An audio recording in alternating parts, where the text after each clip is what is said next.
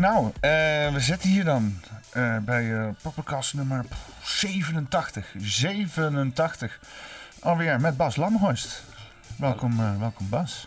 Hoi, hoi, hoi. Hoi, hoi. Everybody. Heb je er, heb je er een beetje zin in? Echt wel.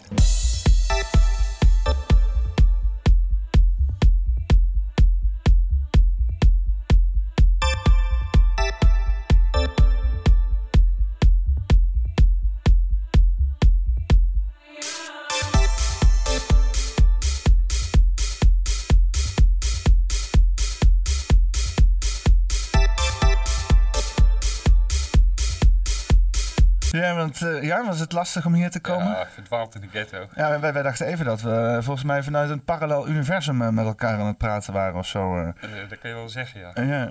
Doe nog maar de microfoon iets dichterbij. Mag hem echt helemaal, helemaal opeten. Ja, ja, perfect. Ja. Righty. Ja, dat gaat helemaal goed komen zo. Ja, want je, bent- je bent een vaste, vaste kijker van de poppenkast.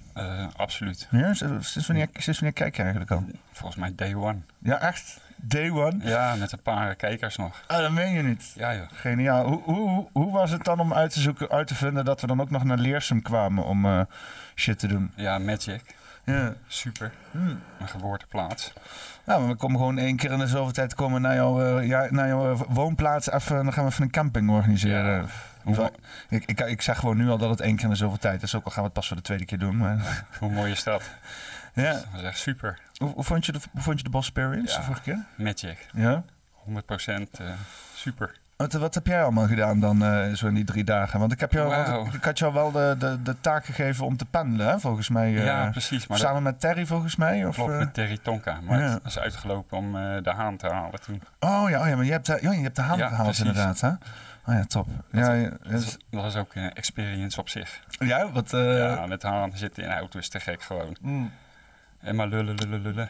Ja, want jij bent ook een vaste fan van de Haan. Hè? Want zelfs nog voor de Bosperience, toen eh, ging ik eh, Ravenkum organiseren. was eh, in het eh anti-kraakgebouw van mijn toenmalige vriendin. En daar, daar had ik inderdaad oproep gedaan van... heeft iemand zin om langs te komen? En je was meteen zo van, ah nice, weet je wel. Ja. De Haan die zou ook langskomen om te draaien. Exact. En toen heb je hem ook opgehaald volgens mij, hè? Of nee, niet, nee, toen heeft Ronald hem opgehaald. Oh. Ronald zit Ja. ook altijd in de podcast. Oh ja, jullie Eh, stonden in één keer aan de deur. Jij met ja. twee vriendinnen van je volgens mij? Of, eh, vriendin en een vriend. ja. Ja. En ja, inderdaad. Ja. ja, oh, ik weet het weer. Toen ging ik ook knock-out van de ecstasy. Oh ja, oh ja. Ronald ving me op toen. K- Kreeg, kreeg ik te horen. Oh ja, die Ja. vrienden die jij meeneemt gaan weer knock-out. altijd. Ik zei, hij had er ook geen last van, toch? Nee, precies. Wat hij liever dat ze knock-out gaan staan. Ze, of dat, dat staan ze schreeuwen in het gebouw ergens. Exact. Oh. Nee, dat was ook weer topavond. eh Ja, dat was, dat was wel lachen inderdaad. Hè? Dat zijn wel, eh, was, wel, eh, was wel leuk inderdaad. Gewoon, eh, we hebben dus vaker eh, ook feestje in anti-kraakgebouwen gehad. Dat is volgens mij eh, een ja, beetje jouw... eh, Precies, onder, dat is onder bruggen en alles. eh. En ja, de eerste Asset House parties ook meegemaakt.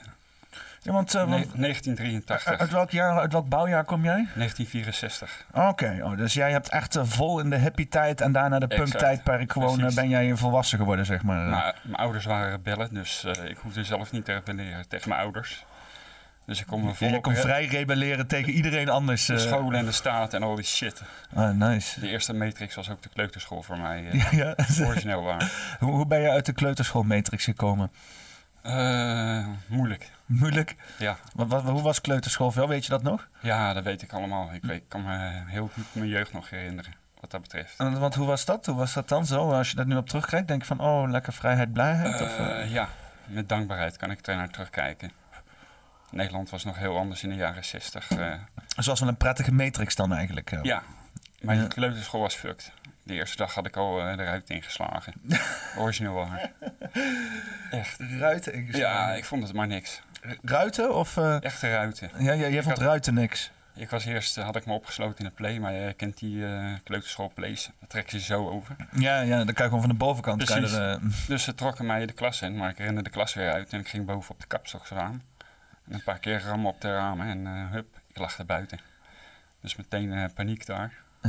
had, je, had je verwondingen en shit? Nee, dat juist niet. Oh. Dat is gewoon een goede stuntactie was ja, het gewoon. hè? precies. Daar deed ik ook mijn eerste graffiti. Met krijt eh, op de muur. Eh, oh, Meteen straf krijgen. ja, echt hè? Ja, ja. Oh, wat, wat had je getekend, weet je dat nog? Eh, nee, volgens mij een paar letters. Maar ja, kleuterschool, je kan Ja, dat is goed dat je dan al letters kan schrijven. Ja, gewoon. aap. Aap hadden we geschreven. Hoezo? Dit heb ik net geleerd van jou. Waarom mag ik dit niet schrijven? Wat is het nut ervan als ik het leer en daarna niet mag schrijven ergens? fucking monkey Aap, business. motherfucker. Monkey business, man. Scene. Wicked. Oh man. Ja, want we hadden het er net ook heel even over. Hè? Want het is natuurlijk de tijden veranderen en zo. En dat is ook een beetje. Eh, heel veel mensen eh, die, die, die kijken zeg maar, met nostalgie terug op, een, op, op, op tijden waarin er allemaal veel minder regels waren, waar meer, meer kon, zeg maar. Hè. We hadden het bijvoorbeeld over eh, dat er gewoon een, de- wat alcohol verkocht kon worden bij een tankstation tot laat. Ja, en dan, precies. dan stonden daar gewoon allemaal jongeren bij en die hadden gewoon leuke tijd en dan kon alcohol verkocht worden. Maar nu, dat soort dingen, die worden juist allemaal eh, de kop ingedrukt, zeg maar. Hè? Als er dan inderdaad ergens een groepje jongeren bij staat, dan is het al snel eh, last voor de buurt en dan moet het snel weg en dergelijke. Eh, hoe was het, zeg maar, om echt in de jaren zeventig en zo op te groeien? Jaren 70 waren alles eigenlijk. Onze ouders waren dus die boomers en wij waren eigenlijk de kinderen van de revolutie. En die waren daadwerkelijk gewoon echt aan de gang gewoon. Dus als klein jochie uit de jaren 70 kon je de bus instappen. Aan de chauffeur zeggen dat je verdwaald was, dat je in Utrecht woonde. En dan mochten we gratis naar Utrecht op zondag. Naar het stadion Galgenwaard. En daar klommen we gewoon over de hekken. En dan gingen we tering herrie schoppen. Echt. eh, en weer terug gewoon gratis. En toen waren we ja, twee turven hoog of zo. Dus alles kon in die tijd. Roken, blowen, alles. Kon je gewoon, dan kon je gewoon in het stadion blowen daar zo. Ja, dat heeft tot in de jaren negentig ongeveer gekund. Kan op zich nog steeds wel. Volgens, ja, volgens mij nog Hier, steeds. hier, in Arnhem op het, eh, op het eh, hardcore vak, of hoe noem je dat? Ja. Zuidvak is dat volgens mij. Daar, kan je- daar worden daar regelmatig komt daar een waft aan wietige geur voorbij, zeg maar. Het oude Rijnfront. Ja, ja, en als je daar iets van zegt, word je uitgefloten door het hele Ja, vak. eh. precies. We hebben ook goede rellen gehad trouwens hier in Arnhem. Goeie, wat, wat is een goede rel? Dat vraag ik me dan wel af. eerlijke rel. Een eerlijke, ja, echt precies. Old school. Dus niet eh, voordat Hollywood eh, het heeft gegrepen. En eh, de boekenschrijvers. Echt de oude tijd eh, was grandioos. Maar wat, wat kwalificeert een goede ruil? Wat is zeg maar een, een ruil waar je dan met z'n met twee partijen neem ik aan bij weglopen en zegt van, nou, dat was even Eh, lekker geruild. Eerlijke rellen. Zoals bij FC Utrecht. als bijvoorbeeld twee Ajaxiden verkeerd waren. En die hadden een paar klappen gehad. Zo laag op de grond. Had je altijd van die oldschool gasten zeggen stoppen ermee. Nou en die jonge gasten zeiden altijd zo, ja, in Rotterdam of Amsterdam doen ze dat niet. En dan zeiden ze, ja, we zijn fucking in Utrecht. En zo ging dat. Maar wat moet ik me daarbij voorstellen dan? Wat, eh, hoe dat dan in Utrecht eh, te- te- ging gaan? Eh, ja, met van alles. We gingen een keer naar Feyenoord en hadden we de zak van Max. En de zak van Max was vroeger een begrip. Daar werd altijd oude kleding in gedaan voor Max, de, voor Max de Jur, voor het goede doel. Hm. En wat deden een aantal Utrecht supporters? Die hadden een zak met uh, dode staven, boksbeugels en zelfs één goede dag. Die hadden ze zelf gemaakt, zo'n stok met zo'n ketting en zo'n boom met punten. Nou, en voordat we op het plein kwamen, hadden we die zak van Max al uitgedeeld en stormden we op Feyenoord af. En die gast met die goede dag zwaaien, maar die brak af. Dus die raakte nog uh, bijna één van ons. Ja, en dat waren de rellen van vroeger. Maar dan wij zeggen dat je dus inderdaad, als je een relletje ging, eh, als je dacht van, oh, ik ga even een gezellig potje voetbal kijken, dat je dus een, een fucking goede morgen tegen je hoofd aangesmeed Eh, krijgt. ja, dat kon in die tijd. en er werd ook eh, regelmatig gestoken. Dat werd ook gewoon gedaan. Steekpartijtjes en zo. ja, met, eh, ja, want dat is tegenwoordig is dat weer eh, helemaal hip en zo bij de kinderen. Hè? Met die eh, drillrap en alles. ja, ja. Drillrap is gewoon bagger in mijn ogen. ja? Hip-hop was gewoon de message vroeger. van de tijd van Afrika, Bambata, Cool J Herc. En Toen was het nog oké. En nou is het gewoon afgedwaald. Maar als ik het goed begrijp, hè, en probeer een beetje zeg maar, een context te geven aan dit gesprek. Hè, want eh, want ik, ik, ik, aan de ene kant, als ik jou hoor praten over vroeger, dan zit er een soort van nostalgie. Maar als ik je dan doorvraag, dan komt er allemaal shit uit dat ik denk van, nou, ik kan me voorstellen dat het afgeschaft is, zeg maar. Ja, tijden veranderen. En ik vind het leven eigenlijk wel een goede tijd hoor, moet ik eerlijk zeggen. Het verleden is verleden, het verleden vormt je en nu is het belangrijkste. En de toekomst zal eh, ooit het nieuw zijn. Ja, want wat, wat vind je van, eh, van, de- van de rebellen van, eh, van tegenwoordig dan, zeg maar? Eh, Ik weet niet precies wie ik dan, wie ik dan benoem, ja, maar is moeilijk. wie, Want wie komt er bij jou in je op als ik zeg rebellen van tegenwoordig? eh, eigenlijk jullie, zoals de Haan, de Poppenkast en alles wat er omheen YouTubers, zeg maar. eh, Ja, precies. Dat zijn de rebe- rebellen van nu. Gek is dat, hè? Gek is dat. Ja. Dat je dan inderdaad van, eh, van eh, zwaaien met een goede morgen naar eh, internetfilmpjes gaat. Om, om, om, om in, de, in de voetsporen te Ja. kunnen treden. Dat is absurd gewoon. maar- Ja, weet je wat het is? Kijk, weet je, want ik ben nooit zo geweest van, van geweld, fysiek, zeg maar. Op een of andere manier eh, ben ik ook nooit in de buurt van fysiek geweld, of heel weinig. El- el- elke keer, ik heb wel eens gehad dat ik letterlijk ergens heen liep en dan even een drankje ging halen en dan terugkwam. En dan schijnbaar had de hele zaal ruzie met elkaar gehad, weet je wel. Maar dan kwam ik net toch staartje daarvan tegen. Ja, daar heb je echt geluk. En, en, en dat soort dingen al, altijd. En ik heb een paar keer, e- één keer een beetje bij een klein vechtpartijtje gezeten. Maar dan heb ik één keer een trap uitgedeeld. En zelf nooit iets eens een keer ontvangen. Eh, ik heb één keer een, een vriend gehad, een ruzie gehad met een vriend. Eh, want die gooide een ijzer aansteken door de auto heen van buitenaf. Dus, Oh ja. eh, dus eh, toen heb ik hem ook een trap gegeven. En toen was dat ook het eindige. Dat is het enige beetje ruzie wat ik heb gehad. En ik had twee keer dat ik een trap uit heb gedeeld. Verder heb ik nooit ruzie hell. of gevecht Oh. gehad in mijn leven. Ik, ben, ik, ik weet niet eens als ik een klap uit ga delen, ik weet niet wat er gaat gebeuren. Of, het, of er, of er zo- zoiets gebeurt als in mijn droom, weet je wel. Dat, het, dat, het, dat, je, nooit, dat je nooit het einde haalt. Dat op een of andere manier de, de lucht in één keer van gelei wordt. En dat je nooit iemand kan slaan. Of dat ik één keer een goede klap wil uitdelen en dat die gozer meteen dood is, weet je wel. Dat is ook... dus, Ja, dat is, dat is moeilijk, ja. dus ik heb geen idee wat er gaat gebeuren. Dan heb je geluk gehad. Maar ja, in het leven... eh, Nou ja, dat weet ik dus niet, weet je leven wel. van vroeger was vrij tribalisme, hè? Volgens mij moet je ooit eens een keer in het leven een klap hebben uitgedeeld, volgens mij. Eh, ja, net zoals je motorrijdt of scooterrijdt een keer bent moet zijn gevallen. Oh, dat heb ik dan weer wel meegemaakt inderdaad, Dus, ja. eh, ik ben herhaaldelijk onderuit gegaan met mijn scooter. Of met je auto. Whatever. ja, met mijn auto ben ja, ben ik eigenlijk ook wel onderuit gegaan. Ja, Ja, het, is, het, is, en het klinkt misschien heel vreemd als je denkt van hoe kan je onderuit gaan op vier wielen. Maar vertrouw me, ik heb het voor elkaar Jij gekregen. was het voor de dijk of zoiets met de dijk. Klopt dat? Ja, dijk en Ja, eh, door een bushokje heen en eh, over een, eh, over een vluchtheuvel eh, 360 graden en zo. Dat ja, soort dingen. precies. Die dingen heb Ja. ik ook gehad, ja. Ja. Ja, jij hebt ook wel auto's in de prak gereden? Ja, mijn eigen auto heb ik een tijd geleden op een rotsblok gereden in Nederland. Ja, ik- Hoe krijg je het voor elkaar? Een rotsblok altijd- in Nederland. Hè, 90 graden stond dat ding. Iemand anders moest Welke rotsblok? trekken. Ja, bij kasteel, kasteel Amerongen hadden ze opeens rotsblokken neergezet. Oh, niet eens een of andere glaciaire rotsblok die er Nee. al... Die hadden ze geloof ik twee dagen, twee dagen daarvoor neergelegd. eh, Oh, dat, oh, maar dat is ook fel. Dat is ook fel inderdaad. Het is niet verwacht dat daar een rotsblok Nee, ligt. En ik draaide eh, een, een bocht. En, Maar dan hebben we het over zo'n kei, zeg maar. Of, of gewoon echt een... eh, ja, een kei van ongeveer... eh, ja, ja, ja, ja. Oh, maar die zijn irritant inderdaad. Die Echt? zie je ook niet in je Nee. spiegel als je daar... eh, En ze hadden exact dezelfde kleur als het zand. En ik had even gestopt en een checkje gerookt. En ik geef gewoon een draai aan het stuur. En opeens stond ik pang 90 graden. Fucking hell. Kostte me 2500 euro Oh. eh, revisatie. eh, Ja. Is dat niet totelos dan? Eh, nou, het is een oldtimer. Oh ja, dan, Dus, dan, eh, dan moet je... Ik heb een goede vriend. Ding is altijd totelos eigenlijk. eh. Nou, ja, hij is nou perfect gewoon. eh. Eh, maar volgens mij, ik, volgens mij, maar is dat voor de verzekering? Heb je dan, heb je een aparte oldtimer verzekering, toch? Nee, nee, ik heb het gewoon uit eigen zak betaald. Ja, oké. Maar, Je- dus, ja, maar de- Je kan het wel doen, maar ik heb het niet gedaan. eh. ja, want zo'n oldtimer is voor zo'n verzekeringsmaatschappij, als je daar een deukje in hebt, al meteen failliet verklaard. Want alles wat eraan moet gebeuren is. Of, of heb je dan ook echt een hele hoge waarde met een oldtimer? Eh, ja, die eh, stijgen met eh, het half jaar. Dat meen je niet. Ja, zeker. Want de meeste auto's, ah, dat is, dat is eigenlijk. Is, Citroën is absurd. Eenden bijvoorbeeld. ik kocht mijn eerste eend in de jaren 90. Toen betaalde ik er 5000 gulden voor. Dat was eigenlijk in die tijd best wel duur. ja, En die zijn nou zeer... 2000 euro nou. En nou, nee, die kringen zijn nou 20.000 euro. Ja, maar, 20.000 euro. ja, maar dus, voor dus een is vertienvoudigd die waarde. Ja, precies. En het gekke, er rijden volgens mij meer eh eenden in Nederland dan in Frankrijk. Ja. Parijs mogen ze dan niet meer komen door dat Wokie-gedoe.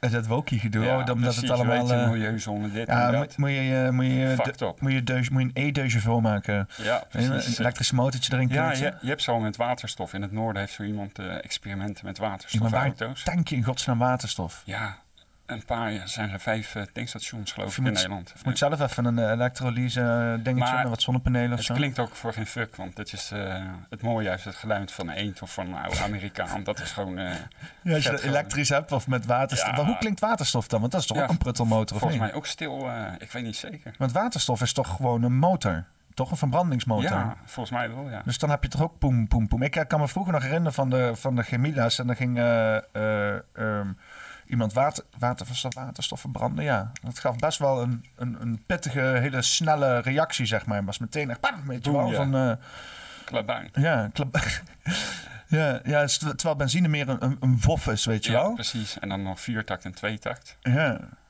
Ik zit wel eens over na te denken, waterstof, eh, dat is eigenlijk fucking geniaal. Want als je zeg maar deze hele maatschappij elektrisch wil maken, weet je wel, gewoon alles elektrisch. Ja, dat kan niet. Maar dan, nou ja, kijk, als je dus inderdaad dan eh, waterstof ook gebruikt als drager van energie. Hè, ja, dus dan, dat je, misschien, dan misschien wel. ja. dan, dan, dan kan je dat bijvoorbeeld door de pijpleiding heen doen als gas. En je kan het inderdaad eh, voertuigen daarop laten rijden of, of wat, whatever. Ehm, ehm, plus je kan het opslaan zonder verlies. Want dat is met, met, met energie kan je tijdelijk opslaan, maar soms alles lekt, zeg maar, weet je wel. Ten, ja, tenzij je... Ja, ja, je hebt natuurlijk sowieso... Ja, dat is, dat is best wel grappig. Want je- want je- altijd als je energie opslaat, heb je verlies. Het meest efficiënt is batterijen. Maar dan heb je allemaal... Die batterij is gewoon Ja. kut. Is gewoon... Batterijen zijn alleen leuk in een eh, lowrider. Ja, wat... Je weet toch, accu's. Lowriders. eh. Ja, maar dat zijn die Cubaanse auto. Die ja, precies. Die Chicano, East LA. Waarom is dat leuk dan? Ja, dat is gewoon kicken. Maat van mij had er ook eentje. Dat is echt... Maar eh, wat, wat heeft er met batterijen te maken? de- ja, accu's noemen ze ook batterijen. Op Engels. Batteries. Ja, ja, ja. Maar waarom is dat dan leuk in een lowrider? Eh, omdat er in de achterbak een stuk of 10 of eh 20 van die Om die zitten. hydraulica aan te Ja, sturen. precies. Ah, ja, ja, ja, ja. Een maat van me had er een en dat is gewoon een werelds om in te rijden. Echt Cypress Hill styly. En dan zet je ook... eh, tuut,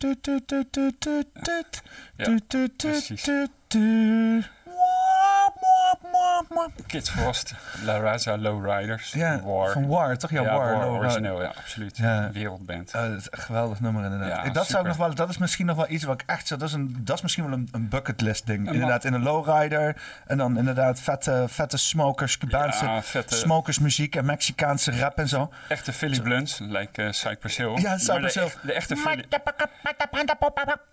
Zo Cypress Hill in mijn hoofd, weet je wel. Doek, doek, doek, doek, doek, doek. Wat? Doek, doek, doek, doega, doek, doek, doek. Eh, dat zegt me helemaal niks. Dat is de intro van Cypress Hill. Van welke? Eh How I Just Kill a Man, volgens mij. Oh. Van de eerste cd. I just kill a man. De sample is volgens Is mij... dat ook van... de eh, sample is van Gene, Chan- is het- Gene Chandler. Is- Duke of is- Soul. Oh, I shut my cups. Nee, iets met, iets met, met bacon. Those pigs wanna bring my house down. Zoiets. eh, Dat is volgens mij het eerste nummer. ja, ah. Van de eh, eerste cd. ja, die is, eh, Als ik oh, me niet vergis. Cypress is echt Best vet. is nog altijd insane in the membrane. Ja, Blijft, eh, het is inderdaad gewoon cheesy om te zeggen, maar Ja, insane in the membrane. dat was ook een fucking hit. Insane in the membrane. Dus het is op een of andere manier het zo... Het is, het is, Cypress Hill is gewoon de biz. het is gewoon, een stijl die ze hebben. Ja, ge- ge- precies. het is niet zo van, oh, ze hebben een albumpje gemaakt. Ze hebben een fucking genre daar Ja. gewoon bijna uit, uit de grond gesleept. Hun, hun hebben de wiet in de hip-hop weer gebracht. Kijk, dan iedereen had wel een hip-hop eh, nummer met een wietsong, maar hun waren helemaal volledig gewijd aan de ganja. Bringing the hip back in hip-hop. De Mary Jane. Ja. I love you, Mary Jane. ja, want eh, ehm, jij smoked wiet. Ja, zeker. Daardoor heb ik weer kunnen fucking lopen. Ik heb Ja. toen in die rolstoel gezeten. Zullen we eens even bij het begin beginnen? Want dat is Sommige natuurlijk een, weten dat, hè? een, een fucking... Ja, de meeste poppenkasten weten dit verhaal. Maar ik kan me ook voorstellen dat heel veel mensen dat allemaal eh, niet... niet in, ver- in verhouding zitten heel weinig mensen in Club Allehoed. En, en komen ook naar de Bosperians, Ja, weet je wel? Dat, is- dat is echt... paar, paar Dat is 5% van alle mensen misschien nog niet eens, weet je wel? Sowieso, sowieso Tom natuurlijk. eh, Eh, ja, ja, ja, Ja. Maar Tom weet alles. Die gozer Tom, is letterlijk overal ja. bij betrokken. Pick up Tom. Yeah. Shout-out naar Tom. De- E- Ewout komt naar de Bosperians, hè? Oh ja, vet. Dat is fucking gruwelijk. Ja, die is echt Hij heeft eh, kaartje gekocht, alles. kicken. Oh man. Mooi. Ja, dat is ook... eh, terwijl hij heeft een kaartje gekocht, terwijl hij eigenlijk weet dat hij dat helemaal niet hoeft te doen. Nee, Ja, maar natuurlijk- Ewout hoort gewoon bij de poppenkast hè, van een... Ja, dus hij, ja hij, is, hij, is, hij is de, de helft van de achterkant van de poppenkast zo. als het gaat om, eh, om, om IT en Die shit. gast die erop snollen. Hele, hele, ba- hele backup gemaakt van, eh, van al mijn content en shit, weet je wel. Die die volgens mij ook nog zelf host of zo. Dus Ja, hij is goed gewoon. het is, eh, is goede shit, is dat. Absoluut. Maar eh Wiet, eh, begin eens even bij het begin. Wanneer, want ik, ik heb ook niet, ik heb dat ook, ik heb, dat, ik heb dat verhaal heb ik even gehoord toen we half eh, dronken aan het praten waren op Revancum. Met de Bosperians was ik zo druk bezig dat we sowieso Ja, nauwelijks gepraat hebben. Eh, op internet word ik zo belaagd met van alles en nog wat. Ik- Het is, het is heel zeldzaam dat ik zeg maar echt in een constructief ges- gesprek terechtkom online. Maar nu heb ik jou eens even helemaal voor mezelf. Dus begin eens even bij het begin. Wanneer was het, wanneer, wat de, wat de fuck is gebeurd met je benen, maat? Wat de fuck? Ja, dat is een apart verhaal. Ja. Waarschijnlijk is dat gekomen omdat ik een scooterongeluk kreeg. Wat? Weet je dat niet meer? Huh, waarom werk ik mijn benen niet? Nou- Bas, je hebt een ongeluk gehad, wist je nog? Waarschijnlijk omdat ik eh, met een hele lange pijn heb doorgelopen. Gewoon, Ah, eh, die gewerkt fiets. nog. eh. Ja, ja. Ik heb niet naar mijn lichaam geluisterd, om het, als het ware. Dus je had een scooterongeluk en daarna Ja. kreeg je allerlei symptomen waar je dacht, fuck deze symptomen, ik ga gewoon, wat voor werk deed je? Eh, ik werkte in de verzorging, Oh, hè? dus in een particulier bejaardentehuis. oh hè, maar zorgen voor iedereen anders, hè? maar niet voor ja, jezelf. precies. eh. Dat is de valkuil. ik werkte bij mijn moeder op de boerderij. Een boerderij moet altijd veel worden gedaan, dus eh, met de zeis hele velden uitmaaien, slootkanten uitmaaien, ratten jagen. Ratten, ja. Eh, met de, met de paarden bezig zijn, ezels, ganzen, kippen, varkens, whatever, op een Mm. boerderij. Een dierentuin. Ja, en dan nog heel, heel veel honden. Heel veel honden had mijn moeder. Heel veel. Wat, ja, eh, precies. Had een, eh, Roedels ja, dat kan je wel zeggen. Ze had een stichting opgericht.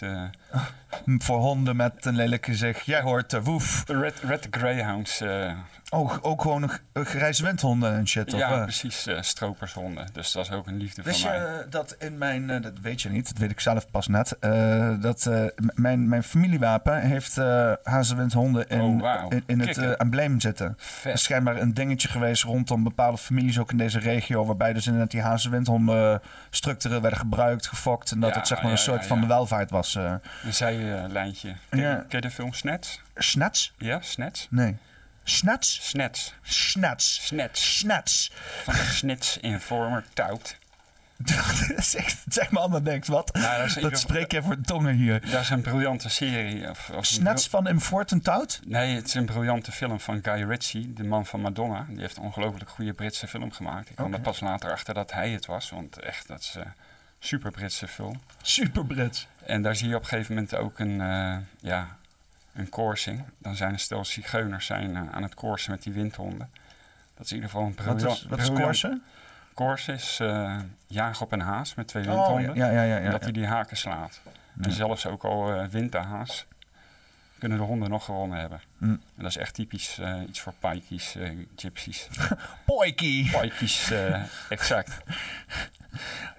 Poikie blinders. Hoi mate. Are you gonna... Want... Ik weet het niet. Maar dat is in ieder geval een van de briljante scènes.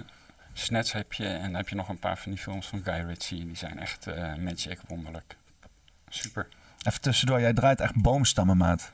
Ja, Dat zijn echt... eh is logs. ja er, moet veel lucht bij, U-turn logs. er moet veel lucht bij komen. Lucht, oh ja, je Ja. wil een zieke vortex daar naar binnen hebben. een soort van ja. windtunnel creëren Ja, een gewoon. soort, een soort mini-bonnetje. Boomba klaar, boek, spliff, man. Eh. Zo heb ik het geleerd. Ja, ik maakte nog altijd wel een... eh, ja, ik draai eigenlijk stekkies bijna. Ja, eigenlijk. sommige landen draaien breinaalden. Nou, ja, tandenstokers. Eh. strak gewoon. Ja, ik had een maat van mij die ging toen puur en die, die draaide echt tandenstokers gewoon. Daar kon je echt, eh, die kon je echt Ja, tussen je tand steken gewoon. Puur draaien we alleen maar blunts vroeger. eh Philly blunts dan. Cypress Hill stijl gewoon. Ja, eigenlijk mo- moet je een blunt officieel gewoon puur draaien. Ja, precies. Eigenlijk wel, want ik draai dus blunts en dan doe ik het tabak bij, maar dat is eigenlijk dat is dat gewoon niet wack as shit. Precies, je moet gewoon puur doen. Dan Ja. blijft hij ook heel lang. En, Ja, dan gaat hij minder Lang- snel op, hè? Want, ja, eh, precies. Die kan eh, veel rondes mee. maar je moet natuurlijk wel meer wiet erin douwen. Wel- Eh, ja, je moet mega veel wiet erin daar. dikke, dikke zakken wiet. Maar in twee, koff- in twee koffieshops gewerkt, dus ik heb altijd wel wiet gehad. eh, dus Wat, welke koffieshops zijn gewerkt in De- Utrecht? de oudste koffieshop van de wereld. Van de wereld? Ja, absoluut. Het is geen Amsterdam, maar is Utrecht, Sarazani. Hmm. Legende in Nederland. Moeten we daar geen podcast opnemen? Nee, want hij is gesloten, helaas. eh. Godverdomme, het is de oudste koffieshop van de Ja. wereld gesloten. Dat is weer typisch van deze tijd, hè? de eigenaar... Alles wat godverdomme goed is en traditioneel verdwijnt ook, Er godverdomme. zijn ook YouTube, you- op YouTube is dat ook terug te vinden. Waar gaat het heen met deze wereld? Maar, afijn. Wicked World. Jij, eh, jij had een, eh, een scooterongeluk gehad. Je werkte in de zorg. Ja, En jij ging maar gewoon door met werken. En Ja. toen? en op een gegeven moment ging ik een picknickbankje in elkaar zetten voor mijn kinderen. Ik had toen een eigen zaak. Je hebt kinderen. Ja, Oké. dus die waren toen nog jong. En toen kreeg ik opeens een pijn in mijn rug. Ja, het was niet meer te harde. Toen kwam ik het ziekenhuis terecht. Ben ik weer teruggestuurd eh, naar huis. Weer teruggestuurd. En toen bleek dat ik een, eh patiënt, nee, een dwarslesie had. Maar geen eentje die van zo liep, maar horizontaal. Precies eh, onder mijn Dat is toch juist- navel. Dwarslezen is toch juist horizontaal, of niet? Nou, meestal is het zo dat één deel uitvalt. Dus deze arm, Dat meen je niet. been, ja. Want eh, als ik denk aan een dwarslezen, is inderdaad dan alles vanuit beneden de eh, lower than the waist doesn't work anymore. Dat is het eerste. Dat was, dat was Maar je hebt dus ook gewoon verticale Ja, dwarslesies. ja, precies. dat, is- dat niet een TIA dan of zo? Of. Ja, dat krijg je meestal van. Maar ze wisten niet wat ik, wat ik had. Ze Dus eh, dachten Lyme, MS.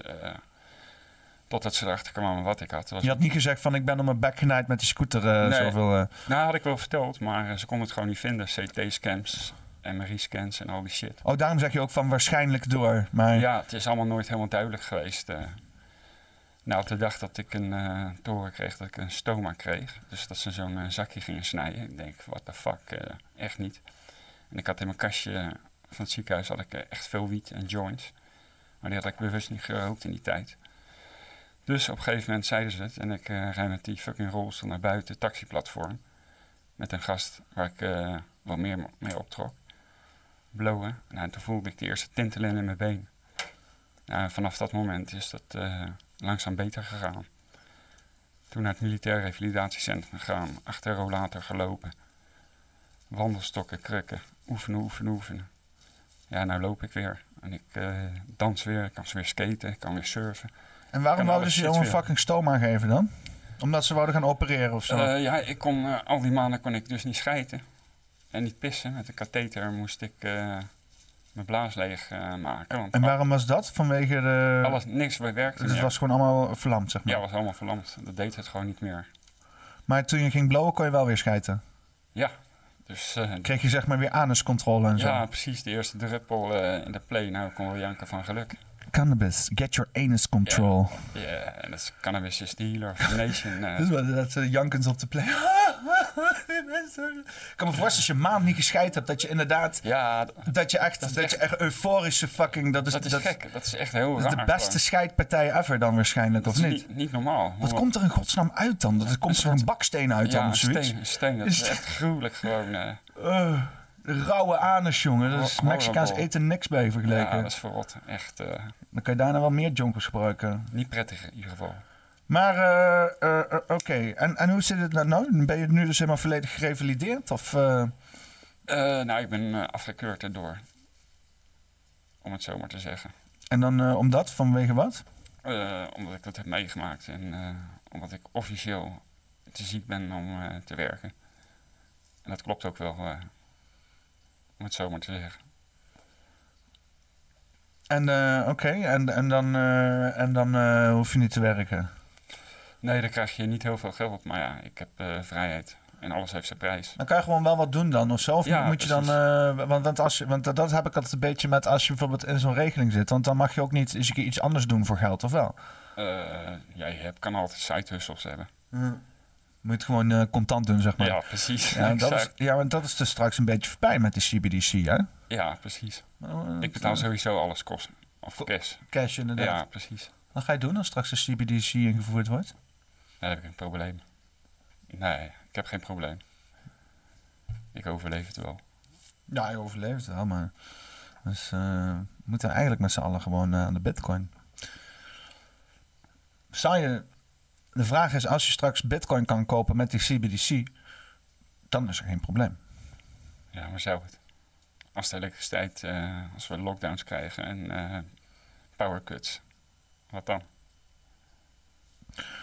Eh, nou ja, weet je wat het is? Kaarsen en vac- vaccinelichten. ik, ik kan me... mm, het feit... Het stroom kan uitvallen. Dat kan gewoon. kan gewoon iets fout gaan. Ehm, of ze de stroom gaan uitzetten lijkt me sterk. Dat Ik had ook hier eh, voor jou eh, daar, hè? Eh, Yes, man. Mag ik deze hoor, daar niet van, als je die liever wil. Ik had ook Oh hier... ja, ik zie hem nou pas. Hide the dunne, asbak inderdaad. eh. het, lijkt, het lijkt me een beker. Ik heb wel eens een keer gehad dat ik hem dan zo pakte en dan ik... Oh nee, wacht even, dit is een Oh, asbak. ja. Geen, ja, is van de auto, waar ik hem in een bekerhouder zetten. Het godverdomme overal kunnen roken, godverdomme. Ja, vind ik ook. Ja, want dat is ook weer zoiets uit vroeger. Hè? Vroeger had je gewoon overal asbakken in. Ja, Tegenwoordig als je een auto koopt, heb je niet eens meer een asbak erin. Dat is absurd. Die fabrikant die zegt voor je al van jij gaat helemaal niet roken maat in de auto. Als je bijvoorbeeld bij de sociale dienst kwam, dan stond helemaal blauw altijd bij, voor de wachtende. In de jaren tachtig, tijdens de jeugdwerkloosheid. De jeugd, tijdens de jeugdwerkloosheid. Ja, je had in begin jaren tachtig massa jeugdwerkloosheid in Nederland. komt dat dan weer? Kwam dat door de jaren 70? Ik zou het niet weten. Ja, want wat, waar ik altijd van sta te kijken is zeg maar die culturele aansluiting van de jaren 70 op de 80. Want het lijkt daar wel gewoon 180 graden te zijn omgedraaid. Je had de jaren 60, 70, waar het allemaal hippie tegen het systeem. Yeah man, uh, we're gonna, we're gonna uh, uh, rule the world with peace and love. En dat is in de jaren 80 en 90 in één keer volledig omgeslagen in alles moet om geld draaien, winst. we gaan allemaal kook snuiven en, en geld hosselen, weet Ja. je wel. En, en demonische zaken zijn allemaal prima. En de rockmuziek die was van...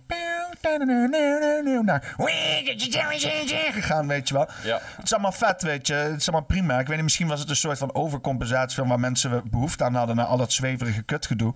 Maar het lijkt echt bijna alsof er... Ja, ik weet niet, een soort van bewustzijnsshift was van... oké, weet je wel. Of misschien wel een soort van manipulatie van... we moeten een omgeving creëren... waarin mensen toch gewoon godverdomme gaan werken en shit. Ja, de juppies kwamen toen eh, begin jaren 80. Inderdaad, de young professionals. Of- Young Urban, young urban Professionals. Ja, young urban Daar had professionals. je zelfs een handboek van. Serieus? Ja, origineel waar. Wie kwam daarmee dan met die shit? Was dat Ja, Amerika. fucking Amerika? Ja, US. Het vrije marktdenken. Kwam tegelijkertijd met eh, Thatcher en Reagan. En zou dat ook, was het ook een of andere denktank of zo? Of, eh, Eh, ja, het schijnt het neoliberalisme was dat, hè? is, is dat nou, is die- de juppies, is dat nou het neo... Nee, nee nu, nu ik zeg juppies, dan denk je Ja. wel inderdaad aan Rutte en shit. eh. En daar kwam ook weer een tegenbeweging natuurlijk. en dat is? De punkers. Ja, de krakers zien. Wat, Ter- ter- hoe- terroristen. ter- terroristen. Ur- gewoon van onze eigen Fuck deze shit, ik word terrorist. Rode jeugd. Maar eh, eh, rode jeugd, Ja, die had je in Nederland. wat moet ik me dan... Wat is dat, communisten of zo? Of? Eh, ja, meestal wel. Ik zat toevallig laatst eens op te zoeken naar, eh, naar Cultural Revolution. eh, eh, wat in China gaande was. was in de jaren zeventig ook en zo. Met dat ook, was ook een hoop rode boekjes en mensen die helemaal Ja, activistisch die- waren. Die, werden ook overal En- verkocht in Nederland gewoon. Je hebt geloof ik iets van tien verschillende versies. Ja, want hij had er een miljard gedrukte rode boekjes. En Ja, die- dat is absurd. Ja, en ik zat het te lezen, want die hele Mao, die was dus eigenlijk voor altijd de eeuwige rebel zijn. Weet je wel? En dat, Ja. die hele communisme is, zoals ik het begrijp, de soep ingelopen na zijn dood. Omdat ze allemaal absolute, absolutaire facties wouden overnemen. En dus die shit eh, verharden, weet je wel. Wouden dat de teugels strakker, strakker aantrekken. Want die hele Mao-gedachte was juist ook geboren vanuit conflict. Van, we, hebben, we moeten die eeuwige rebel houden. eh, eh, en je probeert het op centraal niveau te controleren. En, en daar haal je die dynamiek, die zorgt dan inderdaad voor het feit dat het een het ander uitcancelt, zeg maar. Maar dat moet je dan wel de hele tijd zo houden. En, en dat was zodra Mao dood was, was het meteen gekaapt. Hebben ze de touwtjes strakker aangetrokken. Hebben ze gezegd van oké, fuck dat eeuwige rebel zijn. En dan gaan we meteen de kop indrukken. En, eh, en voilà, we zijn hier nou met, eh, met eh, allerlei kampen voor Oeigoeren. En lockdowns van hele steden. En technologie met facial tracking die iedereen social credit systemen aftrekt. En dan kan je de bus niet meer terugnemen als je je helm niet goed draagt op je werk en zo. Dat soort shit. Ja, is maar die, dat, dat, dat, dat, dat hele idee van dat er gewoon altijd een rebelse kracht moet zijn, weet je wel. Dat is wel, eh, dat is wel iets wat... eh, en- want dat was in de jaren tachtig was dat wel... eh, want je hebt ook een t-shirt aan met de IRA erop zo, weet je Ja, wel. En, eh, Speciaal voor de gelegenheid. eh, en, en- je had het er ook over, eh, eh, ik weet niet, buiten de camera, dat is Nederland vroeger ook wel een beetje een soort van eh, ho- hotbed was van, voor terroristen, zeg maar. Eh, die dus inderdaad klopt, hier ja. vrij eh, eh, ongezien in de maatschappij op konden gaan. Ja. Dat rebelse, zeg maar, dat, dat, dat, dat rauwe in Nederland. Daar is helemaal niks meer van over, zou je zeggen. nee, het is helemaal geglobaliseerd. Dat zie je ook aan de jeugd. Je hebt echt niet veel jeugdsubculturen meer. Vroeger in de jaren tachtig had je punkers, krakers, skinheads, mods, rockers, teddyboys, scooterboys, Gothics.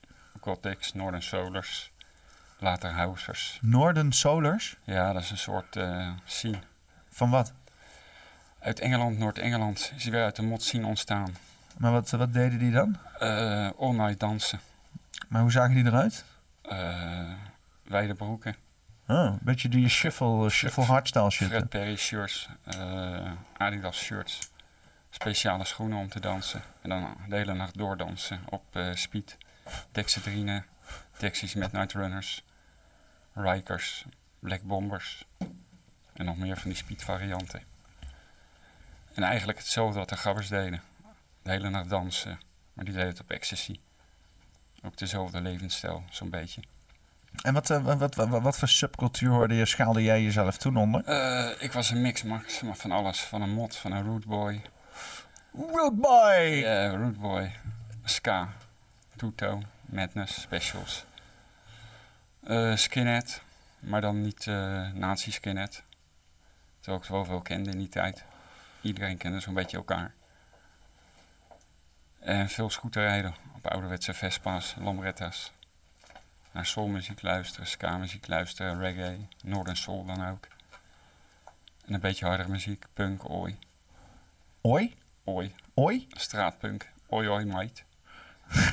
Oi? Geboren in de East End, typische skinhead muziek, eh, soort eh, punk.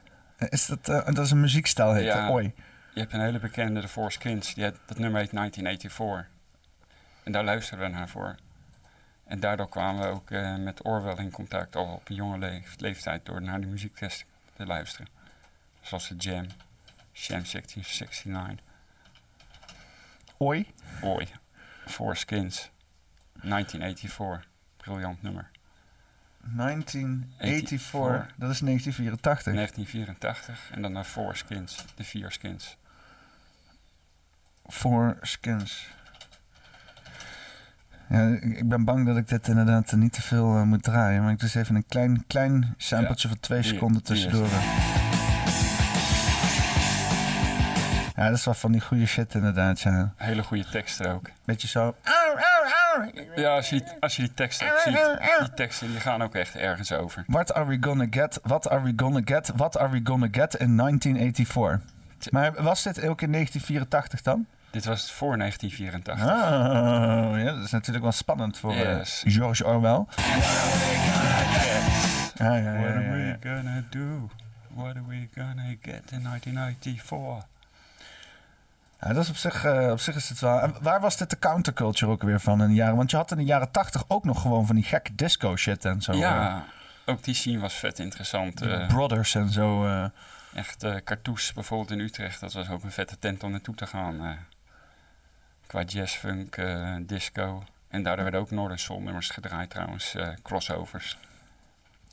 Ja, want dat is dan wel grappig, hè? Dat dus eigenlijk al die subcultures elkaar uiteindelijk toch wel weer vinden in de kunst op Ja. een of andere manier. Hè? Exact, ja. Maar in Utrecht was ook een scene waar eigenlijk iedereen met elkaar omging. Andere steden vochten ze met elkaar skinheads tegen punkers en vice versa. Maar in Utrecht, eh, Zijn skinheads per definitie racistisch? nee, absoluut niet. Want wat is skinhead zijn dan? Eh, je hebt verschillende stromingen. Je hebt Trojan skins, die zijn voornamelijk in reggae. Je hebt sharp skins, die zijn voornamelijk tegen politiek. Je hebt boneheads, ja, dat zijn neonazies. Bonehead. Boneheads, ja. Dat is de uitdrukking. Maar dat, dat refereert allemaal naar mensen die gewoon een kop kaal scheren. Ja, maar officiële skinheads hadden gewoon eh 2 mm of nog langer haar. Dat werd vroeger als skinhead genoemd in de jaren Maar wa- 60. waar komt dat vandaan dan? Ook geroeid uit de mods, in- rond 1969. Wat zijn mods dan? Mods die reden op scooters in de jaren 60. Wat betekent mod? Eh, Eh, MO MOD? Modernist, afgeleid. Oh. Van, die luisteren naar modern jazz in tegenstelling tot traditionele jazz. Ah. Reden op Italiaanse scooters, eh, droegen pakken, Fred Perry shirts, Levi's, plek, of, eh, desert boots. Italiaanse Vespa's, luisteren naar Jamaicaanse ska, Amerikaanse soul, wat toen eh, ja, de inving was. En die scene is eigenlijk altijd doorgegaan. En die is uitgegroeid in de skinhead scene. Gek eigenlijk dat die shit van reggae en zo, of reggae-achtige ska zo'n Eh, beetje... Het beetje... Is, ja, het is white culture, black, of nee, black culture, white youth. Ja, want ska, ska is eigenlijk een soort van witte mensen die keken naar Jamaicanen in Engeland en dachten van, ah, dat kunnen wij ook met apparaten doen en zo. Ja, ska is eigenlijk ontstaan uit Jamaica gewoon. Want ska komt gewoon zelf ook gewoon uit Jamaica. Ja, precies. was gewoon eh Ja, want rhythm, rhythm and blues op de Jamaicaanse versie. Met een offbeat, echt een offbeat. Ja, want je hebt zeg maar die hele, hele dub scene en zo, weet je wel. Wat natuurlijk ook gewoon uit Jamaica komt. Maar dat is heel groot geworden in Engeland. Omdat er gewoon ook heel veel ja, Jamaicanen in Ja, Engeland zaten ja, en shit. Ja, sound system culture. Ja, ja. When reggae Want dat is een beetje die root boy shit, toch? Dat komt toch wel uit Ja. Engeland volgens Ja, mij? klopt. Of, eh, En later Yardies, Jamaicaanse gangsters. ja. Want je hebt ook eh, eh, grime en zo. eh, had je Ja. tien jaar geleden hier. Was ook... typisch, typisch Engels, ja. ja, en toen werd op een gegeven moment ook hip. Dan had je die two-step en... eh en je, allemaal van die... Wow, wow, wow, wow, wow, wow. Exact. Weet je wel, een beetje, beetje breakbeat of eh two-step-achtige achtige ritmes en zo. En dat, was, dat werd hier een beetje die hele dub scene uiteindelijk. eh, is natuurlijk uiteindelijk helemaal fucked up gedaan door die Skrillex-meuk en zo. Wauw, wauw, wauw, van die robotneukgeluiden. Maar dat was vroeger, waren dat allemaal gewoon vet. Of vroeger daarvoor was het gewoon die wobbelgeluiden. En gewoon een beetje gekke, ja, ska-ritme-achtig, eh, beetje Ja. offbeat, eh, weet je wel.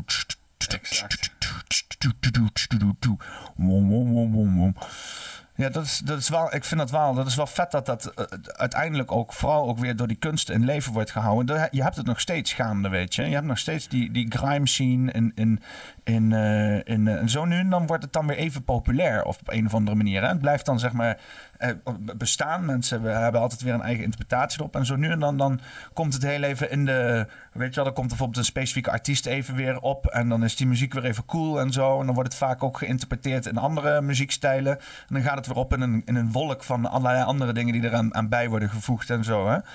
Maar je, je hoort het nog steeds. Als je ook gewoon house en zo nummers hoort tegenwoordig, dan denk ik van, oh, dat is allemaal toen inderdaad in die dubstep-periode. Het lijkt me vet om dat allemaal, want jij bent, ja, je bent een flink stuk ouder, dat je dat inderdaad, eh, want ik heb heel veel erover gelezen, weet je wel, over inderdaad die hele oude ska-tijdperk en die punk en zo. En je stelt je er natuurlijk van alles bij voor. Maar het grappige is dat je zegt dat, ze- dat je tegenwoordig niet meer echt die subcultures had. Vroeger kleden de mensen zich er ook naar, zeg ja, maar. Precies. Je herkende de mensen eraan. En nu is het allemaal, of je nou een hardstyler bent of een hip-hop luistert, je- iedereen draagt gewoon. eh, Hetzelfde.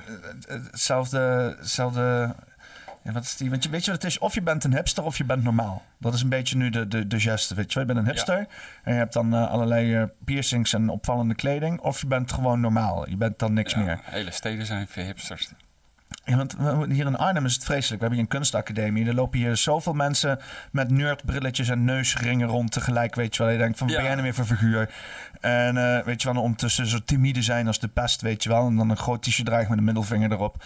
Ja. dat soort eh, tegenstrijdige dingen allemaal. Beetje posen.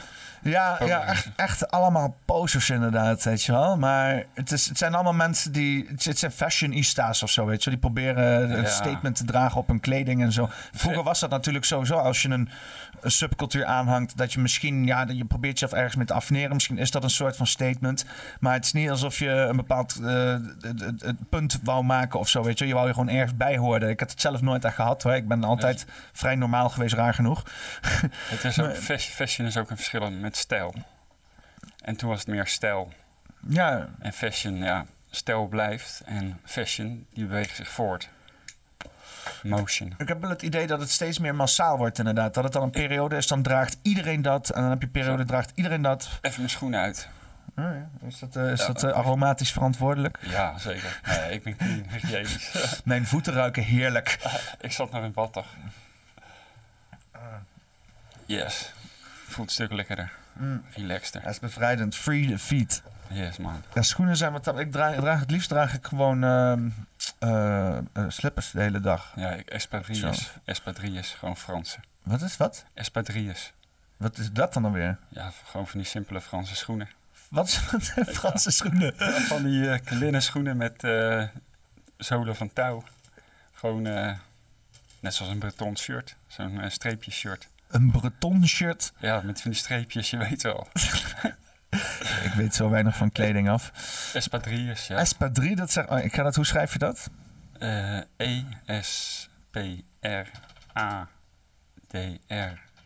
E-S-P-R-A-D-R-I-L-L-E.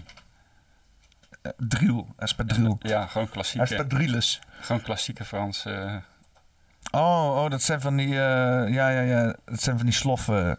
Dat zijn van die, ja, maar je loopt, je loopt er ook mee buiten. of van die pantoffels. Daar doe je gewoon één zomer mee. Dat, zijn, toch bootschoenen? Ja, kan je, Boot, kan je ze ook voor gebruiken. boot, boot? boot, What? boot. Schoenen. Schoenen. En dus, je hebt eh, een stukje van Hans Theeuwen en dan zegt hij... Boots, Oh, die, jongen. die ken ik niet. Ken het? Ik heb Nee? er wel veel gekeken, maar Nee, eh, dat is wel, die heb ik eh, gemist. Maar ja, dus hier, Espadille. Dus Eh, het zijn bootschoentjes. Boot, Es- Espadrille. pa- pa- pa- Panton sloffers, sloffers. Ja, zoiets. Heerlijk lopen ze. Ja, ik, ik, ik heb echt, Nou. eh, over alle kledingstukken heb ik echt een of andere dorpsbenaming gekregen en zo. Ik, ik heb nooit alle officiële haute couture benamingen eh, van mijn ouders meegekregen. Ja, ik- Ben- ben je gewoon door jouw eh, anarchistische ouders gewoon meer, eh, eh, hoe noem je dat nou, elitair opgevoed dan ik? Of hoe zit het? nou, misschien meer bo, bo, hoe zeg je dat? Bohemian? Bohemian? Bohemisch. Ja, Bohemian, ja. yes. Ik kwam een, eh, want dat is ook een dingetje, hè? Dat is de Bohemian Kings en zo, dat is van die middeleeuwse shit. Het heeft niks met een eh, Bohemian Groove te maken. Nee, ja, nee maar nou, nou ja, de Bohemian Groove kan verwijzen ook naar de Bohemian Kings en zo. Oh, dat zou kunnen. Dat weet je wel? Maar dus, nou, ik, ik, ik kwam dus in Praag en eh, ik, ik heb even een beetje lopen snuffelen van wat het dan allemaal, waarom er allemaal zulke vette huizen staan en zo.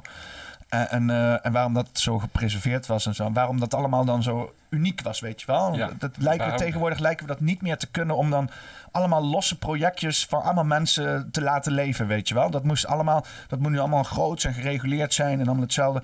Maar vroeger zie je in Amsterdam ook allemaal kleine losse projectjes. En in, in Praag zie je dat heel mooi, weet je wel. Allemaal kleine gebouwtjes, of nou ja, klein, het is fucking groot. Maar het stukken, stukken kavels, zeg maar, allemaal anders in elkaar gezet met eigen tierenlantijntjes en weet ik veel wat dan maar niet. En eh, vroeger had je dus inderdaad in Praag de Bohemian Kings. Dat waren een soort van merchants, rijke merchants-achtige situatie shit, weet je wel. Die, de- die dan daar in Praag kwamen, hun welvaart en zo uitgeven. En ook daar inderdaad kwamen bouwen en shit. En die, die, die Bohemian Kings hebben dus al die, al die grote gebouwen daar en zo ge- gebouwd.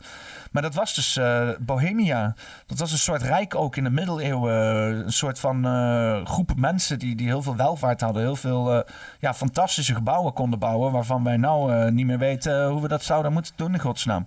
Dat is ook wel, dat is ook wel een stukje verborgen geschiedenis. Want dat is, eh, Ja, ja. dat is, dat is best wel interessant, denk ik. Maar, eh, hoe zit jij met je geschiedenis? Want je, bent, je weet heel veel van, eh, van hier en cultuur en zo, maar in, in Europa en shit. Want, eh, ja, helemaal autodidact. Gewoon heel veel gelezen. tot hoe ver terug? Veel gekeken. Ja, poeh. Want hoe zit het met je middeleeuwse shit? Eh? Ja, mijn familie komt uit de middeleeuwen. Ja. Iedereen's Ja, familie maar- komt maar uit de middeleeuwen. Ik heb net zoals jij ook een familiewapen ergens. eh, ja, wat is, jouw, wat is jouw familiewapen? eh, ja, dat weet ik niet meer uit mijn hoofd. Mijn broer heeft er onderzoek naar gedaan, eh, ver voor internettijd. Ik, heb een... eh, ik heb hem wel ergens staan op mijn telefoon, maar eh, ik weet niet precies waar die staat. Ja, ik weet hem uit mijn hoofd. En dat is een, eh, een, eh, een, ehm, een, een schild eh, met een eh, puntige onderkant en een rechte bovenkant met eh, vier vlakken daarop. Rechtsbovenin drie, of de witte, die, witte grijze, die witte grijze windhond Ja, die in een jachtpositie staat. Daaronder het vlak. Daaronder het vlak drie zwarte, drie rode vossenkoppen, denk ik. Of misschien ook hondenkoppen op een gele achtergrond. Dan daarnaast links onderin eh, vier eh, klavers op een witte achtergrond. En daarboven een zwarte raaf op een witte achtergrond. Dan eh, als kopstuk een helm, voorwaarts gericht. eh, met de vizier dicht. Als je hem naar de zijkant gericht hebt, dat betekent dat je. Eh, het heeft een andere betekenis, ik weet niet meer precies. Maar ja, met dan eh, blauwe en witte of blauwe en zwarte eh versiersels eromheen. En op de bovenkant, ik had er heel lang naar gezocht en wat het betekent, maar ik kan er niks over vinden. Dat heet dan een, een, een- de, de, de kroon volgens mij of iets, ik weet het niet. Zo'n pluim. Eh, ja, een, een groene pluim, lijkt me een beetje een dennenboomachtig idee, Ja. met eh, eh, engelenvleugels erop. Dat is, eh, dat is het familiewapen. En wat ik weet van Van Asselt was dat het zeg maar een stelletje gasten waren die eh, eh, op de eh, Rijn zaten. Eh, een stukje Asselt zit inderdaad volgens mij bij de Rijn. Hadden ze, of, eh, hadden ze ergens een stukje geëigend. En dan moest iedereen tol betalen dan. Weet je, wel. je weet hoe die dingen gaan. En dan gingen ze daarna waarschijnlijk met hazenwindhonden jagen en shit. Ja, precies, op Maas. Toen het nog mocht. Wat een leven hadden die mensen toch ook. Hè? Ik heb het idee, want wij kijken terug op die tijd dat het allemaal vreselijk was. En ehm, ehm, eh, omdat we dan bedenken van, weet je wel, we kijken vanuit angst terug. Zo van, ja, maar wat als? Wat als er dit vreselijk gebeurt? Hoe gaan die mensen daarmee om, weet je wel? Wij kunnen dat dan niet zien. Maar in de tijd dat alles goed gaat, dat je, moet je voorstellen, je bent een gezond persoon in de middeleeuwen. De meeste mensen volgens mij gewoon zijn gezond persoon, weet je wel. In de middeleeuwen. Eh, en je, je hebt alles, weet je wel. Je, je kan alles doen. Eh, ja, je hebt misschien niet alle kennis, maar je hebt ja, je boeken en zo. Je kan mensen spreken en zo. En het is inderdaad, ja, als je aan kennis wil komen, dan moet je inderdaad wat meer...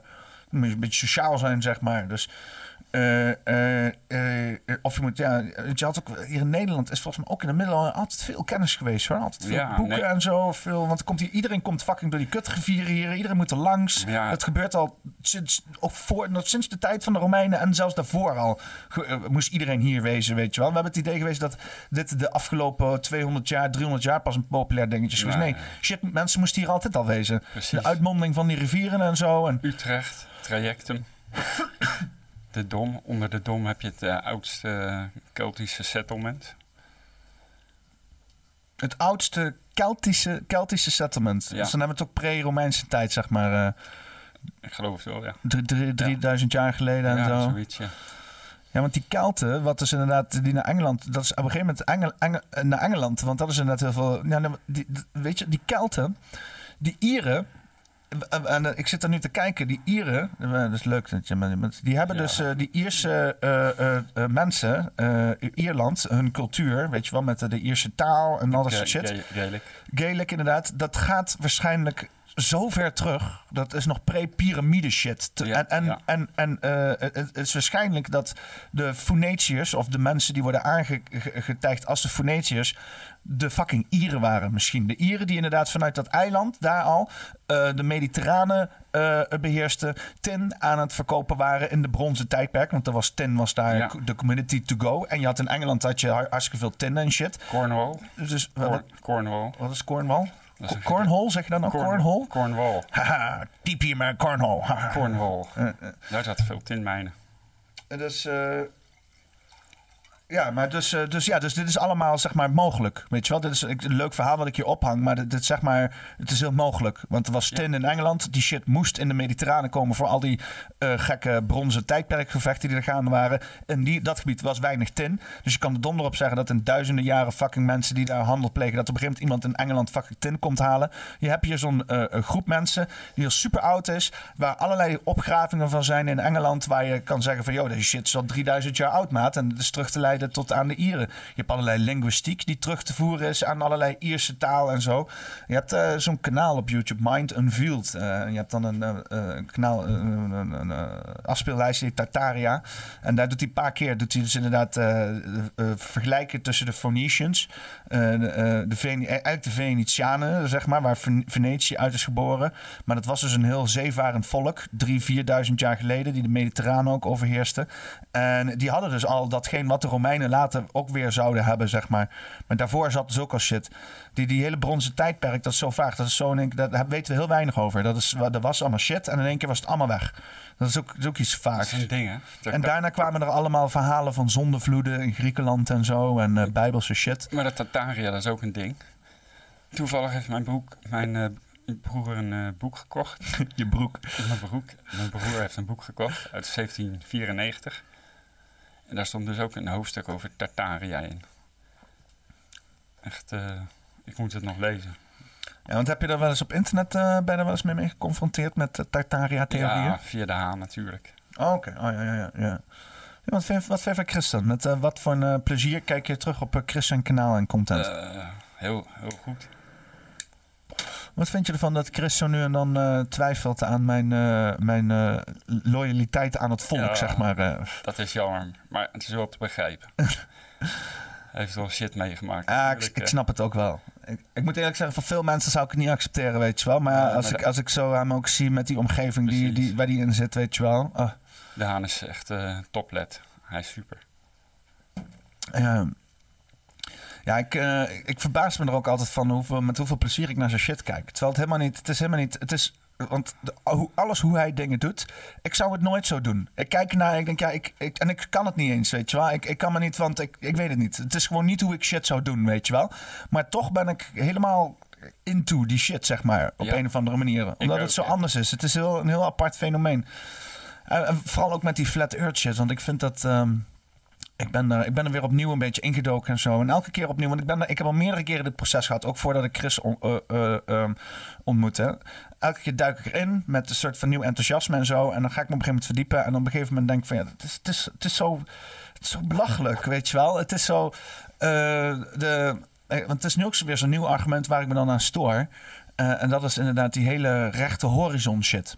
Hè, de, de, want ik, ik, Erik die maakte die ook. En op het moment kwam even niet eh, bij mij binnen. Even, wa- was ik even niet in mijn eh, logica gedeelte. Hoef ook niet altijd, weet je wel. Nee, Ik vind nee, het ook gewoon af en toe lekker om naar mensen te luisteren. Of wat het allemaal. Maar eh, ik zat het weer terug te luisteren. En ik denk, ja, dit is ook dit is foute beredenatie. Want heel veel mensen hebben het over de rechte horizon. Weet je, als je hoog genoeg komt, dan kan je zien hoe rechte horizon is. Hè? Dan zie je geen curve. En ik- heb daarop twee, twee dingen. Ehm, nou, ik pak heel even. Ik, ik, ik pak heel even deze, deze andere kant erbij. En ik ga niet helemaal nu met de lineaal. Ik had toen even met de lineaal had ik opgemeten en zo. Ehm, eh, maar eh, laten we zeggen, dit is, ik heb nu zeg maar deze hoek een 45 graden zo. Dus dan is dit zeg maar een kwart van de bolling van de aarde. Zie. Eh, als je zeg maar eh, 50 kilometer hebt, dat is, dat is dit, dit, dit cirkeltje. Ja, dat is 50 kilometer radius. Dat is 50 kilometer rondom. Dat is dit Ja. kleine, dit kleine. Ik heb het hier midden, midden in die, in die. Hier, dat, dat stipje, zeg maar. Hier, stip, de stipje daar. Ik had het zeg maar uitgemeten, want eh, de, de, de officiële gegevens van NASA, hè, als je die wil geloven, maar je moet ergens fucking beginnen met metingen, eh, is de aarde dus eh 400, 400.000 kilometer in, eh, in omtrek. Of zoiets, of 40.000, 40.000 of 400.000 omtrek aarde. Voordat ik weer allemaal omtrek aarde, voordat ik weer allemaal abstracte dingen zit te zeggen, zonder het even, terwijl ik het best wel makkelijk heel even kan... eh oh ja, 40.000, 40.000 kilometer. Ehm, eh, maar waar het dus op neerkomt, is dus inderdaad... Want 40.000 kilometer, als je het hebt over 50 kilometer... dan moet je dat eh, keer 1000 doen... wil je in de buurt komen van wat de omtrek van de aarde is. Zeg maar. Dus je bent 1 duizendste van een fractie. Hè? Als je bijvoorbeeld de 360 graden ronding hebt... dan heb je is 1 graad is, is 1 360ste. Maar we hebben het hier over 1 duizendste. Dat is nog drie keer zoveel, zeg maar. Nou, Dat zijn grote getallen allemaal. Dus je hebt hier dan de kwart van de aarde. Jij bent die punt... En eh, eh, dit, is dus, dit is dus dan die kwart. Dat is 10.000. hè, 10.000 kilometer. Zo'n kwart van die aarde. Dus waar hebben we het over? Als je bijvoorbeeld met een vliegtuig 10 kilometer boven de lucht vliegt. Dat is duizend keer zo weinig als de fuck dit het is. Ja, dus dus Ja. dat is, dat is, dat is dan, dan, zit je, dan zit je nog dit. Als je dat wil zien, als je duizend eh, tien kilometer boven deze stip zit in verhouding, dan moet je echt zo kijken. En dan zie je, dan zie je pas van, oh hé, hey, dit is de, ik kan bijna niet zien dat die van het papier af is. Zo weinig, zo niet hoog ben je ten opzichte van hoe groot deze kutplaneet is. Weet je wel? Dus zelfs al zou je inderdaad eh, op een vliegtuig zitten, nee, je ziet inderdaad bijna geen bolling, want het is, zo fucking minimaal. Maar dan hebben we nog iets, weet je wel? Als we dus inderdaad de eh, Erik die maakt die ding van, oké, als je dus zeg maar op een ehm eh, vuurtoren gaat staan, dan zie je ook op een gegeven moment nergens een bolling of iets naar beneden gaat. Hè? Alles Ja, is ja. perfect recht. Hè? Je ziet niet aan het einde, zeg maar, van, van aan het verte zie je iets bollen. Maar dat is ook een hele rare beredenering, want we zitten dan, als we denken, hè, volgens NASA, op een bol. Dan overal waar je 360 graden heen kijkt, is exact waterlevel. Is precies recht, weet je wel. Als je 360 Ja, ja. graden, maakt niet uit e- eigenlijk hoe hoog je komt. Misschien tot een bepaald niveau dat je inderdaad kan zien. Oh, weet je, als je op een gegeven moment echt in één opzicht eh, de hele aarde kan zien, dan pas ga je echt bollingen zien, weet je wel. Of in, in, in, in, een hele stuk. Maar zolang je alleen maar tegen die grond aan zit te kijken, dan lijkt inderdaad alles fucking plat, weet je wel. Je moet echt. Ja, waar hebben we het over? Ehm ja, 10.000 10.000 kilometer de lucht in. Wil jij een beetje fatsoenlijke fucking bollen gaan zien?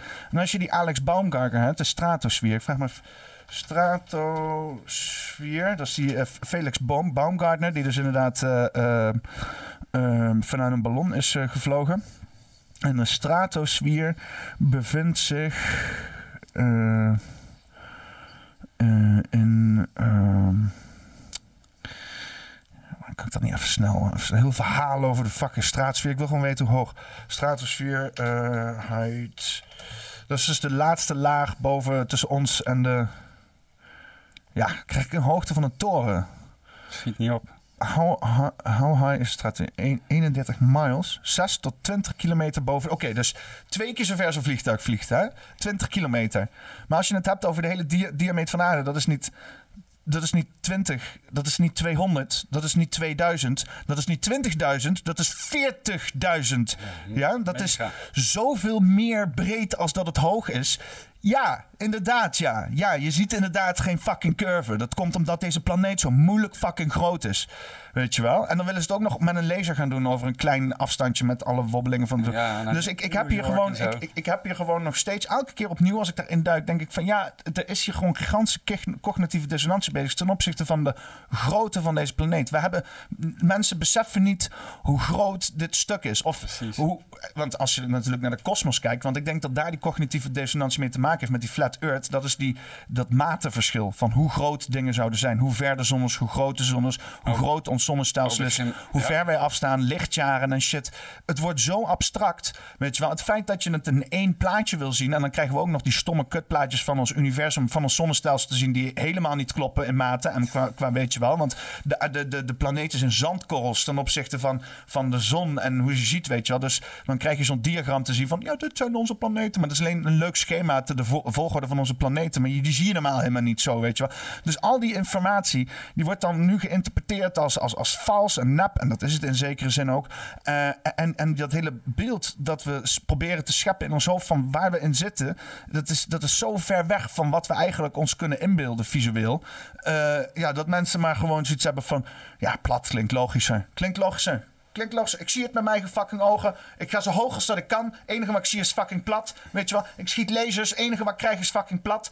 Eh, weet je wel? Fuck, fuck al deze gasten. Ik snap heel goed de beredenatie waar deze mensen in zitten. Want dat Ja. heb ik ook, weet je. Als ik al die mensen hoor, denk ik van... Ja, dit is, ook, dit is ook heel lastig te ontkrachten wat je nou inderdaad zegt. Want de aarde is zo kankergroot, maat. Het is fucking groot, weet je wel. De, de, de, de, diepste gat wat we hebben graven ten opzichte van de hoogste berg... is in verhouding met de omtrek van de aarde een aardappelschil. Een aardappelschil, maat. Dat is bizar. Dat moet, je, dat moet even exploderen in het hoofd. En, eh, en heel fijn eh, ja, dat ik ook op een gegeven moment denk van als de aarde plat is, dat we zo'n disk leven en niet in al die dingen die wij soort van observeren dan, of andere mensen, eh, dan zouden we net zo goed in een simulatie kunnen leven. Dan maakt het ook niet uit of het plat is of vierkant of een kegel of een piramide of een donut. Weet je wel, dan, dan maakt dat ook niet uit. Dan leven we gewoon in een fucking simulatie. Dus Ja. dan, dan is dat een nieuw probleem. Dat is een beetje, maar hoe sta jij dan tegen die flat earth? Ja, Na deze hele barrage en preek het- van mij. ik laat het midden. ja, Eh, zeg maar... eh, zonder wat ik net gezegd had, zou je dan eh, zeggen van, ja, oké. nou, in mijn opinie zijn er belangrijkere dingen en leukere dingen. Ja, maar dat, ik vind dat altijd zo'n kut excuus, weet je wel. Ja, Hoe ze, we, nee, we, we, ik- we ik- praten, we praten over elkaar schimmels onder de voeten. We praten over het gedrag van de buurman. We praten over de haarkleur van die ene chick met de dikke billen, weet je wel. Waarom, waarom, wat is er dan te belangrijk om even gewoon even een soort Het is van... leuk, het is leuk en ik volg het ook Ik wel. vind het vermakelijk, zeg maar, op zijn... Ja, het is gewoon... Maar eh, laat het je niet... En interessant ook gewoon. Ja. Maar ja, ja, je komt gaandeweg wel allerlei weet je, feitjes tegen Ja. en zo, weet je wel. Dat is wel leuk. ik sta een beetje eh, hoe in de chatbox eh, erover denkt. Hoe denkt hij erover? Ik kan niet Nou, wat, precies... wat ik net zei. Oh ja, het is... eh, ik laat het in het midden, zeg maar. eh. Ja, nou, en eh, er zijn belangrijke dingen om je ooit druk over te maken. Ja, nou ja, kijk, want het grappige is, je hebt dus bijvoorbeeld zo'n eh, Elon Musk, die gelooft dan best wel dat we in een simulatie kunnen zitten. Maar eh, ondanks dat is hij nog steeds gewoon aan het doen wat hij is aan het doen en zich aan het druk maken over echte werelddingen en zo, weet je wel. Ja. Eh, ik denk dat dat ook gewoon een gezonde relatie is met realiteit. Is het inderdaad te betwisten, zeggen van, luister, ik weet niet wat dit is, waar de fuck we in zitten, maar het zou maar zo van alles de fuck kunnen zijn, weet je wel. En een daarvan is ook gewoon platte aarde.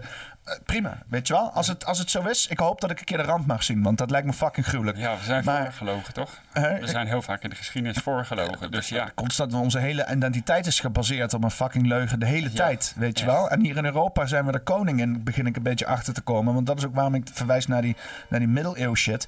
Eh, wij hebben hier zoveel culturele revoluties volgens mij gaande gehad. Van het Vaticaan die weer een of andere purge aan het uitoefenen is over een bepaalde eh, eh, narratief wat er gaande is. Om dat te vervangen met een of ander Vaticaan-appropriate narratief. Ik denk dat dat heel veel gaande is geweest van het jaar eh, eh, 800 tot en met, eh, tot en met eh, 1400, weet je. Eh, eh, want daar is heel weinig geschiedenis over te vinden. Daar is sowieso een soort van, er zijn allemaal gaten zijn daar te vinden. blackout. En, en eh, dat, dat wijst gewoon op fucking purging, weet je wel. Ja. Er zijn ook allemaal complottheorieën die zeggen dat er gewoon 200 of 300 jaar gewoon bij is geschreven. Dat ze zeggen van, eh, ja nee, ze hebben gewoon eh, 200, 300 jaar hebben ze gewoon erbij geschreven. En nu, we zouden eigenlijk in het jaar 1700 leven officieel dan, zeg maar. Creatieve geschiedenis. Dat is ook leuk, ja. Nou ja, waarom niet, weet je? Want uh, luister, die Joden die hadden afgelopen week uh, nieuwjaar. De Chinezen hebben met 22 januari nieuwjaar. Veel weet je wel? Het is, het, de tijdsmarkering is ook maar gewoon een model, bij wijze van spreken. Ja, je, je maakt er maar iets van, zo van... Oh ja, dit wat sterren doen, het klopt wel een beetje. Er hoeft maar één correctie te doen per vier jaar, dan is het goed. Tijd, tijd bestaat ook voor mij zowat niet. Nee? Nee. Tijd is... eh rela- is wacht, ik wil niet zeggen... Dat wou ik, ik ga het niet zeggen wat ik wou zeggen. Wat is tijd voor jou? Eh, niks eigenlijk.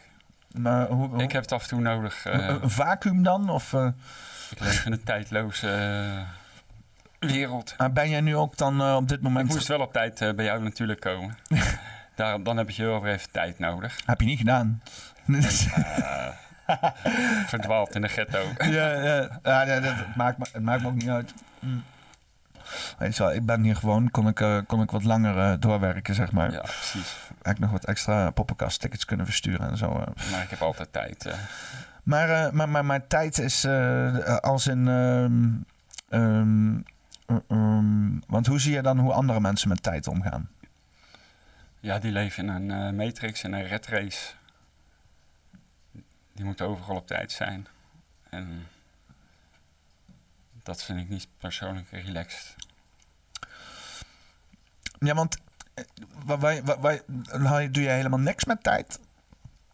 Of ligt het echt aan het... het want wat ik zeg maar heb, is zeg maar het, het niveau van punctualiteit... dat van mij wordt verwacht, vind ik, vind ik te ver gaan.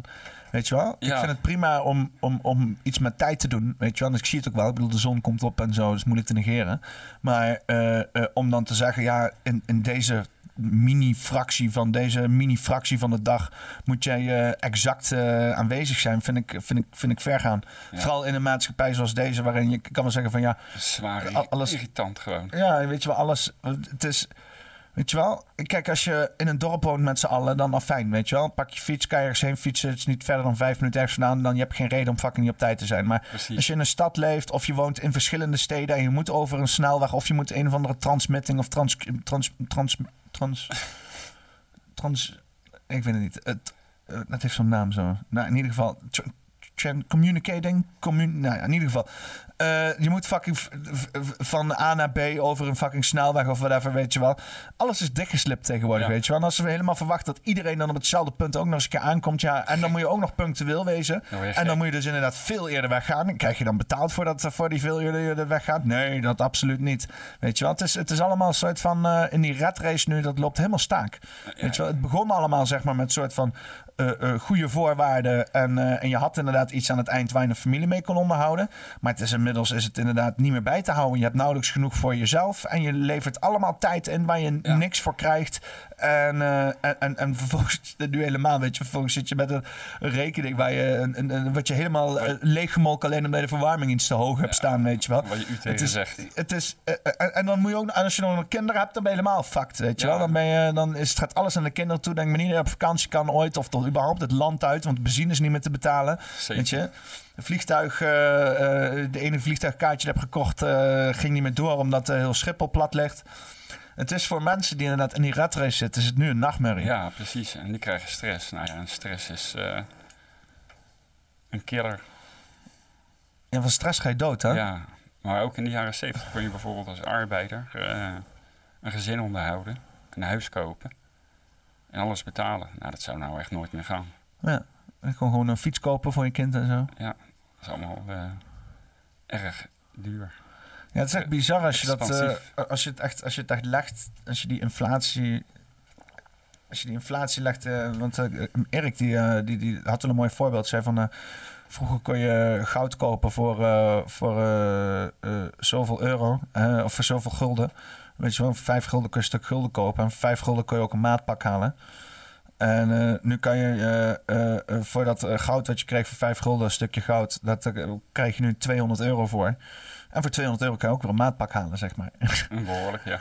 ja, dus, eh, eh, eh, maar zo zie je dat vroeger was gewoon veel minder geld nodig. Ja. Weet je wel? Maar mensen kregen dan ook gewoon shit voor cash. Mensen verdienen dan ook een Ja. paar cent of zo, weet Ja. je wel. Per dag. Verdien je, verdien je 25 cent per dag of zo. Klopt. En toen moest je ook nog echt naar de bank toe om je geld te halen. Want je had geen pinautomaten. Ik vraag het me af, ik vraag me af hoe het was om vroeger arm te zijn. Weet je wel? Want vroeger arm zijn kon je nog steeds... Dan kon je eigenlijk letterlijk doen whatever the fuck je wou. Weet je wel? Je had Ja. alleen nul fucking middelen. Maar je kon gewoon... eh, eh, weet je wel, als er ergens leeg of ruimte was... kon je gewoon ergens in. Of je kon bij iemand wonen of een hosteltje gaande hebben of zo. En er was verder geen controle. Eh, De, de world eh, was je oyster, zeg maar. Ja, Maar tegenwoordig, als je een zwerver bent, je leeft op de straat, je, je kent niks. Je wordt gerestricteerd, je bent overal lastig, je wordt overal weggestuurd, je wordt opgepakt, weet je wel. Je, je, eh, het systeem probeert de hele tijd in het systeem te krijgen waar je niet in wil, weet je. Dus ik, ik heb wel het idee dat eh, arm zijn echt moeilijker wordt gemaakt als dat het hoeft te zijn hier in het systeem. Mensen dan maar gedwongen worden om in een systeem te zitten, waar ze vervolgens dan voor worden verdoemd omdat ze in het systeem zitten. Zo van, ja, maar jij wou dit dan toch, weet je wel. Is-. Als het de keuze is. het is een beetje, ja, alsof het een keuze is, inderdaad, ja. Alsof je, alsof je wil eh een derde belasting betalen, belasting over je huur, belasting over het we- weggebruik, belasting over je toilet. Nou, ja, want, Ho- Hondenbelasting. Oh, ja, ja, ja, inderdaad, huisdieren. Hoe, hoe lang denk je dat het duurt voordat je je parkiet moet aangeven?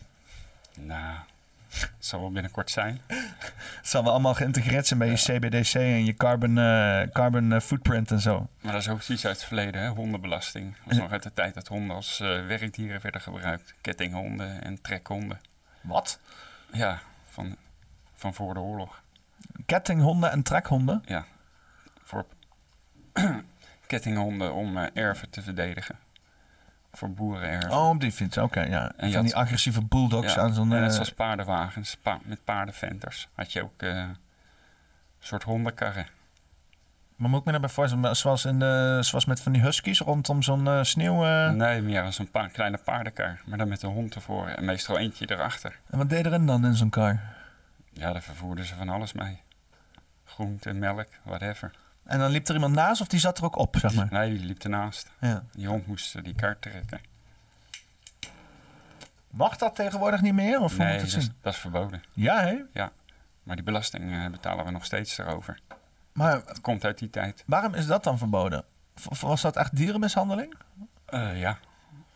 Die honden werden meestal niet echt goed behandeld. Ja, oké, een maar... ket- kettinghond die zat aan een ketting de hele dag met een hondenhok. Ja, oké. Dus Ja, maar honden zitten nu ook vast in een appartement de hele dag. dat klopt ook. Dat is ook Ik, ik vind huisdieren sowieso vrij... je, moet eh, op, je moet op het maaiveld wonen, dus op de begane grond. Ja, ja ik, ik vind heel veel, heel veel huisdieren vind ik vrij immoreel. Eh, ik ken ook mensen inderdaad met hele kleine woningen met heel veel dieren. Grote, heel veel grote dieren, weet je wel, die dan de hele tent fucking slopen. En dan worden de hele dag wordt tegen geschreeuwd en shit. Ja, dat is eh, ook abuse. Dus eh, ik- ja, niet zo erg. ik bedoel, ik vind het ook abuse of mensen om in een hele kleine ruimte te stoppen hoor. Dus eh, Klopt ook eerlijk niet, zeggen. Woonkazernes. Ja, ja, ik heb heel veel eh, mensen gezien in mijn omgeving die echt zo motherfucking klein wonen, jongen. Echt denk van, dit is, is gewoon een studentenwoning. En ik heb dat nooit geaccepteerd, weet je wel. Zelfs ook niet als student. Ik denk, ik ga dat niet doen. Ik ga net zo lang door tot ik iets anders vind. En in mijn eerste woning betaalde ik helemaal schil bijna net zoveel als dat ik nu betaal. En toen als fucking student.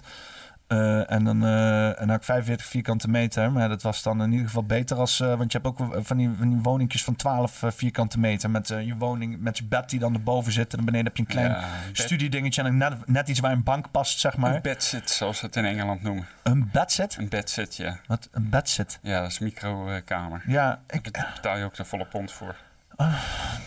ik, ik, ik snap niet waarom mensen dit zichzelf aandoen. Nee, ik ook niet. Maar ja, sommigen hebben echt geen keus. Hoezo, hoezo niet dan? Dat is dan omdat je dan je werk daar hebt of zo. Maar dan heb je toch, dan heb je toch zulke oogkleppen op, of niet? Lijkt mij ook. Ik zou er ook niet meer in kunnen wonen. Maar ik heb er vroeger ook af en toe wel eens in gewoond. Weet je, want dan, Dat dan, is een kleine want dan, dan, werk je inderdaad hartstikke stressvol werk om hartstikke veel geld te verdienen, om hartstikke veel geld te betalen voor zo'n kleine kutwoning. En dan geef je daarna eens hartstikke veel geld uit Ja. om zoveel mogelijk niet in je fucking kamer te hoeven zijn. En dan eh, dat is dat je levensstijl, weet je wel. Ja, verschrikkelijk. Het is, eh, ik, ik vind dat ook, ik, ik snap het ook niet. Ik snap het niet. Het leven in een stad. Mijn wereld ook niet. Daarvoor ben ik blij dat ik in een dorp woon. Een dorp is gewoon perfect. Tokio, eh, Tokio hebben ze dat helemaal gefine-tuned, hè? Ja, dat is scary. Dat is eng. Even kijken, Tokio. Eh, God, hoe noemen ze dat ook weer? Eh, small rooms. Ik weet of niet moest. Het heeft volgens mij echt iets. tiny apartments. Nou, ik kan wel heel even, even kijken wat het is. Voor shit. Building behind me right here is filled with interesting and potentially controversial apartments, each with its own catch. And today we're gonna head inside and check out a few. So this place is called Sakura Sakura, and hmm. you can actually see right Sakura, Sakura. up there. It's located in the northern part of Tokyo, and our first unit is right here. So let's head in and take a peek.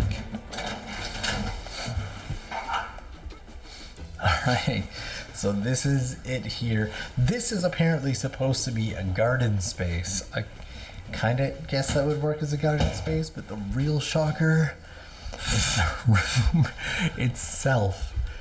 There's the bed. That's it. It's just that right there. And this is your shower with your toilet right there.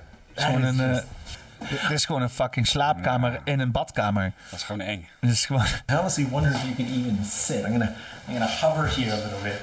You, I feel like you'd still have to lean forward a bit. And then you'd be staring at your bed and the shower. But on the plus side, you have a lot of leg room, which is definitely more than I can say for the next unit I'm gonna show. But right out of the gate, this place is far from being soundproof. Like the women next door are having a conversation right now, and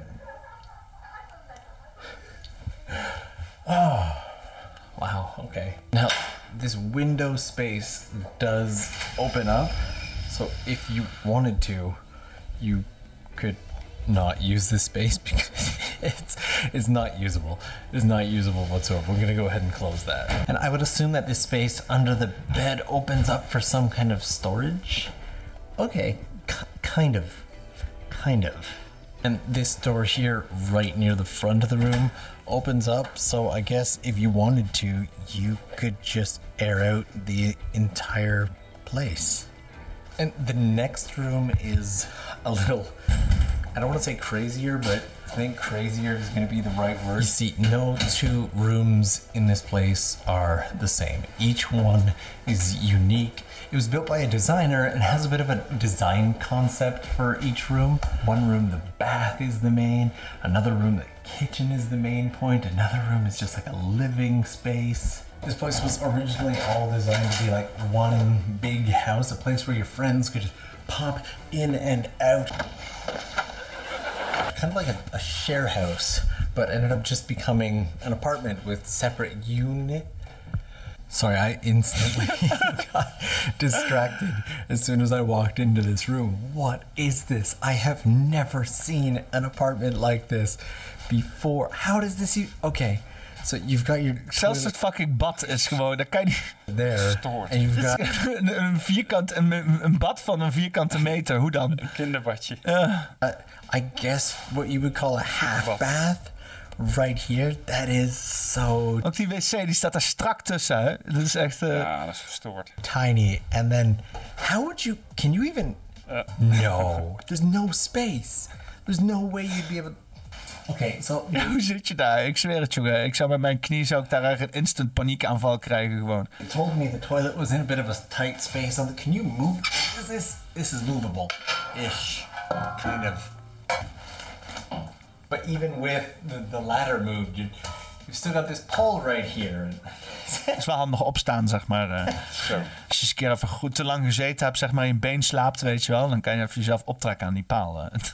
Niet te geloven toch? Heb je wel eens gehad? Hebben we zo lang op de wc gezeten dat je been sliep? Nee, eigenlijk nog nooit. Moet je een keer op je mobiel 9gag downloaden en dan gaan ze het schijten. Dan voor je het Ja. weet hij in een slapend been. Je meet het. Ik ken het niet. Eh. Misschien iets van mijn generatie. Ik denk het wel, ja. Kloofje. One of the big benefits of this place are the large windows, which can take a small space and really make it feel more open. But it's also a double edged sword when it comes to privacy, especially if you live in one of the units that faces the street, because people can just see right into your apartment. I don't know, maybe maybe some people like that, but let's let's check out this space. and this is the quote unquote sleeping space. Window here open. Ook dat dak, kerel, weet je wel. Gewoon ijzeren fucking Ja, ja. plaat. Er is geen enkel fijn materiaal gebruikt, weet je. Allemaal Allemaal, gewoon industriële shit en zo. Golfplaten. Kill. As well, there's definitely enough space Ik denk dat er slaven zijn die beter werden behandeld als fucking dit Ik ook. Het in de oudheid. is gewoon een sarcofaag. Ja. for a bed. I've got kind of a long upper body, but even I can sit up and stare at the mystery hole. You have your air conditioning unit right here, and then the mystery hole. Mystery hole. Now, obviously, not all homes in Japan are like this. There are bigger places, which should Yeah, be said, but but some people just don't need bigger spaces. Ja, het is echt vage shit, jongen. Dat is echt vage shit. Wat, eh, want eh, Tokio is de toekomst natuurlijk, hè? ik wil er niet wonen. Jij wel? Nee, ja, ik, ik, ik, eh, maar ja, je ziet natuurlijk wel dat hier in Nederland alles maar kleiner en maar kleiner wordt. Eh, vooral inderdaad in de binnenstad, maar ook inderdaad de woning, eh, woningplek. Als je ziet, maar nu heb je inderdaad eh, in, in Amsterdam ook eh, mensen die eh, van die woning uitbaters die dan al kleine appartementen nog zitten te halveren om dan nog twee keer zoveel shit Ja. te kunnen vragen. Nog meer power from profit. Ja. ja, maar dat is het uiteindelijk wel, toch? Ja, daar gaan we naartoe. Zoveel mogelijk rendement halen. Ja. Uit elke vierkante meter. Maar wat denk je wat het is aan mensen dat ze allemaal bij elkaar willen zitten? Ja, mensen een sociaal wezen. Dus dan. eh, In den oh, principe. ja. Maar het- gaat het dan niet te ver? Ligt eraan tot hoe ver. Want eh, ja, ja, want mensen gaan dan gewoon eh, inderdaad met doosjes op elkaar liggen om dan maar bij elkaar te zijn. eh. Ja, precies. Ja, want eh, hoe, zit, eh, hoe, zit- hoe woon jij het liefst? Eh, zoals ik nou woon. En dat is? In een rijtjeshuis. Hmm. Gebouwd rond de jaren 60. Eind jaren 60. Die arbeidershuisjes. Ja, en toen werd er nog ruim gebouwd. eh, Ja, toch wel, ja? ja, Want hier in Arnhem, ik zat anti-kraak in, eh, in eh, het was bij de Jonne Witlaan. En dan heb je aan het eind zo'n V. En in het midden van die V, eh, de V heb ik het over de wegen. Eén eh, splitst af naar het industrieterrein, de Ja. andere gaat Presikhaven. En in het midden heb je zeg maar eh, een stukje, dat is nu opnieuw helemaal, helemaal plat gegooid en opnieuw gebouwd. Maar er stonden dus van die oude arbeidershuisjes nog. Dat was echt vreemd. Het waren hele kleine huisjes. was eh, ook iets van eh, bij elkaar op twee verdiepingen verdeeld eh 50 vierkante meter. Dus 25 vierkante meter beneden, 25 vierkante meter boven. Maar dan als, alsnog zeg maar een woonkamer, een keuken en drie kamertjes boven. Maar dus inderdaad twee echt super kleine kamers en één nog kleinere kamer... waar je misschien net een babymandje of een wasmachine kon neerzetten. En beneden had je zeg maar de keuken. Daar zat dan de wc in. Oh ja. En eh, onder de trap, zeg maar. En het was, het was, het was zo klein, kon je ook communiceren, weet je wel. Dat is echt ongelooflijk. En daar hoorde ik dat daar, men- daar dan tien mensen woonden en zo, dat soort shit. Ja, ongelooflijk. Maar die shit kwam ook echt uit de jaren 50 en zo. eh. Ja, dat is echt jaren 50, ja. Of misschien nog wel eerder. Ja. Wij zeggen dat ze toen ook klein bouwden. Ja, in Utrecht heb je ook van die steegjes, de zeven steegjes. En dat zijn echt eh super kleine huisjes. En nog wel meer wijken in Utrecht eh, zijn echt klein. Enschede had je dat ook, van die huisjes. eh, en dat is nog eens een eigen toilet. Hadden ze gewoon een toilet op een pleintje voor het hele blok. What the fuck? Ja, Het is gewoon een buitenhuis, zeg maar. Ja, dat was voor die- was voor de textielindustrie daar in Enschede. Ten Katen en zo. En eh, wa- wa- wa- wat woonden daar voor mensen dan? Was dat dan allemaal grut wat uit het buitenland werd getrokken en daar neergezet? Nee, ah, gewoon, eh, Gewoon Nederla- Nederlandse- Ne- Nederla- Nederlandse arbeiders. Onze, onze, onze voorouders. Ja, precies. Nederlandse arbeiders. Dezelfde mensen die in de Rotterdamse havens werkten in die tijd. En want, eh, en want dan, in de jaren 60 werd er groter gebouwd? Ja, en toen kwamen wijken als Overvecht eh, rond Utrecht. En daar eh, gingen heel veel mensen uit de binnenstad naartoe trekken, omdat ze daar eigenlijk voor het eerst een douche en toilet kregen. Want dat hadden ze in die kleine huisjes niet. Ja. Ja, ik heb de tijd ook nog meegemaakt dat we op kolen stookten. Ja, hè? Dat de kolenboer kwam. En later werden we modern. Toen werden het petroleumkachels. Keulenboer. Kolenboer. Ja, dat huis eh, dat zou nou onbewoonbaar verklaard zijn. Echt, Hoe, hoe ging dat eraan toe dan? er kwam elke week de kolenboer. En wat, wat eh, dan eh, kwam eh, zo'n helemaal goos die helemaal zwart was. En die Ja. kwam even wat storten Ja. in een of ander gat bij jullie in de, in de kelder. eh. in de schuur hadden we zo'n kolenhok. Waar briketten lagen en van die eh eierenvormige kolen. En die gingen de kachel in. Geen, geen heet water. Ja, want wij zitten heel stoer te doen in deze tijd dat wij eh, alles eh, bezorgd kregen. Maar vroeger kreeg je ook gewoon shit bezorgd. Ja, de bakker kwam elke dag. eh Melk, schillenboer, de melkboer kwam. schillenboer, ja, de schillenboer. schillen. Ja, Wat zijn schillen? gewoon aardappelschillen en schillen van... eh, Kwam die die spruiten. brengen? Die kwam die halen. Oh, halen. Ja, oh. en dat ging, ging naar de varkens toe. Ah. Ja, kijk dan. Dat was, dat was je circulaire Ja. economie. Daar had je hem gewoon. En de voddenboer, die kwam oude kleding ophalen. Godverdomme man. Ik word er helemaal niet goed van. En dan krijg je industriële revolutie, wat fucking al die elitaire gasten willen. En die gaan het hele volk uitbouwen bu- buiten met kinderarbeid. En dan moeten we vet veel moeilijke politiek doen om dat terug te krijgen. En vervolgens worden we ingeslingerd in een of andere monetaire kutnachtmerrie. Waar we zijn, alsnog slaaf zijn aan het fucking systeem. En dan gaan ze tegen ons lopen zeiken dat wij fucking een circulaire economie moeten beginnen. We zaten in een circulaire energie, ene, ene, eh, eh, eh, eh, ehm, Economie. economie. Bitch. Dat was het gewoon. Weet je wel? En alles werd thuis bezorgd. Kolen, eh aardappelschillen werden gewoon voor je Brood. opgehaald. Brood. Yo, what the fuck, ouwe? In Amerongen reed er nog een paardenwagen die groente verzorgde in de jaren 80. Groente verzorgde? Bezorgde. Oké, ja. Ja joh, ik ben stoned van die wiet. Maar nou ja, ik weet ik, ik, Fucking stoned van die wiet. wiet. Wat heb jij maar voor wiet dan? Laat ze Ja. zien. Wat, laat me eens even Uit- ruiken. Uit de Laat Renen. me eens even snuffelen dan. Reen is de, Reen eh, is de place Zijn het allemaal verschillende soorten? Ja, oh, verschillende. Oh, oh, oh, een heel buffet weer hoor. Kijk dan. Ik zie het ook inderdaad. Ja, deze is wat donkerder, deze is wat lichter. Amnesia, Jack Herrer en nog eentje. Jack Herrer ro- rookte ik vroeger ook altijd toen ik Ja, niet Jack- zwaar in de hees zat. Jack Herrer is beroemd hè. Oh, Hij heeft een boek geschreven, Jack Herrer. heeft hij een boek waarover? Legalisatie van cannabis. Oeh, Wie, wie, wie is dat dan, Jack Herrer? Dat was de man die het boek had geschreven. de, de Emperor Were No Close. Wie- is, wie is Jack Herrer, de man die het boek heeft geschreven? De, de Emperor Were No Close. Zo heet het boek. Ja. Ja, oké, maar wie was, wat was dat van gozer dan? Hij, hij kweekte wiet? Ja, hij was een eh, woordvoerder voor de legalisatie van cannabis. Maar hier in eh, Nederland? In Amerika. In Amerika, Ja, oké. En, Grote jongen. Vandaar dat die wiet eh, naar hem is genoemd. Ah, oh, oké. Hij heeft niet zelf die wiet gekweekt of zo. Dan zeg ik, noem mijn wiet naar mezelf. hij was waarschijnlijk ook een wietkweker natuurlijk. eh, ja. anders ga je niet voor legalisatie pleiten. Dat lijkt me vrij logisch. Ja, ja, denk je? Ja, Ik natuurlijk. bedoel, er zijn zoveel mensen in de politiek die zich druk maken over zaken waar ze zelf helemaal niks te zoeken hebben. Ja, politiek is gewoon een poppenkast. Politiek. Dat is een feit. Had je mijn nieuwe video gezien? Waarschijnlijk wel. Waarschijnlijk wel, hè? Ik moet hem toch heel even bijpakken, want ik vind het wel... eh, ik ben er trots op. En eh, hij kan nog veel beter, want ehm, ehm, eh, er zijn nog veel meer voorbeelden van mensen die poppenkast zeggen. Maar ehm, eh, dit was even wat ik kon vinden. Oh, hier wil ik het trouwens ook even over hebben. Dat vind ik ook wel leuk even. Eh, eerst even pauze zetten. En dan heel even zo doen. En dan heel even zo doen. En dan heel even zo doen. En dan kan iedereen het godmonde je gewoon zien ook nog. In de Haagse poppenkast zijn we nu alweer drie maanden verder. Eerlijk gezegd vind ik Prinsjesdag een beetje poppenkast. Wat is dit voor een flauwekul? Wat is dit voor een poppenkast? Gast, het is geen tijd voor een poppenkast, hè? een eh, grote poppenkast eh, bekrachtigt. Poppenkast. Ik meteen allerlei rechten krijg. Briljant. Ken je die afsluiter? Weet je waar dat van is? Briljant. Eh, Weet je die, die afsluiter, deze? Nee, die niet.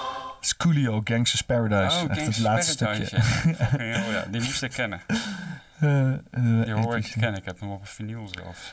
Ja. Nee, ik, ik, zat, eh, ik zat dus een beetje, een beetje Twitter af te, af te, te scrollen. Ik, zat, eh, eh, ik was bij George van Houts op de Twitterpagina en hij deelde een of andere website waarin hij dan eh, zijn, eh, zijn handle had ingevoerd. En die zegt dan waar je op geshadowband bent of niet, of weet je wel. En hij kreeg drie groene vinkjes en één rood vinkje. En dat rood vinkje was dan eh, dat niet retweets worden niet geboost of zo, weet ik veel. Maar hij deelde dat en hij zegt, oh, ik hoor nu ook bij de club. En ik denk van, hè, maar... ik ging naar bij mezelf kijken. Ik denk, mijn, mijn eh, het retweets worden ook niet geboost. Ik ging bij minister-president kijken. Zijn retweets worden dan wel geboost. Volgens mij zijn het, is dat alleen voor de blauwe vinkjes en zo. Meeste mensen worden de retweets niet geboost. Maar toen dacht ik dus van, hè, zit dat dan... eh, ik, ik werd sowieso een mindfuck over George van Houts, weet je. Dat ik denk van... Denkt hij nou dat de groene vinkjes dan zijn dat hij wel of niet gekort op wat, wat is hij gaande, weet je wel? Dus ging die website zelf opzoeken, ook, eh, dat had ik al gedaan. En, ehm, En eh, ik dacht al van, ja, volgens mij werkt deze hele, hele website gewoon allemaal shady shit. Ging allemaal andere websites uitproberen. Je hebt allemaal van dat soort rare websites. Je hebt zoveel websites die gewoon kliks willen, weet je wel. Dan geven Ja, ze je gewoon een leuk dashboardje en dan ben je ook weer tevreden. Ja. En eh, eh, toen kwam ik dus op een, een, een, een thread uit. Die zei van als je wil gezien of je shadowband bent, moet je gewoon incognito gaan. En gewoon on- ingelogd gaan kijken op jouw handle. En als er dan heel weinig of niet informatie over jou komt, dan ben je shadowband. Maar als je gewoon shit krijgt zien, dan kan iedereen je gewoon vinden in principe.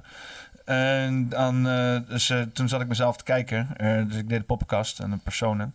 En, of zoiets. Of nee, media deed ik volgens mij ook even kijken. En toen kwam in één keer dus dit naar voren. was iets van maart.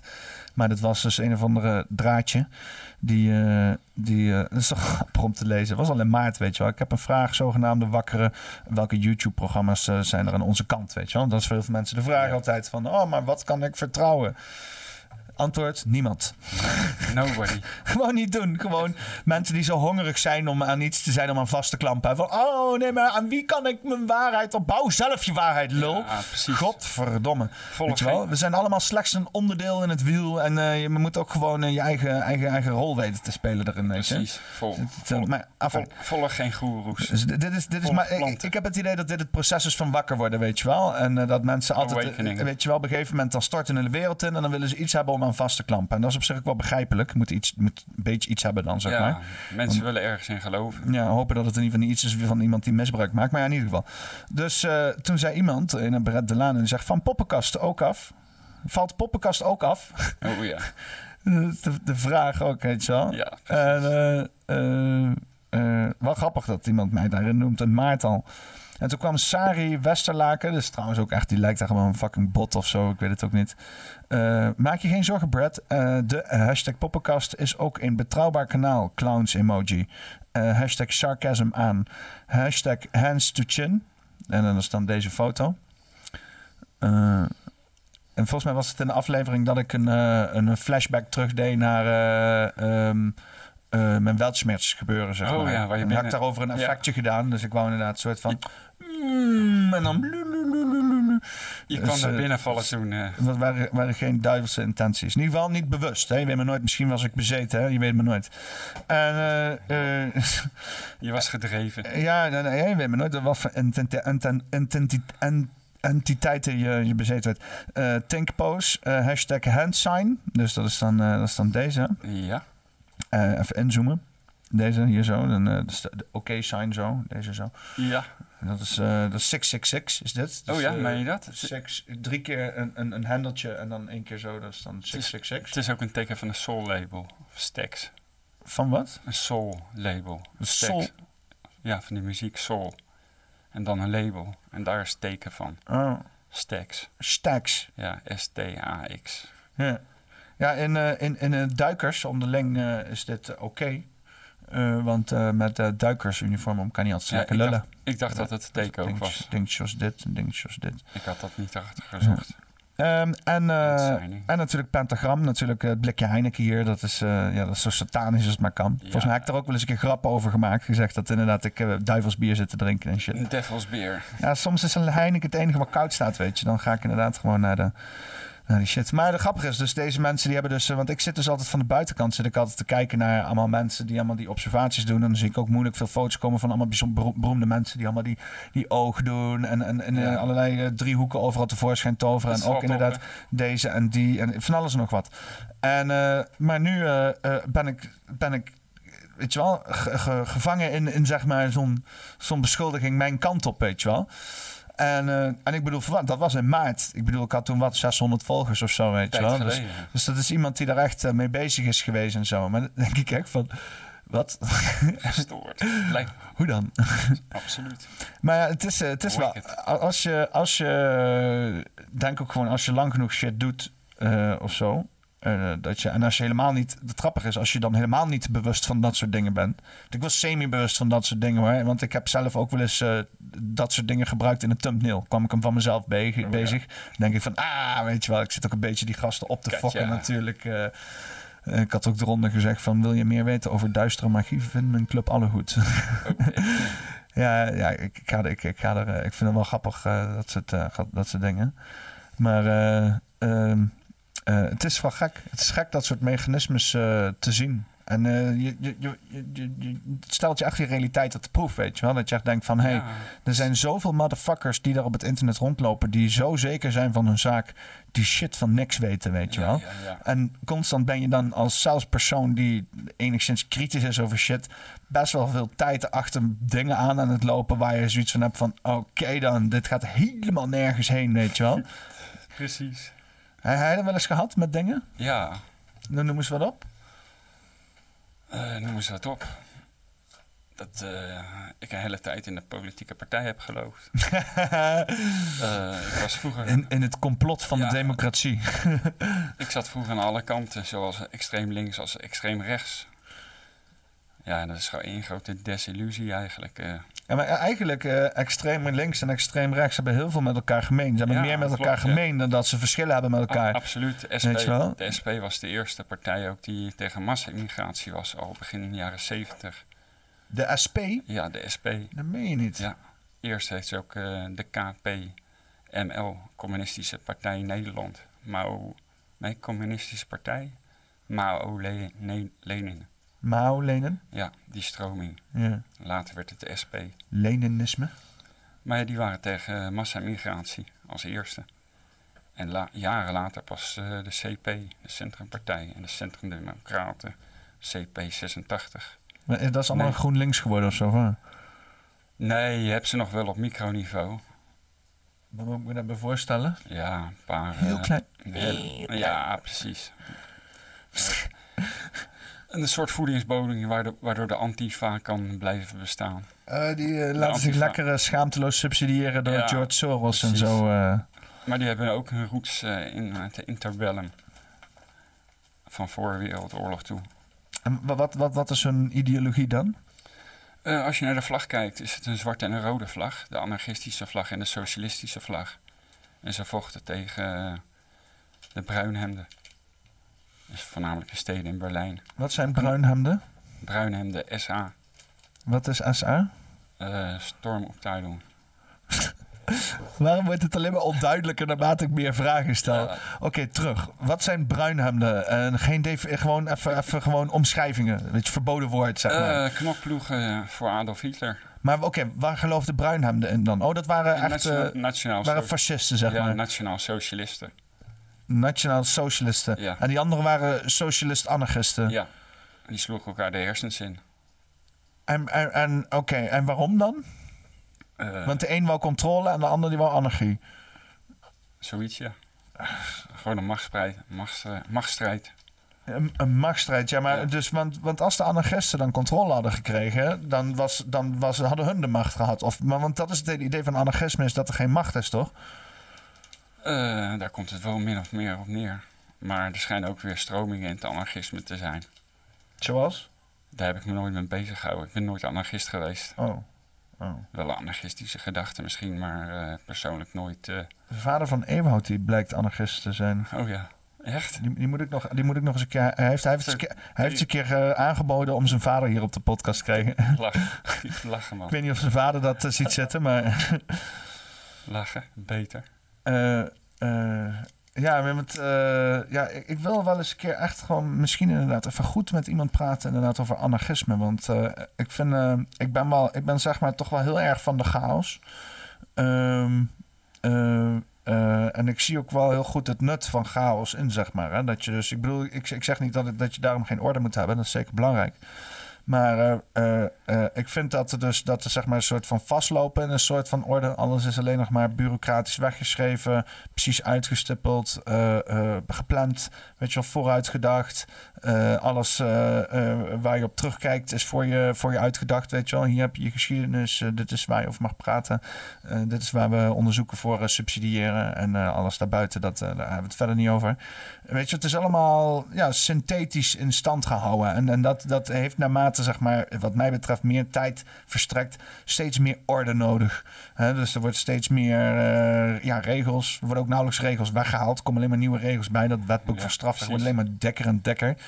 En eh, ja, ik, ik denk dat daar toch wel gewoon een goede dosis chaos gewoon eens een keer tegenaan gegooid moet worden, weet je wel. Om gewoon sowieso om misschien een beetje weer eh, de andere kant op te gaan. Om, om te ontmantelen. Hè? Met sommige, sommige wetgeving te ontmantelen, sommige structuren te ontmantelen. eh, onszelf te ontdoen van bepaalde, wat zullen we zeggen, eh, dingen die we aangeleerd hebben of, of, of sociale constructen waar we ons in begeven, weet je wel. Eh, wat dan, want in de zekere zin heb je nu aan de linkerkant heb je heel veel mensen gaande die precies denken dat ze dat doen. Die denken dat ze inderdaad bepaalde sociale constructen aan het eh, on- ontmantelen zijn. Maar deze zijn in mijn mening alleen maar nieuwe sociale constructen aan het creëren. Ja. Meer, meer definities van hoe je jezelf moet wegschrijven. En het moet allemaal beginnen bij de bureaucratie en zo. En als je bijvoorbeeld kijkt naar die transgenderwet. Die nou, eh, heb je daar heb je dat gevolgd? Was in de Ja, een, politiek. be- een beetje gestoord. Was, Dat was eh, vandaag toch?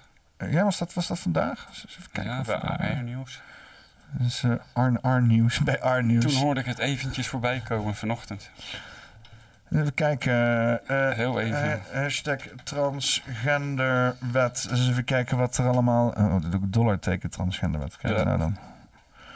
Transgenderwet. ehm, vijf uur geleden Bisschop. Een uur lang progressief van de SGP. Nee, daar zit ik niet echt op te wachten.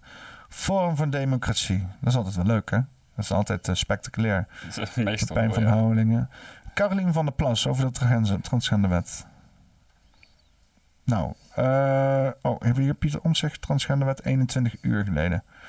Oké, waar heb je zin in? Eh, ik eh, geef jou drie opties. Eh, eh, Ca- Caroline van der Plas, Pepijn van Houwelingen of Bisschop? Bisschop Bisschop. uit Veenendaal. Ik, ik weet het niet. Ja, wat die hij, doen? hij komt uit Veenendaal. Nou, dan eh, gaan we die eens even kijken. Dan. Ja. Het woord. Zijn, zijn zoon eh, lag naast mij. Godverdomme, dat duurt een uur. zijn zoon lag naast mij in het eh militair revalidatiecentrum. Motherfucker, deze gozer heeft gewoon een uur lopen lullen, jongen. Dat Ja. kan wel kloppen, inderdaad. Ja, hij was de hele tijd... eh, ja, het gaat hem aan het hart, de hele transgenderwet. ja, I bet. Nou, ik doe gewoon even een klein stukje eruit. Een stukje Besschop. Dus even kijken. Ik weet niet wat ik precies presenteer hier nou, maar we zien het al. Terwijl bredere expertise buiten beeld blijft. En een kritische analyse van het onderzoek laat ook zien dat vragenlijsten sumier of onvergelijkbaar zijn en dat de aantallen vaak te beperkt zijn om er conclusies uit te trekken.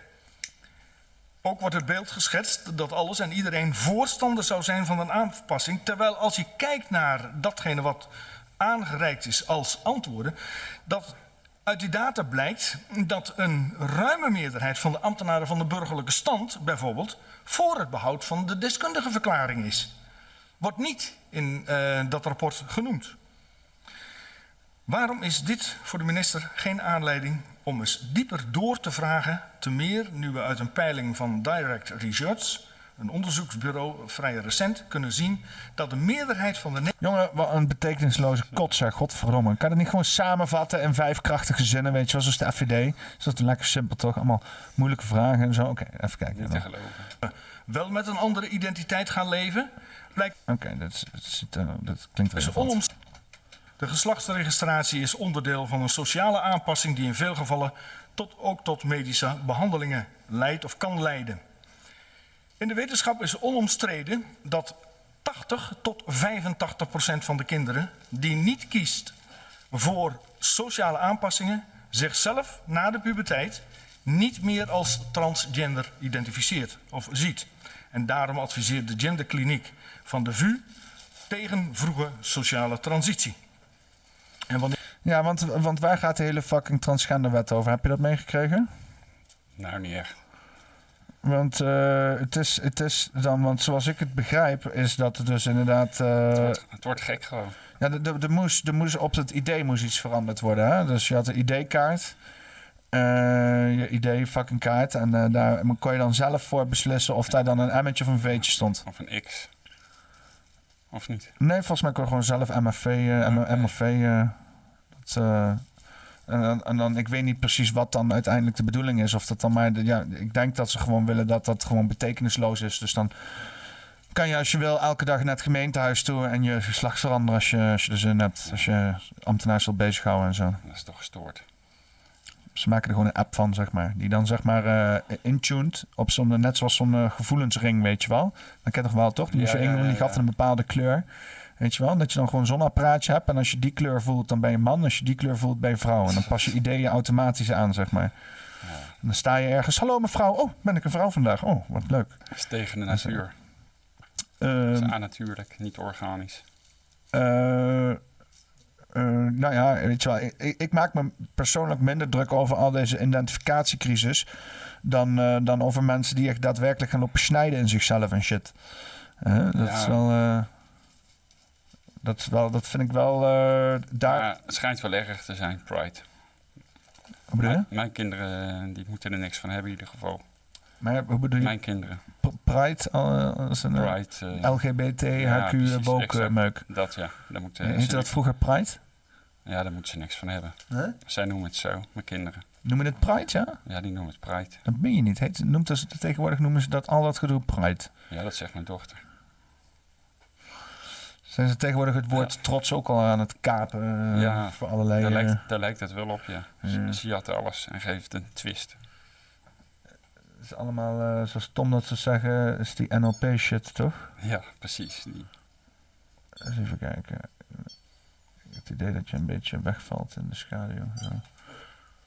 Zit, eh, ja, kijk, daar ben je. Eh, ik wil even kijken wat, er, eh, wat nou het hele bedoeling was van dit transgender gebeuren. En een wijziging gemeenteweg verbed parkeertarieven. Nee, het was, was gisteren was het dan toch?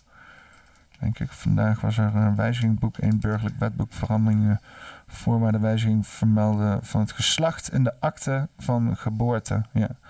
Ja, dus dat je inderdaad gewoon je pasje kan veranderen en zo. Nou, zullen we even kijken wat Pijn er dan over te zeggen heeft? Want het is, ik vind het gewoon leuk. Ik vind het gewoon leuk bij Pijn op altijd hele zooi af te zeiken. beter als eh bisschop. Ja, nee, Saai. weet je wel, ik, eh, ik, ik word gewoon vrolijk van mensen die gewoon iedereen afzeiken in de Tweede Kamer, weet je wel. Ik vind dat eh, heerlijk. En daarom vind ik het ook fijn om naar Wilders te kijken. Ik vind hem, eh, ik zou nooit op hem stemmen. Maar hij provo- provoceert Maar wel. ik Dat vind het wel heerlijk om naar te kijken. Ja, maar het, het, het, eh, 9 van de 10 keer speelt hij precies eh, de, optie, de, de, de kabinet in de handen met zijn shit. Weet je Ja, wel. Dus precies. Spelletje. ik, ik vind het, ja, weet je wel, ik heb echt zoiets van. Het gebeurt ook zo vaak dat ik iets heb, van ja, Geert, weet je wel, volgens mij, eh, volgens mij ben je ook allemaal niet eh, wat het zou moeten zijn. Maar misschien is het dan weer, weer een groter spel gaande, hè? want eh, Geert eh, zit met zijn PVV ook in de EU wat dat betreft. Hè? Dus eh, je zou er ook een EU-spel moeten zijn. Iedereen daar in, in de politiek is bekend met de He- Hegelian dialectic. Dat is de manier hoe zeg maar transitie wordt gebracht in een verhaal, waarbij je een verhaal dynamiek krijgt. Dat is namelijk je ehm, thesis. Eh, dan heb je een eh, antithesis. Dus iets wat tegen de thesis ingaat. Hè. Dus stel, eh, weet ik veel. Hè. Ehm, appel. Hè. Dat is thesis. Nou, nee, antithesis, peer. Nou, dat is de tegenstrijd, weet je wel. En dan, dan kan je allerlei dingen vragen, weet je wel. Hoe, wat is het verschil tussen appel en peer? Wat is beter? Wat, waar, waar krijg je minder honger van? Wat is langer houdbaar? Waar kan je het beste alcohol van stoken? Eh, weet je wel? Ik kan ook zeggen van, is het hetzelfde? Hè? Dan krijg je ook alweer een hele hoop eh, eh, verschil daartussen. Mensen zeggen van, nee, het is bijna hetzelfde. Nee, het is helemaal niet hetzelfde. Je kan het met allerlei dingen doen. Hè? Dus bijvoorbeeld een thesis, ehm, drugs. Hè? Dus dan, nou, dan krijg je als antithesis waarschijnlijk mensen die nuchter zijn. Weet je wel, die geen drugs doen. Ja, dan krijg je een hele hoop shit, weet je wel. Van wat is beter, geen drugs doen, wel drugs doen. wat is verschillen, weet je wel. Eh, ehm, en eh, ja, als je dat inziet, als je ziet wat de thesis en wat de uh, antithesis is, dus in dit geval bijvoorbeeld globalisme en nationalisme, dan creëer je een wereld, synthesis, gesyntheseerd ook, weet je wel, waarbij er dus inderdaad natuurlijke processen kunnen voortgaan, hè, bepaalde natuurlijke verhaalvorming. Maar mensen die dan dus inderdaad bezig zijn met in hun ogen iets wat hun aan het hart gaat, iets wat dus inderdaad uit hunzelf komt. Ehm, maar eh, uiteindelijk gewoon gecreëerd is door iemand buitenaf. Hè? Het is gesynthetiseerd. Het hoeft niet, ik bedoel, het is niet, het is, dat, dat, dat is zeg maar nu hoe ik naar de politiek kijk, weet je. Je hebt van bovenaf, heb je mensen die geven ons twee opties. Hè? In Amerika zie je dat het mooist. Hè, blauw-rood, links, Engeland- rechts. Engeland ook. De, de Republikeinen, Democraten. Engeland zo, Ja, weet je wel, de, ja, de, de, de Labour Party en de... Tories. En, ja. en in eh, Nederland is het in principe ook rechts-links. Weet je wel, en dan hebben we het allemaal helemaal gescatterd in verschillende clubjes. Want we zijn in, eh, in Nederland zijn we gewoon koning mierenneuken wat dat betreft. Zo, dus, eh, echt, eh, absoluut waar. En, ehm, maar het is uiteindelijk een gecreëerde synthesis, weet je wel. Door mensen die zeggen van nee, dit zijn jullie issues. Hè? Jullie moeten je druk maken over het geld, over immigratie, over... Want bepaalde dingen zijn inmiddels gezet. In ieder geval zolang ik leef in deze wereld. Klimaat. eh, eh, eh, is, is dus inderdaad ehm, ehm, iedereen in het land toelaten van buitenaf omdat dat heel Nederlands is, is een gegeven. Dat is niet iets wat ter discussie staat. Elke keer als dat ter discussie komt, dan, eh, dan heb je een, eh, ja, dan ben je racist. Racist, racist. Ja, dat is ook zoiets. En, eh, en, en- Racistenkaart trekken meteen. ja, nou ja, en wa- wat ik een pro- probleem mee heb met, met, met inderdaad iedereen toelaten. En dat ze zeggen van ja, iedereen heeft een recht om hier te zijn. En dan denk ik van ja, dat is heel leuk. Maar ik betaal hier, en mijn ouders, die dat ook voor, voor mij iets hebben gedaan, betalen hier al heel lang heel veel fucking belasting. Al deze mensen die hierheen komen vanuit Afrika en shit. Ja. Daarbuiten, in ieder geval buiten de EU. Binnen de EU zijn we inmiddels ook allemaal aan het kontje neuken met elkaar. Dus dan, eh, of worden we in ieder geval in onze kont, kont geneukt met elkaar. Dus dat maakt allemaal niet zoveel uit. Maar al die Oekraïners en zo, al die, al die, al die mensen die inderdaad, eh, whatever de fuck waar vandaan komen. als die voorrang krijgen, dat is leuk. Weet je, ik kan wel zeggen ja, het zijn mensen in nood. En, eh, en eh, eh, weet je wel, jij, jij bent bevoorrecht dat je hier bent. Weet je wel, en deze mensen hebben niks. Fuck jou, maat. Ik ben Ja. al die tijd heb ik belasting betaald voor die shit, weet je wel. Ik ben niet, die mensen hebben niet belasting betaald aan niemand niet de hele tijd niet. Daarom zijn ze niet bevoorrecht, weet je wel. Ik heb be- betaald voor mijn bevoorrechtheid. Het is een fucking abonnementsdienst die ik hier afneemt. En ik hoor daar gewoon mijn fucking services bij te krijgen. En als ik die niet krijg, weet je, als ik een Netflix-account heb en ik kan in één keer geen films kijken omdat er nieuwe mensen zijn en die hebben de bandbreedte gekaapt. Denk van maat, ik betaal al drie jaar lang abonnementskosten. Dan wil ik op zijn minst bij de, bij de, bij de standaard groep horen die gewoon altijd toegang heeft tot die bandbreedte. Want anders ben ik weg, weet je wel. En dat is misschien ook, ja, ik ga hier niet weg, want dit is iets, iets, iets complexer als een Ja. Netflix-account helaas. Maar eh, eh, eh, dat is wel een beetje hoe ik het zie, weet je wel. Ja, ik, en mijn verschil. ouders zijn ons al heel veel geld afgetroggeld om hier te mogen leven. En dan in één keer worden ons allerlei kansen ontnomen. Want al deze nieuwe mensen die hier nog nooit één cent fucking belasting hebben betaald voor niks niet. Weet je wel? Ik denk als alles dan om geld moet draaien, hè, lekker die neoliberalistische agenda, dan zou dat toch eens een keer godverdomme te sprake moeten zijn gekomen. Maar nog nooit. Niet door. Wilders, niet door de. FVD. Niemand heeft het ooit eens een keer gehad over al ons geld wat wij hier in deze maatschappij investeren om onze omgeving gaande te houden. Want als we het hebben over belasting afschaffen, dan komt dat als eerste sprake. Wie gaat de wegen bouwen?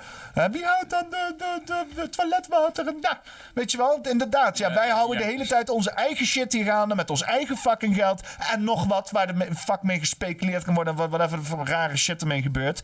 Hè? En om dan te zeggen van ja, maar eh, eh, je, moet, je bent bevoorrecht om hier te zijn. Nee, het is niet een fucking bevoorrechting, weet je wel. Ten eerste had ik geen fucking keuze over. Ten tweede heb ik eh, heel veel moeten leren om hier fucking uit de verf te kunnen komen als een of andere enige middelmatige burger. Hè? En, en ik heb daar ook gewoon de tijd, de moeite en ook mijn fucking geld in geïnvesteerd, weet je. En om dan te zien dat, dan, dat ik dan bevoorrecht zou moeten zijn door sommige mensen, weet je. Omdat je zegt van ja, weet je wel, hier heb je mensen die niks hebben. Ja, ja. Zijn overal in de wereld zijn er mensen die niks hebben. Nee, precies. Weet je, er zijn, er, zijn, eh, ook, er zijn ook genoeg mensen die niks hebben en die zijn er perfect gelukkig mee. Ik zie ook een verschillen. Zeg maar, eh, de mensen, eh, de Indische mensen, Ambonese mensen, Surinaamse mensen, Antilliaanse mensen. van de Nederlandse Cariben. Dat vind ik wel een verschil. Maar al die nieuwe vluchtelingen, ja, dat, is, dat kan op een gegeven moment niet meer. Plaatsen in kantoorgebouwen die leeg staan. Als je ze nodig ergens moet plaatsen. Want dat is ook een ding. Dat delen ter apel. poppenkast. Ja, Ter Apel is wel echt... eh, ja, ik vind echt dat, ze dat, gewoon... ze, dat, ik- ze, dat ik- ze daar een tv-uitzending... eh, Achter dat hek. op één shit daar. eh. Ja, het is, ik heb geen tv meer. Ik heb hem wel, maar ik heb een tv uitstaan. Maar ja, je krijgt alles mee met internet natuurlijk. Ik snap niet dat ze daar in Ter Apel gewoon niet iedereen naar eh, ehm, eh, eh, Den, Haag, naar Den Haag toesturen. Ja, naar het paleis. Ja, dat je, geef, ze allemaal, geef ze allemaal een tentje mee en zeg je, hier, ga maar lekker Ja. voor, Noord- ga maar midden in Den Haag zitten ergens. Noordeinde. Ja, Paleis Noordeinde. Bij Koning Willy. ja. Koning Willy. Ja, want... Willem, Willem de hardcore koning. Want, eh, ja, wat vind jij? Grenzen dicht of moet er gewoon, eh, moet er gewoon meer gebouwd worden? Wat, eh, Eh, lijkt me grenzen dicht. grenzen dicht, ja. ja, lijkt mij wel. Maar denk je dat dat praktisch is? Ik denk het wel. Want grenzen zijn best open, zeg ja, maar. precies. Het is moeilijk te doen. Sinds de brexit is, komen er ook steeds meer mensen. Dat in Calais is ook nog steeds gaande. Wat dan? Hoe bedoel je? Dat mensen oversteken van Calais, van Frankrijk naar Engeland. Oh, ja, oké, ja, ja. Daar zetten ze mensen ook in hotels en daar zijn ook protesten tegen eh, dat ze nieuwe asielzoekers eh, in hotels zetten. Hm. Dat is hetzelfde lakenpak als hier. Ik wou nog een stukje pijn doen trouwens. We zijn inmiddels afgedwaald naar Calais. Calais. Maar even een stukje pijn over de... Een klein stukje in het begin. Right. Legt alleen even voor een korte periode twijfelen aan zichzelf, kunnen door deze wet en de achterliggende ideologie onherstelbaar gemutileerd raken, onvruchtbaar gemaakt en hormoniaal gesteriliseerd worden voor de rest van hun leven. Ja, want dat is wel. eh, ik, ik, ik, ik weet niet of ik dat kan vinden. eh, maar dat was dus inderdaad eh, iets wat ook Ewout een keer naar mij volgens mij gestuurd heeft. Het is wel helder. ja, Helder als wat. ik hoef het ook niet meer te laten zien, gewoon een klein stukje. Eh, maar er was zo'n eh, zo'n gozer die inderdaad eh, ja, zich zorgen maakte. Even kijken. Over ja, toch wel alle trans eh, ehm, mensen die in transitie gaan en daardoor de operaties gaan en zo. Jonge mensen. En ja, die daar dan af, achteraf spijt van krijgen, zeg maar. Dus dan zoiets hebben van... ja, ehm, eh, ik, ben, eh, ik heb dat gedaan op mijn, op mijn vijftiende, zestiende. En eh, nu eh, heb ik er spijt van. En dan heb je al zeg maar gewoon een hele seksoperatie gehad, zeg maar. Die Ja. dan eh, helemaal... eh, vind je ervan? Dat, eh, Dat moet je ook helemaal niet doen als je jong bent. Het schijnt dat mannen pas eh, volwassen zijn op de veertigste. Op een veertigste? Ja, vrouwen minder. Die zijn eerder volwassen. Ja, wanneer worden vrouwen volwassen? Ik geloof tien jaar eerder of zoiets. Tien jaar eerder. Op een dertigste. Pin me er niet op vast. Maar mannen eh, doen er langer over. Nou ja, ik kan me er wel iets bij voorstellen, zeg maar. Eeuwig, eeuwig jong blijven. Jong van hart zijn. Eh, even kijken. Eh, ik weet niet of ik dit kan vinden. Het is wel eh, ongehoord nieuws. Kijk, ik krijg zoveel shit van, eh van Ewout via Twitter. Nee, ik denk dat ik dit niet meer kan vinden. Dat is wel jammer. Gozer zat ook helemaal te janken, godverdomme. Dat was helemaal dramatisch en shit. Ja, drama. Maar, eh, want hij had zelf dus ook een seks, een seksveranderingsoperatie gehad. En hij zei dus ook van, ik, voor mezelf ben ik er al aardig eh, mee eh, content. Maar hij zei, hij ziet het zoveel gebeuren, ook in zijn omgeving met jonge kinderen. Marginaal gaan daar gewoon heel veel kinderen spijt van krijgen. Weet je wel, dan krijg je zoveel fucking jonge mensen die allemaal Ja. fucked up zijn en shit. Als je jong bent, ben je nog zoekende. Dan kun je makkelijk een verkeerde beslissing maken. Ja. En als je dat doet, eh, ja, je kan het niet meer terugdraaien. Dat is niet slim. Hoe oud denk je dat je moet zijn voordat je een seksoperatie mag doen? Wat zou jij vinden? Als je, als je mag kiezen, zeg maar. Ik zou er nog eens over na kunnen denken. Weet je dat? Nou ja, maar stel dat we democratisch met z'n allen gaan besluiten van dit Ja, is de misschien, limiet. eh, Misschien je veertigste dan. je veertigste, dat, Ja, zou, dat zou jij invullen, je veertigste. Ja, maar helemaal niet. Ja. Ik ben zoals ik ben. Ik ben zo geboren, toch? Eh, ja, maar dan gaan dus mensen inderdaad... Moet je voorstellen dat je dus inderdaad kan stemmen. Dat je dus een getal kan invoeren. Zo van, eh, zoveel moet je oud zijn Ja, om... maar dan gaan heel veel mensen gaan dus inderdaad heel veel grote getallen invoeren... om het gemiddelde omhoog te krijgen. Of, of zes jaar. Zes jaar? Ja, Hoe bedoel je? zes jaar. Dat ze zes jaar invoeren, zeg maar. Ja, Ja. ja, mensen doen dat natuurlijk. Mensen vinden nu Ja. al dat uh, sommigen dat... het, uh, kan, het kan niet gek genoeg natuurlijk. Er zijn heel veel uh, Volgens, wokies die, dit, die exact dat statement maken. Zeggen van ja, kinderen op hun, vanaf zo jong als hun zesde of zevende weten al wat van geslacht Ja. ze willen zijn. Het kan niet gek genoeg zijn. Dat, Ja, een beetje absurd. Een beetje veel absurd. Ja, ik kan maar eens even kijken. Want het is die eh, Matt Walsh. eh What is a Woman shit, weet je? Oh, ja, Eh, die beroemde. Heb je dat eh, wel eens gezien? Ja, ik Eh, heb hem gezien, ja. Ja, hij is dus inderdaad, gaat hij wel in gesprek met eh, allemaal van die mensen die dus eh, ja, toch wel aparte shit eh, allemaal claimen. Maar ik zal het wel, eh, ik zal even in ieder geval gewoon de standaard Reality. haren. In truth, okay? Whose truth are we talking about? Oké, even een klein stukje terug. En Hier is Matt Walsh al aardig gefrustreerd inmiddels. Eh, want eh, hij, eh, hij krijgt natuurlijk ja, allemaal antwoorden die, die hij niet kan bolwerken. Zo. Of nog de mensen die er naar kijken. unclear about that also. Like, are you? Do you actually think that Santa exists? What, what's happening? But it's, it's it's as you're talking to these people, it's like your own. You, you feel yourself going slightly insane. So it was a pretty bewildering exchange there, but it only gets weirder from here. Let's keep watching. Male gametes. That's what makes me male. No, your your sperm don't make you male. Then what does? It's a constellation. In reality, in truth, okay? Whose truth are we talking about? The same truth that says we're sitting in this room right now, you and I. No, you're not listening. If I if I see a chicken laying eggs and I say that's a female chicken laying eggs, did I assign female or am I just observing a physical reality that's happening in the world? Does a chicken have gender identity? Does a chicken cry? Well, Does a chick- chicken commit suicide? Let's to frame it because you're talking. You're trying. A chicken has sex like any like any a chicken biological has organism. an assigned gender, but a chicken doesn't have a gender identity. So we assign Gestoord, wicked. Eh, dit soort gesprekken moet je dan gaan voeren. Maar dit zijn dus mensen die hebben gestudeerd en een diploma gekregen. En die zijn dus opgeleid om dit soort gesprekken te voeren met mensen. En mega salarissen. Ja, ja. Dat zit er wel in. Kunnen ze een, eh, een haar eh aquamarijn blauw verven. Van de meest dure verfsoorten. Eh, hoe noemen we dat? Lapal lazuli en zo. Vermilion red. Wat? Vermilion red. Is dat een dure kleur? Nou, dat weet ik veel. Hm. Ik heb toch een winkel gehad en daar verkochten we het. Wat, als wat? Haarverf. Als haarverf. Ja, we verkochten alles. Wat voor winkel heb je gehad dan? Eh, ja, een beetje subcultuurwinkel. eh Punts in Utrecht. Je Oh. had een Punts in Amsterdam, Utrecht Rotterdam. Dus jij bent begonnen met al die haarkleur shit en zo. Ja, en met Lonsdale. met Lonsdale. En Fred Perry. Want hoe zat het Fred dus- Perry, Dr. hoe zat- Martens. Hoe zat het dan met, platen. met Lonsdale dat dat dus hip was bij neonazies, omdat als je dat eh, droeg met een jack eroverheen, dat er dan NSDAP stond? Wat, wat, wat? Dat klopte gewoon niet. Nee? Lonsdale eh, is eh, ontstaan, of het merk Lonsdale is ontstaan door een Joodse man. En Mohammed Ali heeft er ook in gebokst. Dus ja, dat is niet echt racistisch. Ze hebben het gewoon eh, zelf een twist gegeven. Ja, maar nee, dus van die mensen die dan dat als een twist maken dan ja, of zo. zelfs een eh, jeugdsubcultuur uit ontstaan, hè? de Lonsdale jongeren. Of denk je dat het misschien een psyop was?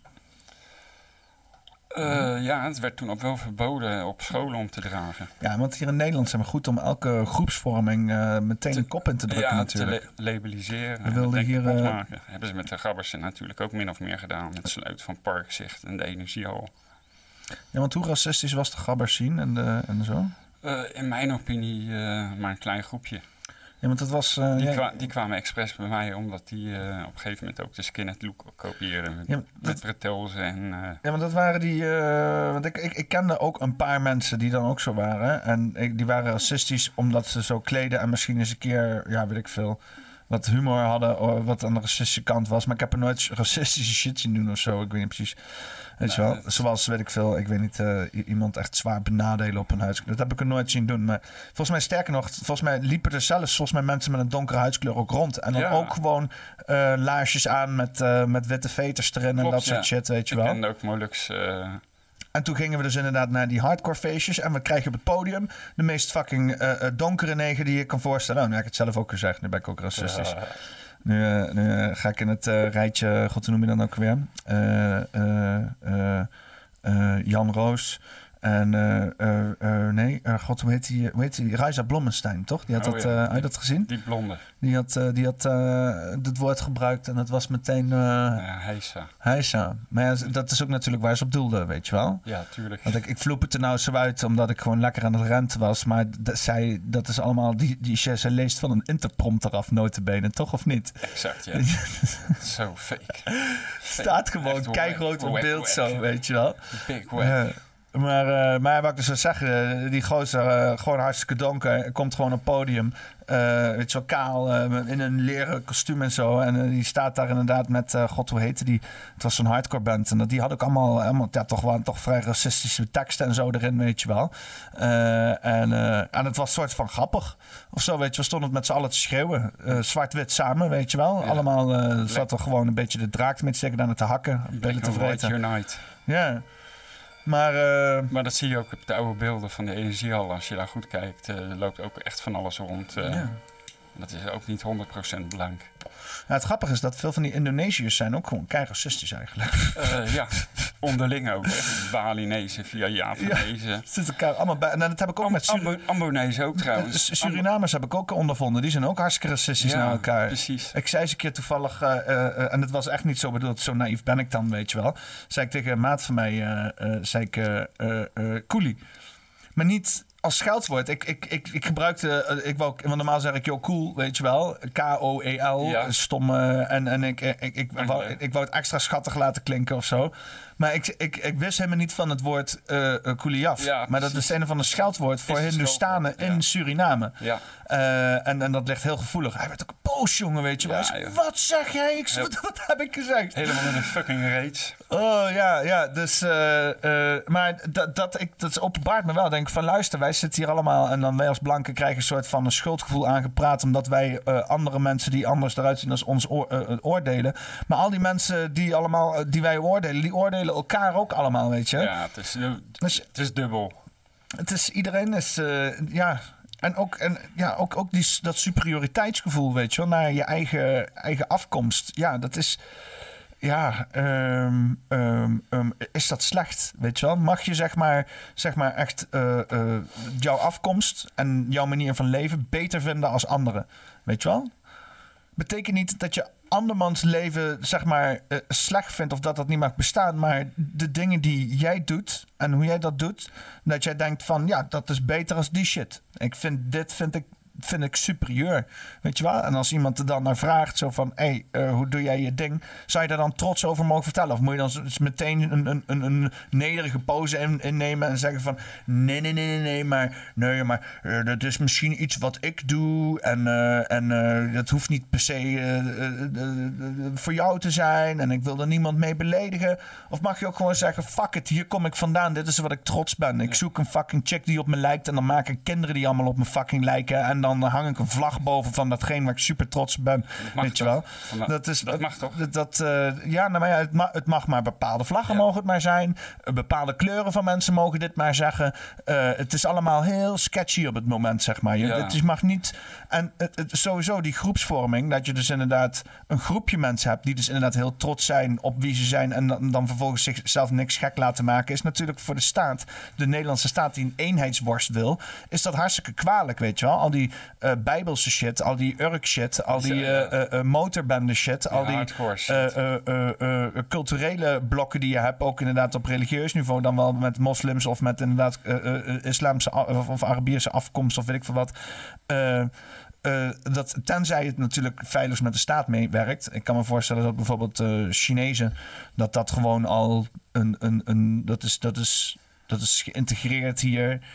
Want ik, Chinezen, dat, uh, heb, je wel eens, heb je wel eens nagedacht over Chinezen hier in Nederland? ja, zeker. Wat, wat, wat vind jij? Wat, hoe sta jij daarin? Nou, dat gaat ook in mijn familieroots ver, verder. Mijn opa had bioscoop op Rotterdam-Zuid. En in die bioscopen werden voor het eerst films voor Chinezen gedraaid. En dat moest ook door de Chinese staat gecontroleerd worden. En mijn opa had gedacht, nou, er komen een paar honderd Chinezen op af. Nou, er kwamen Chinezen op af uit Duitsland, uit België. Dus die hele zaal stond vol. En wat werd er getoond? Chinese films. Direct uit China. Ja. Dus dat kwam gecontroleerd worden door de ambassade.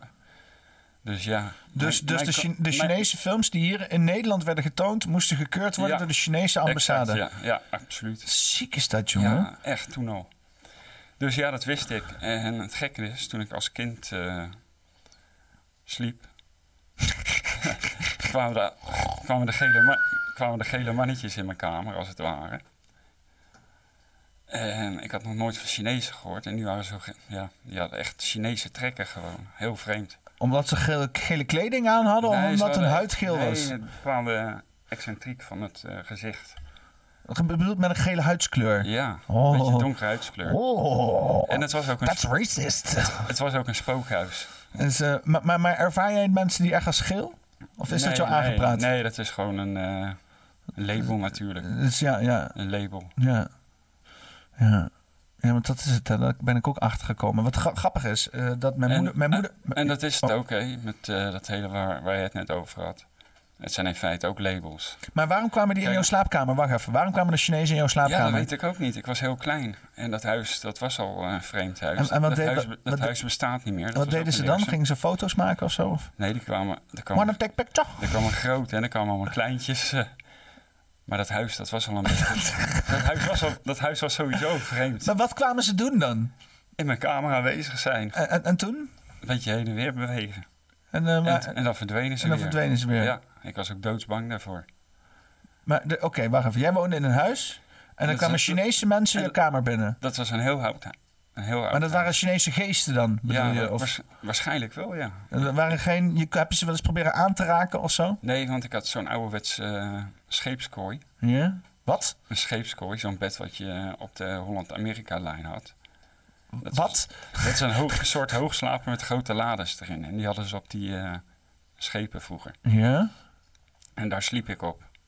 En die was vrij hoog. Dus ik voelde me toch relatief wel veilig. Want het was voor mij een eh, diepte. Maar het huis was een vreemd huis, want eh daar had ooit iemand in gewoond. Die had zijn eigen doodskist al laten maken. En dan kon je tegen vertoning van een dubbeltje kon je hem zien. Op een bepaalde dag. Dan ging hij er even in liggen of die wel paste. Macaber als fuck. Dus Ja. wat, dan kon je kijken hoe hij in zijn Ja. eigen doodskist ging Ja. liggen. En ik heb ook op een klein kasteeltje gewoond. Nou, daar durfde mijn moeder Wat, nog. wat, de, wat de daar fuck? durfde mijn moeder nog ineens te slapen. Laat me eens even, wat dingen bezinken Leersum. Leersum is zo'n vreemde plaats. Je hebt de had- Donderberg. jij woonde in een huis. Oké, wacht even. Laat me even een recap van deze hele situatie. Jij woonde in een huis van een gozer die daar voor een dubbeltje per persoon Ja. in zijn kist ging liggen één keer in de week. En die was weg. Daar woonde jij in. En daar kwamen dus, terwijl jij op een sch- scheeps, hoe noem je dat nou? Scheepskooi. Scheepskooi lag, geesten binnen die fucking Chinees waren. die erop leken, ja. Ja. Maar die kerel die in die doodskist lag, dat was ver voor de oorlog. Maar die geschiedenis ken ik gewoon vanuit eh, boeken. Wie, wie, wie was voor, ver voor de oorlog? Die gozer die, die man in met die doodskist. doodskist. Ja, Maar waar Eh, kende die geschiedenis van? ik kende die geschiedenis. Van dat Leersumse geschiedenis, zeg ja, maar. uit een boekje. Je hebt heel veel boeken over de geschiedenis van Leersum. Heb, je, heb je er wel eens over nagedacht over die gozer? Waarom, zeg maar, en zo? Als kind denk je er natuurlijk over na. En wat, wat heb je voor jezelf eh, eruit gemaakt, zeg maar? Ja, dat het freaky is. Ja, niet- Ja, dat ik het toen al freaky vond. Maar eh, is dat dan zeg maar uit een tijd waar mensen geen tv hadden of zo? Of? Eh, ja, van die eh, zwart-wit tv's. Eén zender hadden wij. En als je een klap opgaf, hadden we zender 2. ja, Een Russische tv of Ja. van, zoiets, zo'n klein eh, oranje ding. Met de antenne erbovenop. Mijn, Toen had iedereen ook nog antennes op zijn dak. mijn, mijn vader vertelde wel eens, ik kom uit de jaren 50. En die vertelde dus dat dan eh, ehm, eh, hun één tv hadden en dat de hele straat bij hun op bezoek kwam om tv te kijken. die verhalen ken ik ook, ja. Dus met- jij komt nog wel in een tijd toen iedereen een tv had al? Of? Ja, de maanlanding, dat kan ik me ook nog heel goed herinneren. De hele tijd zag je eigenlijk niks. Is die echt, de maanlanding? Nee, ik denk het niet. Nee. Nee. Allemaal Stanley Kub- Kubrick. Een van mijn favorieten. Clockwork Orange. Dat heb ik toen ook een, in een van jouw eerste podcasts vernoemd. Clockwork Orange, MK Ultra. Gaat dat, eh, gaat dat daarover, ja? Ja. Op een gegeven moment eh, wordt die hoofdpersoon eh, wordt gepakt. En dan wordt hij in een soort apparaat gezet met zijn Oh, ogen ja, open. En dan moet hij allemaal heftige beelden zien. Ja, dat is inderdaad Op die... de eh, muziek van Ludwig van Ludwig van Beethoven, de Droogs. Van Clockwork Orange, Vidi Vidi wel, My Droog.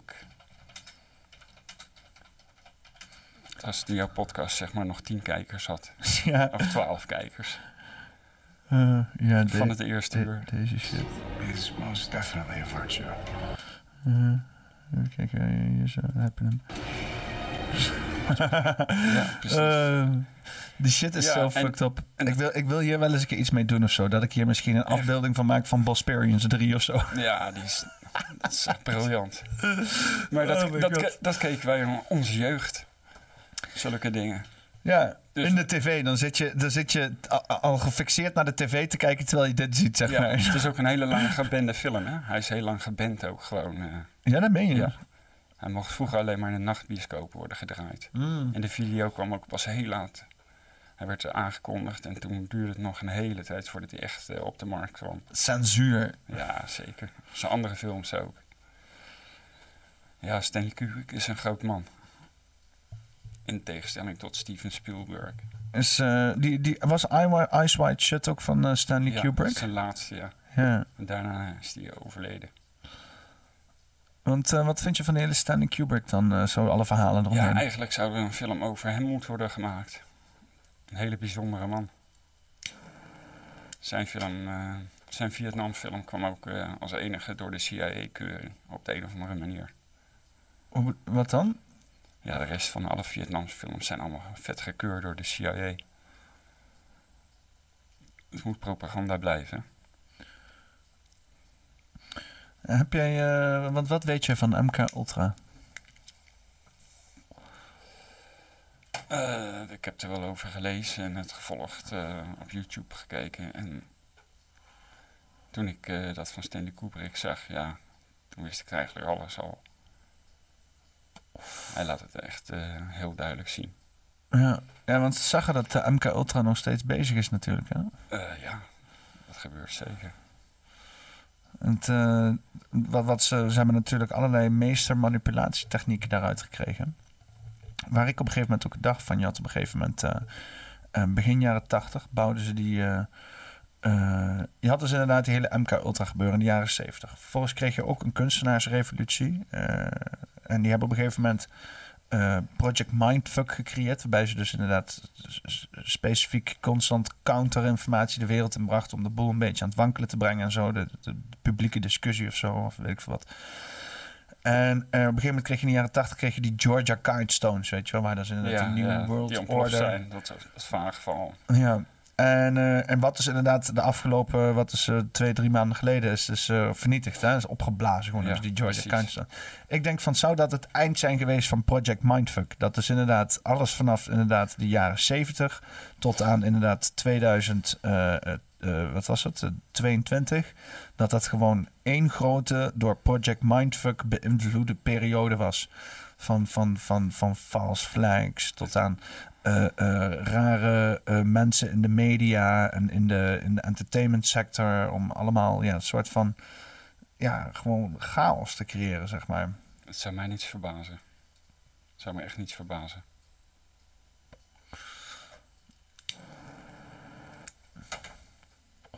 Nou, je hebt wel zo'n... weet je, ik kijk nu tegenwoordig naar de maatschappij op een manier... en vooral naar de politiek. Dit, dit is hoe ik politiek interpreteer. Door het zelf 180 graden om te draaien. eh, wat ik hoor en wat ik zie. Eh, wat ik hoor voornamelijk. Want je ziet niet zoveel, maar... eh, en, en dan is het allemaal een stuk logischer, weet je wel. Als je alles wat ze zeggen gewoon omdraait... van overal wat ze, waar ze wel voor zetten, zet je niet voor... en overal waar ze niet voor zetten, zet je wel voor...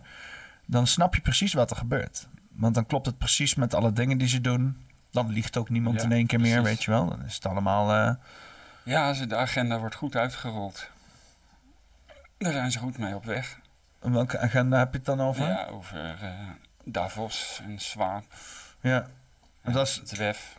Ja, want die hele SDG's en zo, dat is natuurlijk de publieke agenda. Hè? Maar Ja, het klinkt allemaal heel mooi. Maar als je dieper gaat graven, dan is het gewoon eh die end. die, eh, nou, hoe bedoel je dat precies?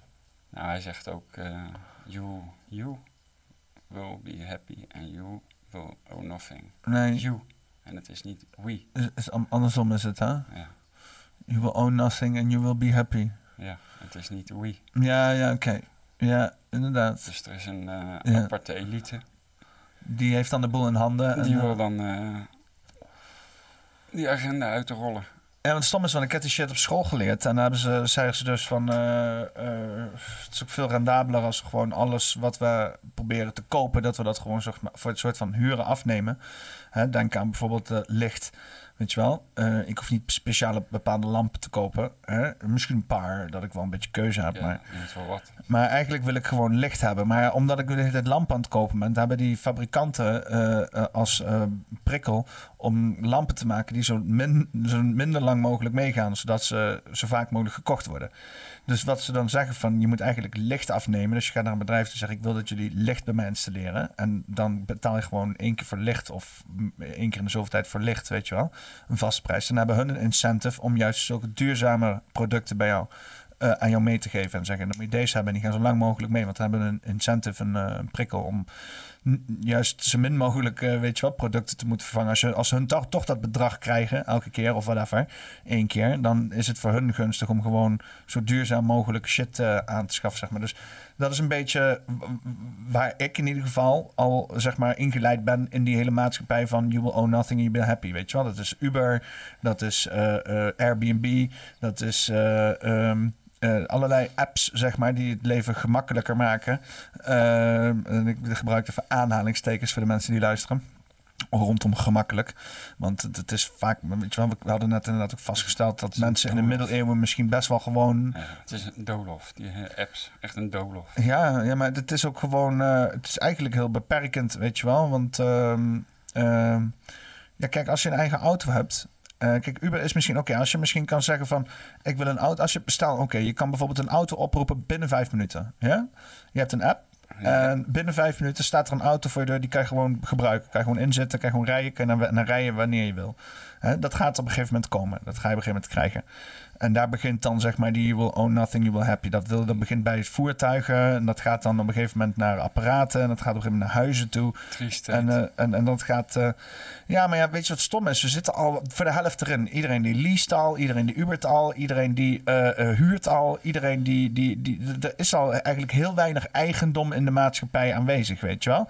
Alleen momenteel leven we in een maatschappij waarbij alle eigendom die we hebben ook nog eens een keer troep is.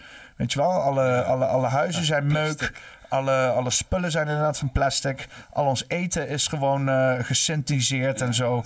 Het is, Geen, het is, voed- geen eh, voedingswaarde meer. en, en dat komt gewoon door dit economisch model. Dat wij gewoon dat alles moet gewinst optimaliseerd worden om te overleven. En daardoor is kwaliteit is gewoon, is gewoon irrelevant geworden. Hè? En helemaal met principes zoals marketing kunnen bedrijven alles verkopen. Weet je, alles. Je kent de meest ranzige meuk.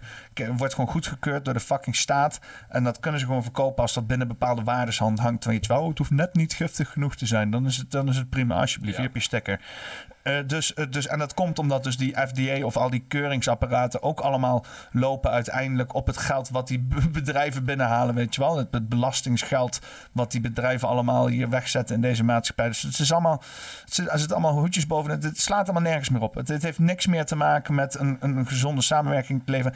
En zoals ik dit begrijp, vanuit dit perspectief, dat dus die mensen nu op het World Economic Forum hè, te redding komen. Ze komen tot de redding. En ons die wereld geven, inderdaad, van dus inderdaad eh, circulair en inderdaad zonder eh, eh, al die materialisme, maar gewoon, we hebben gewoon toegang tot alles en alles wordt digitaal en we gaan die metaverse in, die future-proof world, weet je wel. Dat transhumanisme, ik heb dat boek niet gelezen van Klaus hoor, maar ik geloof dat hij daar een soort volledige overgave aan het transhumanisme zit. En kijk, ik ben op een gegeven moment met, met virtual reality, ik heb me daar bezig mee gehouden en ik ben op een gegeven moment gestuurd op, qua denken zeg maar, eh, op het feit van als dus inderdaad die virtual reality beter wordt dan de echte realiteit.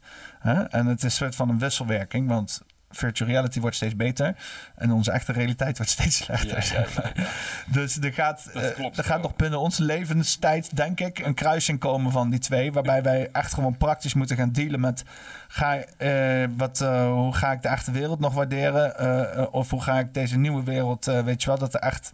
Ik denk dat het er echt een serieus vraagstuk gaat worden voor heel veel mensen.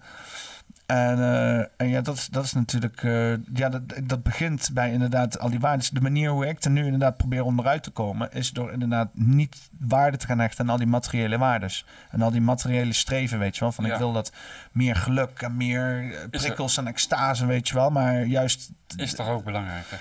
Ja, nee, maar de- heel veel mensen zitten wel in die, in die extase van prikkels, weet je wel. Door te, te, te consumeren of door het geld achterna te jagen of, of, of ehm, ehm, ehm, status of zo, weet je wel, dat soort zaken. Ja, less, is dat- mo- less is more, in mijn opinie. ja, maar ja, ja dat, is niet, dat, is niet de, dat is niet wat tegenwoordig nou nee, echt... maar eh, ik, ben, ik ben ook far from average.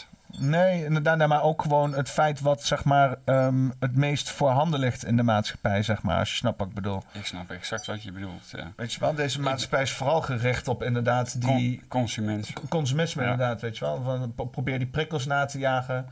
Eh, en, en- en ik zie dat vooral terug inderdaad in die apps, weet je wel. Die apps zijn zo schaamteloos verslavend gemaakt. Het draait zo schaamteloos om commercialisme. Weet je wel, dat je denkt van... Het begon allemaal met eh, eh, eh, eh, mensen de vrijheid te geven om te praten. En het is nu alleen nog maar een, Ja, een, een, een, een eh, opzettelijk verslavend medium geweest... om vervolgens adverteerders eh, eh, eh, statistieken te kunnen verkopen... waar zij, eh, eh, eh, eh, weet je wel... daar waar zij normaal gewoon contact konden leggen met klanten in de normale wereld... nu gebruik moeten maken van Facebook... omdat het anders niet meer rendabel is, weet je wel. Of Omdat- YouTube, YouTube ook. YouTube is in eh, feite heel vrij begonnen.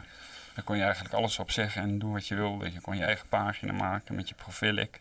Met een background. Soort, was, eh, was, was maar alles. Facebook Dat- was ook een periode waar je alles de fuck kon doen ja, daar, weet je Ja, het begin van Facebook idem dito gewoon. Totdat ze alles gingen controleren gewoon.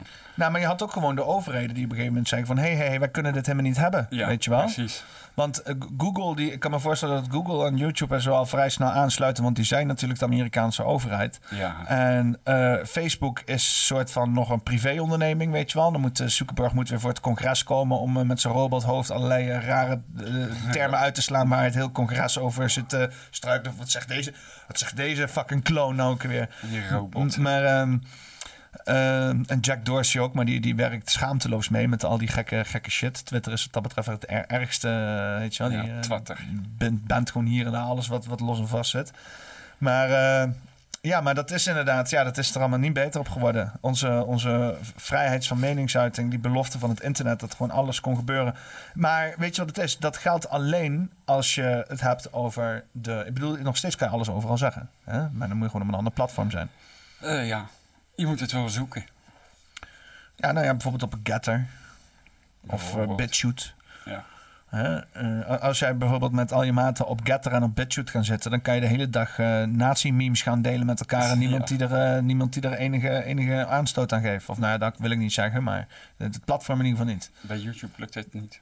Nee, nee, nee. nee, Daar nee. is het afgelopen. Ma Maat van mij vertelde laatst ook dat hij inderdaad ook een... een hij, hij was zelfs, ik weet niet... ehm, ik weet niet, er was een of andere Indiër in de groep... en die liep een hele tijd de Bobs en Vagine te doen, weet je wel, bij zo'n chick. Dus die wou gewoon eh, eh, eh, haar gegevens hebben om, eh, om eh, naaktfoto's te krijgen of zo.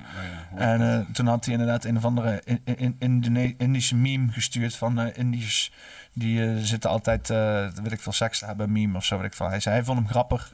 Hij dacht andere mensen zouden hem ook grappig vonden. Is hij daarom geband? Vanwege een fucking meme, weet je wel? Oh, ja. Op Facebook gewoon. Kan nagaan. Ja. Ja. Het is niet meer wat het geweest is. Het is, eh, het is allemaal... eh, ja, je moet gewoon je platforms weten, weet je. je moet gewoon, eigenlijk moeten we allemaal gewoon van de, van de, van de grote platforms af. Met z'n miljoenen.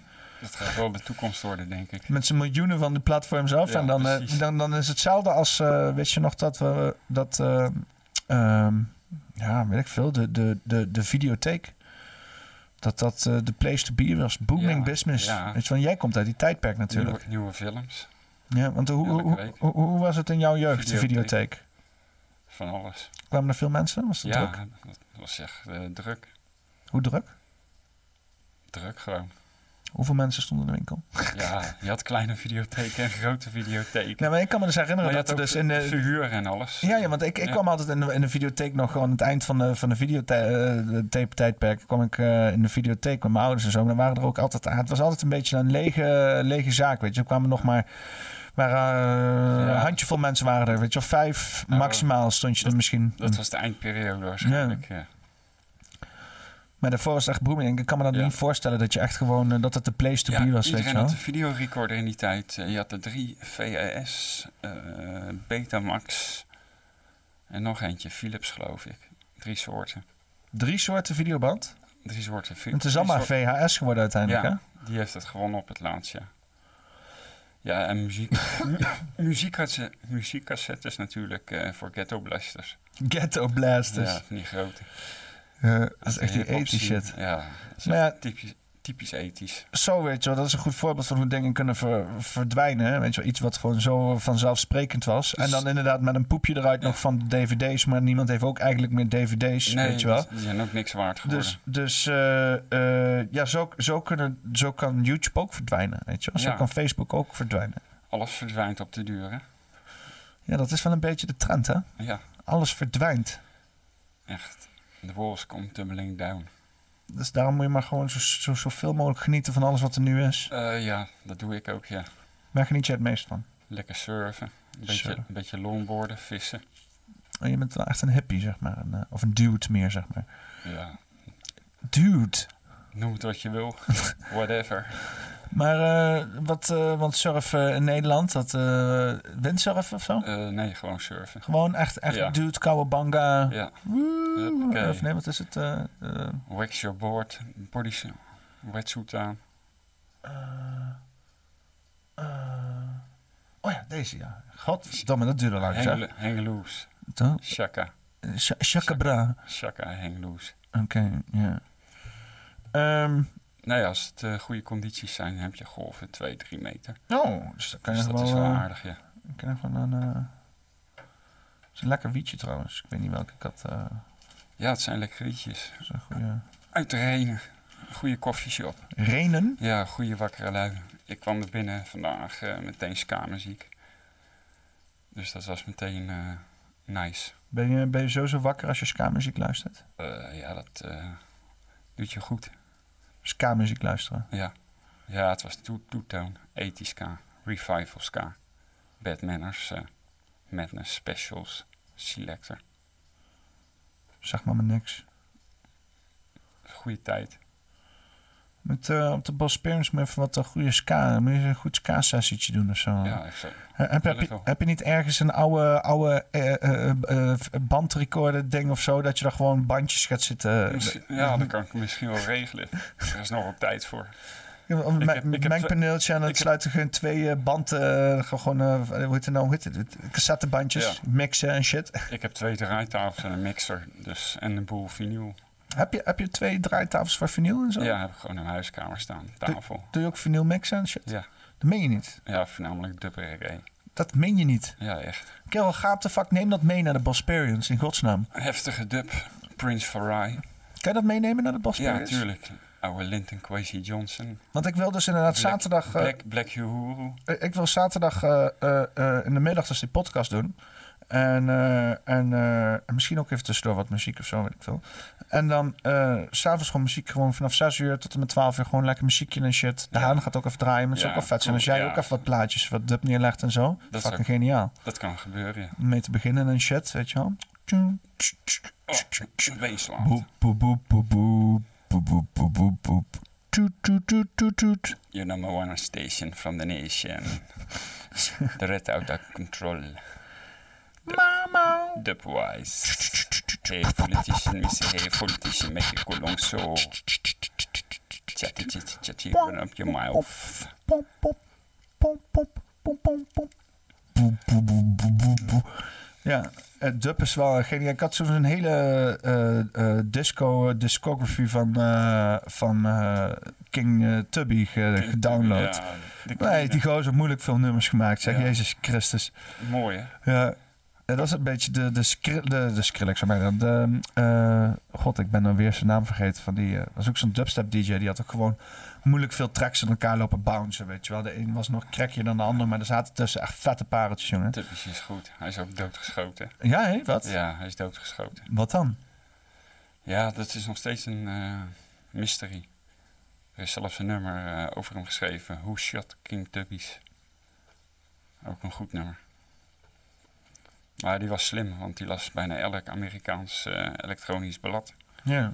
Ja, want die Hij maakt had dus een een... super studio had hij. Ja, want hij maakt dus zijn eigen shit, zeg maar. Hij is de Ja. original eh, sound system man, zeg maar. Ja, ah, ja, samen met Lee Perry.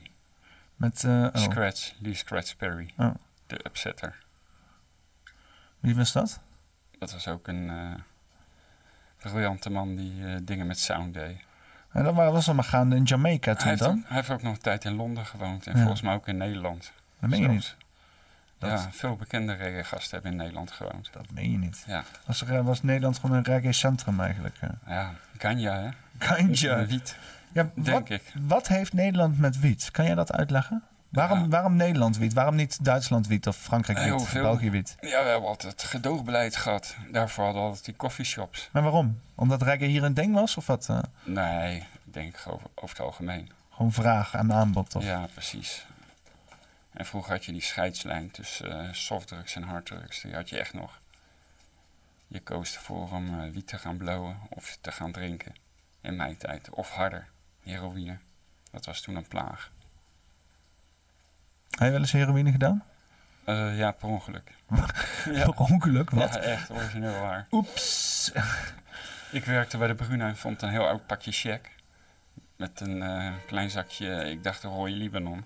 Oh, jij dacht hash te vinden. Ja. Dat is gewoon bruine. En dat had ik meegenomen naar eh, mijn kamer. Ik woonde toen op kamers in Utrecht. En op een gegeven moment had ik even geen wiet. En ik denk, hey shit, ik heb dat pakje nog. Dus ik dat pakje openen, joint leggen, verkruimelen. Nou, toen stonk het al als de hel. Toen moest ik het eigenlijk al hebben geweten. Want had je, wat was de textuur ook niet helemaal anders dan hash en zo? Nee, het, was een het leek wel op hetzelfde. Op, Dat niet. op een hele oude hars. Verrotte hars. Uitgedroogde hars. Dus ik dampte dat ding. Nou, en ik werd time misselijk. En ik ging down. Nou, toen kwam ik pas eh, maanden erachter. Fuck, ik heb gewoon heroïne gebruikt. Want toen ging ik lezen over de effecten van heroïne. Ik denk, dat heb ik precies meegemaakt. En En wa- wat, heb je alles- mee, wat heb je maar meegemaakt dan? Ja, ik ging gewoon ja, knocked out. Chase the, eh, chase the dragon. Nou, Hoe hoe, lang werd je dan wakker of heb je iets gevoeld? ja, of zo? gewoon Of- een hele zware roes. eh, je gaat helemaal warm worden van eh, boven naar beneden zo. En dat was per ongeluk. En dat was één keer en nooit meer. En s- Ja, ik heb nog nooit heroïne gedaan. nou, niet aan te bevelen. Ja, weet je, hebt ook zeg maar zo'n eh, van die in Polen, dan hebben ze daar een papaver staan. En dan kan je dan zeg maar aan de zijkant kan je zo'n sneetje in die papaver maken. Ja, en dan dan dap je even wat shit uit en er kook je weer in, eruit, eh, ja. kook je in de azijn. En dan heb je een soort van codeïne-achtige level eh, opiaat, zeg maar. Ja, ja. En dat kan je dan ook roken of zo, of whatever. En dat zou ik nog best wel een keer willen doen. Klinkt nog wel enigszins ja, natuurlijk. maar dat klinkt een beetje ook eh, niet als heroïne. Nee. Een beetje eh, minder. maar- Want heroïne ga je gewoon echt nokkie van gewoon. Ja, dus, Je kots, kotsmisselijk word je ervan. Maar dat word je best van veel de, van die middelen. Ja, ik heb het ook wel met, met, met eh, psychedelica hoor. Daar ik wel een beetje misselijk van wordt, ontzettelijk Ja, en ja, zo. ja, ja. Heb je wel een psychedelica gedaan en zo? Ja, Wat allemaal? DMT, ketamine. Heb je DMT-proper gedaan? Ja. Wat was jouw DMT-trip? Vertel me eens over jouw DMT-trip. Ja, verschillende. Sommige lichte en sommige heftige. Vertel me over je heftigste DMT-trip. Ja, oeh. Je gaat door de poort heen, hè. Dat is in ieder geval eh, wat zeker is. En voornamelijk eh, kleuren. En figuurtjes. Het lijkt of het uren is. Maar het schijnt maar een paar minuten te zijn. Dat was wel heftig. En wat is als je minder heftig dan? Ja, dat lijkt nog of je op de strand loopt met muziek van de Doors. Maar daar ben je dan nog heel wel bij. Heb je gewoon een kleine dosis genomen. Maar ketamine was eigenlijk het heftigste. Ketamine, hè? Ja, dat was echt eh, heftig.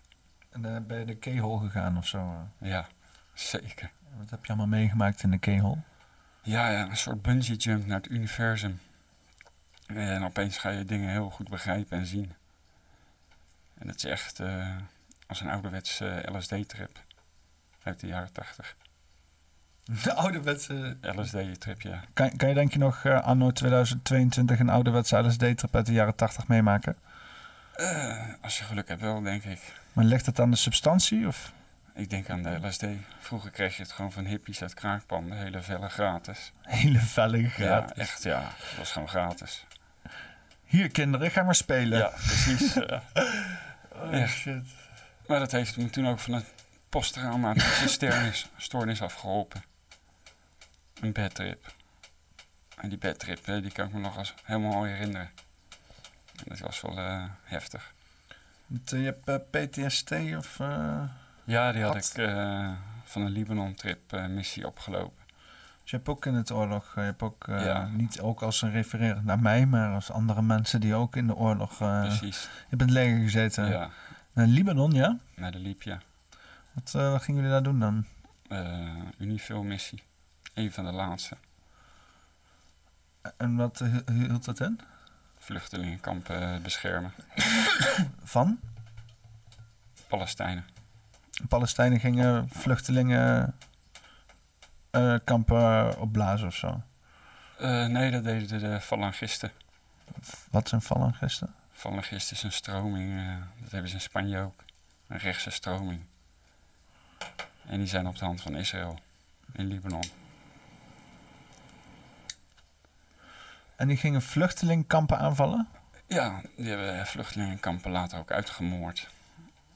En wat was, wat was het idee erachter? Van eh, ze moeten gewoon weg? Of? Ja, dat is gewoon oorlog. Maar die mensen waren op de vlucht al, toch? Of niet? Ja, die waren op de vlucht. Waarom moesten ze dood dan? Ja. Dat is eh, de ellende van de oorlog. Maar jullie gingen daarheen om die shit dus te voorkomen, zeg maar. Ja. Maar dat was gelukkig van korte duur. eh. Maar dan hebben jullie dus gevochten tegen Israëlische soldaten en zo. ja, falangisten voornamelijk. Zijn die er nog steeds in Israël? Eh, ik denk het wel. In Libanon sowieso. En eh, hun zijn rechts, want ze willen dan heel nationalistisch Libanees zijn, denk ik. Ja, het zijn eh, voornamelijk christelijke. Net zoals je ook Palestijnse christenen hebt, Druzen. Dat zijn eh, Palestijnse christenen. Christenen, pas, christelijke Palestijnen. Ja. Het is het is in ieder geval ontzettend ingewikkeld, die hele Midden-Oosten politiek. Ja. Een goed boek daarover is Exodus van eh Oeris. Die heeft wel meer goede boeken geschreven, ook over de Ierse strijd. En over eh, de strijd op Cyprus. Tussen de Turken en de Engen. Toen Turken en de Grieken, toch? Ja, en de Engen, toen, Het wordt weer aangewakkerd, hè? ja, precies. En de Engelsen hebben er ooit gezeten. En vanuit Cyprus eh, werden heel veel Joodse mensen naar Israël gebracht na de Tweede Wereldoorlog. En Cyprus was de uitvalsbasis voor de Mossad. Om de Engelsen Israël eruit te krijgen. Ze hebben Israël eruit geschoten en ge- uitgebombardeerd. Maar de, de, de Engelsen uit Israël te krijgen? Ja, de Engelsen die, die, eh, zaten toen in Israël. Want eh, Palestina en zo, dat was van Engeland dan, toch? Ja, onder een soort eh, noemer. Ik ben even de naam kwijt. Maar die eh, waren zogenaamde peacekeepers daar. Oh. Maar het zit sowieso heel moeilijk. Je hebt ook Joden in Jeruzalem. Die tegen de Gazastrook zijn. En die zich Palestijn noemen. Dat het is eh, zo'n ingewikkelde zaak daar. Dat is echt... eh, Oké, dus je hebt Palestijnen in Israël rondlopen en die zijn tegen de Gazastrook. Nee, je hebt eh, Joden lopen. Die voor de oorlog al in, in Jeruzalem woonden. En die zijn tegen de Gazastrook. En die zijn ook tegen de dienstplicht. En die noemen zich ook Palestijnse Joden. Maar dat zijn dus. Maar dat zijn dan gewoon Palestijnen dan, toch of niet? Nee, dat zijn de Joden die ja, voor de Tweede Wereldoorlog er al woonden. Maar dat zijn dus Joden die zichzelf Palestijnen noemen. Ja. Maar wat, wat, wat maakt Die, iemand. Wat, die, die erkennen de staat Israël niet. Wat- wat- wat die maakt- erkennen de staat Israël niet. want wat maakt iemand Palestijns dan? Geen, een niet-Jood. Ja, hè? En daar heb je ook allemaal Moet je, eh, dus je moet moslim zijn om Palestijn te zijn, of christenen. Ja, zo zit het wel, ja. Dat is ook vaag eigenlijk. Ja, het is ook hele vaag shit. Ja, want Palestijn, want ik heb me wel Zeg eens... maar, kijk dan, eh, al die zogenaamde terreurbewegingen in het Midden-Oosten, die zijn bijna tegenwoordig allemaal moslim. Maar vroeger had je er ook Marx- marxistische tussen. Maar die bestaan ook niet meer. Marxisten? Marxistische Palestijnen. Ja, je hebt nu tegenwoordig alleen nog maar cultuurmarxisten. De, P, de PFN. Nee, de Popu- Popular Front for Liberation of Palestina. Die werd geleid door George Habas. Ah. En dat, dat waren Marxisten. Dat waren Marxisten, ja. En die wa- waren die- voor of tegen de staat van Palestina? Die waren voor de staat van Palestina. Ja, die wouden eigenlijk geen Joden daar hebben. Gewoon met Joden samenleven. Oh, met Joden, Ja, maar dan in de staat Palestina. Ja, exact. Dus dat, die wouden geen Israël, zeg maar, laat ik het zo zeggen. Dat is hem. Ja. Heel complex. Ja, het is echt dat, ze, dat, die, dat die Joden daar allemaal Israël van hebben gemaakt. Dat is allemaal een nou beetje... ja, in, in het boek van Exodus is dat heel mooi verwoord. Gewoon, eh, als je dat hebt gelezen, het is een hele dikke pil. Maar daar komt heel veel, du- komt heel veel duidelijkheid uit. Ja, nou ja, ik, ik, ik, ik, snap, ik snap zeg maar wel, eh, eh, weet je wel, je hebt gewoon eh, in principe een beetje zoals in Oekraïne nou zit, weet je wel. Je hebt gewoon een soortje nationalisten die gewoon een land willen. En die, die gaan het gewoon voor elkaar klappen, kosten wat het kost, weet je wel. En dat Ja. heb je, dat je daar ook, dat gewoon een stelletje Joodse nationalisten zitten. Ja, ze- die maar op basis van hele verre geschiedenis daar dachten van, nou, dan kunnen we wel een land uitklappen. En ze hadden de, de, de zegen van het Westen hadden ze. Ja. Via die Belfort-verklaring. Dus die zijn er gewoon hard. En financiering vanuit Amerika. Dus eh, helemaal na de Tweede Wereldoorlog. Dus, eh, dus die hebben, zijn gewoon hard gegaan. En eh, ja, het is een soort van ja, klap in het gezicht van alle mensen die zich affineren met Palestina. Maar je moet ook afvragen, wat de fuck is Palestina? Want het is tot aan, tot aan weet ik veel, 19, ik weet niet wanneer, is het een, een, een deelstaat geweest van, van het, eh, het, het, het Engelse bezette gebied. Ja. Hè, en hebben ze zeg maar een soort van vage regio hebben gezegd van ja, dit is Palestina. Vazalstaat. Maar er wonen allemaal mensen met een hele eigen identiteit en zo, Ja. weet je wel. Dat is niet, eh, dat, dat, dat- is natuurlijk ook zo. En dan heb je dus allemaal een soort van slappe hap aan niet echt identificeerbare mensen, geschaald onder Palestina. En dan heb je een soortje mensen die dus echt zwaar passievol zijn over dit ene ding wat ze heel graag willen gaan doen. Dus dat is natuurlijk ook, ja, ik weet niet, dan... dan Eigenlijk, als die andere mensen allemaal zo graag datgene willen blijven dat ze moeten zijn, moeten ze er ook heel passievol over zijn, zeg maar. Weet je wel? Maar dat. eh, ja, nee, je hebt dus nu inderdaad mensen die met vlaggetjes rondlopen van Palestina en shit, weet je wel. Ja. Het Palestijns nationalisme hebben ze in het leven geroepen met z'n allen. En, eh, maar ja, als ik dan dit hoor, weet je wel, dat je dan eh, iemand hebt die dan, eh, ja, als je Joods bent, dat je dan niet Palestijns kan zijn. Dat, eh, ja, dat vloekt natuurlijk. Dat is, is dat er zeg maar van gekomen uiteindelijk? Want in het begin was iedereen natuurlijk daar gewoon Palestijns. Nee, had, Of al- niet? je had er altijd al Joden wonen. Ja, iedereen zat er, de Joden op die berg te, te kleven als een motherfucker altijd al. Iedereen, trouwens, alle, alle Abrahamse geloven, die kwamen daar... eh, Ja, je had ook de Maccabeërs, hè. Ook zo'n beroemd volk. eh, Maccabeërs? die zaten op zo'n berg. Die zijn jarenlang belegerd. Die hadden eigen watersysteem. Die zijn dat daar op die berg. De Maccabe- Maccabeërs. Ook een Engelse reggae-gast. Maar Ma wat- Maccabi. Maccabi. Maar wat- Afgeleid van Maccabeërs. Oké. Maar wat deden die daar dan? Volgens mij werden die belegerd door een andere tribe. Zoals het altijd is, is het altijd tribal. Altijd oorlog. Ja, dat is een beetje waar de, waar de hele wereld, denk ik. Want eh, ja, hier in Europa... Oorlog, oorlog, is, oorlog is er altijd geweest en er zal altijd wel oorlog zijn op grote schaal, op kleine schaal. Nee, hier in Europa, in Europa is alles al behoorlijk dichtgeslipt de afgelopen, eh, wat zullen we zeggen, 150 jaar, zeg maar. Ja, maar ze hebben ook gezegd van eh, met de staat, de EU, met de EU, van nooit meer oorlog. Terwijl in het noorden van Ierland eigenlijk altijd oorlog is geweest. Dus dat is in feite ook een farce. Maar, dat is eh, ook een mindfuck. Want, want hoe, hoe, hoe, hoe, des, net desnieuws. hoe uitzicht dat dan praktisch, die oorlog? Zijn er ontploffingen en zo? Eh, ja, dat heet een low intensity, low intensity warfare, warfare. Dus het leven gaat er door, maar ondertussen wordt er ook wel eens een eh, politiewagen opgeblazen of een, eh, een politieagent neergeknald. Het is gewoon een soort van permanente rebellenstaat gevestigd Ja. binnen de gevestigde staat, zeg je maar. Hebt, je hebt nog steeds in het noorden van Ierland twee groepen leven naast elkaar. Tussen muren, peace walls. Echt hoger als de Berlijnse muur. En die hebben elkaar nog nooit ontmoet. Ja, en op bepaalde dagen, eh, in juli bijvoorbeeld eh, met de Oranje Marsen, dan is het altijd raak. Grote bonfires. Ja, en dan komen eh, de loyalisten met balaclava's, met uh, bivakmutsen, met AK's. En dan gaan ze even partijtjes in de lucht schieten. Shows of Strength. Ja, en eh, de IRA en de INLA doet dat met, met het Pasen. Dan gaan ze 1916 herdenken. En dat gebeurt nog elk jaar.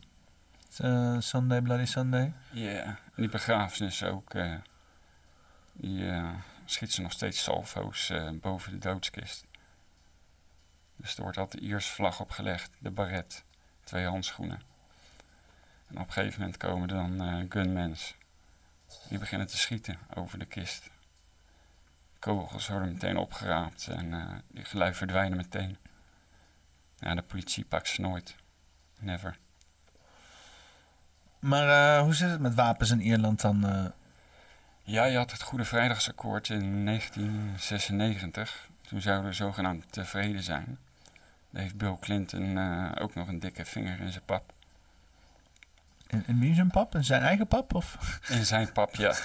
de pap van de Ieren? Ja, precies. Het is toch een wanker. Bill Clinton, ja, dat bleek... maar, maar die stond eh, dus aan de wieg van... Epstein. Die, stond, die stond, stond dus ook aan de wieg van het Goede Vrijdagsakkoord. Want is dat niet goed dan, dat Goede Vrijdagsakkoord? Ja, er zou vrede zijn. Maar inmiddels zijn er meer vredesmuren in eh, Belfast en Derry eh, gekomen. Dus er is nog steeds geen vrede. Vredensmuren? Vredesmuren, ja.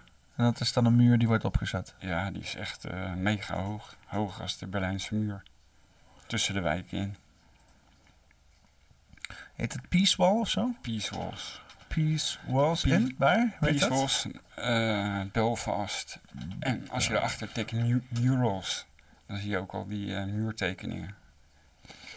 Oké, eh, één jaar geleden BBC... Oh, BBC, dat is fucked man. BBC word ik... BBC is rekt altijd. Ja, Eh, Belfast, Peace Walls and Troubles Within Local. Nou, dat is 24 uur filmpje. Ik ben Even, even checken een stukje. Ah, dus hier is echt een, dat is een muur inderdaad. Waar je normaal gewoon waar je zegt van Ja. oké, dit is een muur van de Berlijnse muur. Dan daarbovenop gewoon nog een dikke stalen wand. En daarbovenop Precies. nog een heel hekwerk. Ja, want anders zet ze een ladder tegen en dan gaan ze nog snipen Mhm. op elkaar. Of bommen gooien. Ja, hier wonen loyalisten, protestanten, die voor Britten zijn. Andere kant is IRA. We have the Catholics. The Catholics were mostly believing in the United Ireland, and they were known as Republicans, aka believing in the Republic of Ireland. Here in this peace wall, there were almost a hundred of them built all along the city. One of them is even three miles big, and here we see names such as Sarah Byrne of Kilkenny, Kilkenny. also from Kilkenny, Laura and Andrew, and all these people who left their names here throughout the years. Now, this is a period of history called the Troubles, and today we're going to go around the peace walls. But before we take a drive along the peace walls, I wanted you- to show you these mountains. Het is ook een stukje fantastische neurolinguïstische programmering, hè? Peace Walls. Precies, dat is eh, zo contra. These mountains in the distance were used by the British Army. They took control, they fortified these mountains because they were afraid that the IRA, the Irish Republican Army, was going to use them, put snipers up there, and take down the British Army. A thousand of them died. British Army soldiers, a thousand British Army soldiers were killed, and up to 3,000 casualties in this 30 year period known as the Troubles, which ravaged Northern Ireland and some other parts nearby as well. So, join me for a car trip down the Peace Walls, and we're going to see a few of the main murals. And luckily, we have an awesome urbanist who's been watching for a long while. We have Darren. Hi, Urbanist. Oh, wat leuk setje. Nou, dus even kijken, waar gaan ze allemaal heen? Is er hier nog wat een stuk geschiedenis? Nou, Die zijn wel gaaf, die murals. And the, the, the Loyalisten. trenches of Protestanten. World War One. And here a we lot see- of people died. These would be Want waarom zijn die loyalisten zo loyaal? Want ik vraag me dat sowieso af. Als Die ik zijn, fucking die, ook... die zijn er neergezet door de Britten. Ja, inderdaad. En de- Satellietstaatjes. En de eh, oorspronkelijke Ieren zijn naar de slechte eh, gronden gestuurd. En de loyalisten, die hebben voorrang op banen. Ja. En op alles. Ja, want ik, ik, vraag me dat altijd af. Want ook als ik die Britten zie, ook met die, met die dood van koningin Elisabeth. En dan zie je allemaal mensen half gehersenspoeld Ja, thuis staan. gestoord. God the king, God queen, God save... Weet je wel? En dan echt die rij, dat dan mensen fucking... Wat is het, tien uur lang in de rij stonden om haar kist te zien en zo. En, Hoe bizar. en, en, en dat, dat, dat, dat, dat mens, dat lijk, wordt godverdomme dat hele kut-eiland overgesjouwd. Om god, zodat iedereen even kan kijken. Oh, dat mens is echt dood hoor. Kijk dat erbij liggen dan. Godverdomme. Mooi kroontje op die kist, jongen. Eh, en dan, en dan ieder, iedereen is daar helemaal door ge- ge- gehypnotiseerd. En het is misschien, misschien, behalve die mensen die tien uur in de rij hebben gestaan, een kleine moeite om even inderdaad eh, naar buiten te gaan en te kijken van, oh. Maar die massa's die erbij opkomen te kijken. Als je daar van naar buiten kan naar kijken, denk ik echt van, yo. Ja, ma- hysterie, en, wat ik dus, en wat ik dus heerlijk vond, en ik zweer het, oh, ik heb echt. Ik, ik, ik, denk, ik denk dat ik. ik, ik dat, dat heeft mij. Ik, eh, ik, ik heb een week of twee geen porno meer hoeven kijken, weet je wel. Maar eh, dat, dat heeft mij echt verzadigd in mijn tegemoetkomingen. Eh, het feit dat het Koningshuis met Prinsjesdag over. Uitgejouwd werd. Uitgejuwd werd. Ja, dat waren mooie dagen. Oh, ik Dat zat zo- verademing. Oh, oh ja. Oh ja, Jul mooi, Jul meer de koning uit. Nee, heerlijk. Oh man, dat was echt zeer bevredigende shit. Wat een dagen, ja. Briljant. Heerlijk. Het, eh, en, maar dat is mooi dat dat dus juxtaposeerd wordt tegen. Dus eerst die fucking koningin die dood wordt. En dan iedereen zo helemaal hysterisch. daar- en daarna Nederlandse shit. En iedereen. Fucking met politieke. Iemand stond met een bordje. Fuck Rutte, weet je wel, Ja, tegen ja, de ja. koning. Maak Rutte jouw probleem, niet mijn probleem. En de koppers grepen niet in. Die? Wat? Hè? De politie greep niet in. Ja, nou was het te veel, denk ik dan of zo. Echt, of, eh, eh, ja, waarschijnlijk wel, ja. Misschien is het een Great Reset plan, je weet ook maar nooit. Hè? Dat zou ook zo kunnen. Mm. Maar daar Het werd, rare is, denk daar, ik- daar werd ook feest gevierd. Wat? In Toen de Ierland. koningin dood was. Ja. Ja, ja, oh. Ook toen Thatcher doodging. Maar in het noorden van Engeland ook. eh, Ja, dat kan me voorstellen. Ja, ik kan me voorstellen als je tegenover van die gasten woont... die dus allemaal mensen op een voetstuk hijsen... die niks ermee te maken hebben... dat als die inderdaad weg zijn... dan zou ik het ook niet recht in hun gezicht willen smeren. Weet je wel? Maar je ziet ook heel veel Willem van Oranje op de muren in eh West Belfast. Ja, want dat is wat mensen vaak niet helemaal door hadden. Want eh, wat ik ook grappig was hier in het nieuws en zo. En dan zie je, zeggen ze... Oh, oh, onze koningshuis. Oh, die zit helemaal vooraan. Die zit helemaal vooraan. Dan denk ik, bitch, het is familie van elkaar. Eh, ik ja. weet niet. Die mensen hebben het gewoon niet door. maar King, King William of... King William is koning Willem van Oranje, weet je wel. Dat is, dat is dezelfde fucking persoon. King William. Die gast is Nederland koningshuis. Is naar Engeland gegaan met een bootje. Heeft daar heel fucking Londen in de fik gezet. En heeft gewoon Mary gezegd Queen van... Nu ben ik fucking het koningshuis. Weet je wel. Hij is En- naar Ierland gegaan. Heeft gewonnen de Battle of the Boyne. Ja. En hij staat op de muren daar in eh, West Belfast. Trouwens, in Leersum heb je ook een eh, pand, heet King William. Een oude herrenberg waar die verbleef. En daar is, daar is, Een herrieberg. En daar is een geheime tunnel naar, naar de kerk. Oeh, what the fuck. Echt, Shady. en er zit nou slijterij in. En Zit die- nu helemaal vol met kinderen of wat? Nou, er is, eh, ze hebben nooit echt onderzoek naar gedaan, maar hij is er wel. En die- de rum die ik heb gekocht, er zit nou een slijterij in. Ik heb het vandaag nog aan die dames gevraagd. En die zeiden, ja, het klopt. Er zit een tunnel eh, van de kerk naar King William. De tunnels are real. Yeah. N- Net als Nunspeet, hè, het ronde huis. Ja, wat, zitten er ook tunnels onder? Ja, er zitten ook tunnels. Die gaan naar de Slangenvijver. Maar die, Dus- zijn, die zijn allemaal dichtgegooid door Staatsbosbeheer. Ja, want, want toen sta, eh, Het is een vre- dat is echt een vreemde plek.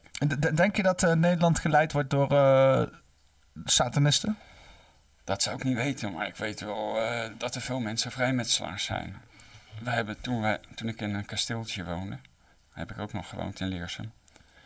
En dat was eigenaars. De eigenaars waren vrijmetselaars. Ja, want je hebt sommige vrijmetselaars die dan ook satanistisch zijn. Maar je hebt natuurlijk ook satanisten die helemaal geen vrijmetselaars zijn. Waarschijnlijk. Waarschijnlijk is Ja. die wereld meer divers als wij denken. Ja, precies. Ik ben, ik, ben, ik ben ook gevraagd ooit voor de vrijmetselaars. Dat en, vol- niet. en volgens Tom was dat heel eh, apart. Wat zeiden ze? De fluisters in je oor? Nou, ik, ik, Vrijmetselaars. ik had toen eh, te doen met jeugdzorg. Ik was een eh, single vader. En ik had gewoon gedonder met jeugdzorg. Steeds voor de rechter. eh, om te zorgen dat mijn kinderen niet uit huis werden geplaatst. Mm. Sorry, sorry hoor. Error. Hou even de mensen bezig. Alright. Maar nog niet verder gaan met je verhaal, want ik wil wel weten waar het over gaat. Maak geluiden. Okidoki. What the fuck geluiden.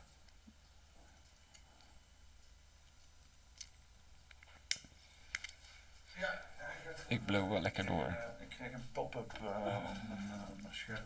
Oké. Ik weet ook niet of ze nu wel of niet computergeluidjes hebben gehoord. Maar sorry, eh, ga verder. Jij eh, was een singlevader eh en je had gevonden met jeugdzorg. Dat is ook van alle tijden Re- schijnbaar Ja, dus. precies. Rechtszaak voor naar rechtszaak. Waarom? Wat, was, de, wat, wat zei jeugdzorg? Ze mochten sowieso niet bij mijn ex-vrouw. Die was eh, weggelopen. Ze zat in een scheiding. En ja, op een gegeven moment wilden ze de kinderen uit huis plaatsen. Maar ja, ik, heb een, ik had een goede advocaat. Die later is ook ontslagen. Wegens activisme. En die heeft het eigenlijk voorkomen. Ze waren gewoon die bitches weer, zeg maar. Ja. Maar oké, ja. Jij was een singlevader met jeugdzorgproblemen. En toen kwam er iemand naar je toe die fluisterde in je oor. Vrij mensen luisteren. Ja, weet je, als je met jeugdzorg naar komt, kom je met allemaal soorten hulpverleners. eh, de een naar de ander. Op een gegeven moment had ik een eh, stapel van die visitekaartjes van hier tot Ermelo. Dus ja, daar zit er van alles tussen. En op een gegeven moment zei iemand... van, eh, Rolodex. ja, Demink. Misha Kat. En Rolodex kan je ook zeg maar kaartjes in doen, hè? Ja, dat is dat ronde Lo- ding. lo- dat los- is dat ronde ding. Ja, ja, ja. Met eh, eh, Ik wou, dat, adressen. ik, wou dat, ik, wou dat, ik wil dat eigenlijk nog steeds hebben. Gewoon een fucking oldschool Rolodex. Want ik heb nu ook gewoon een bakje met kaartjes erin. En ik wil gewoon een Rolodex Weet je wat ik ook zo mooi vind? Die oude bureaulampen.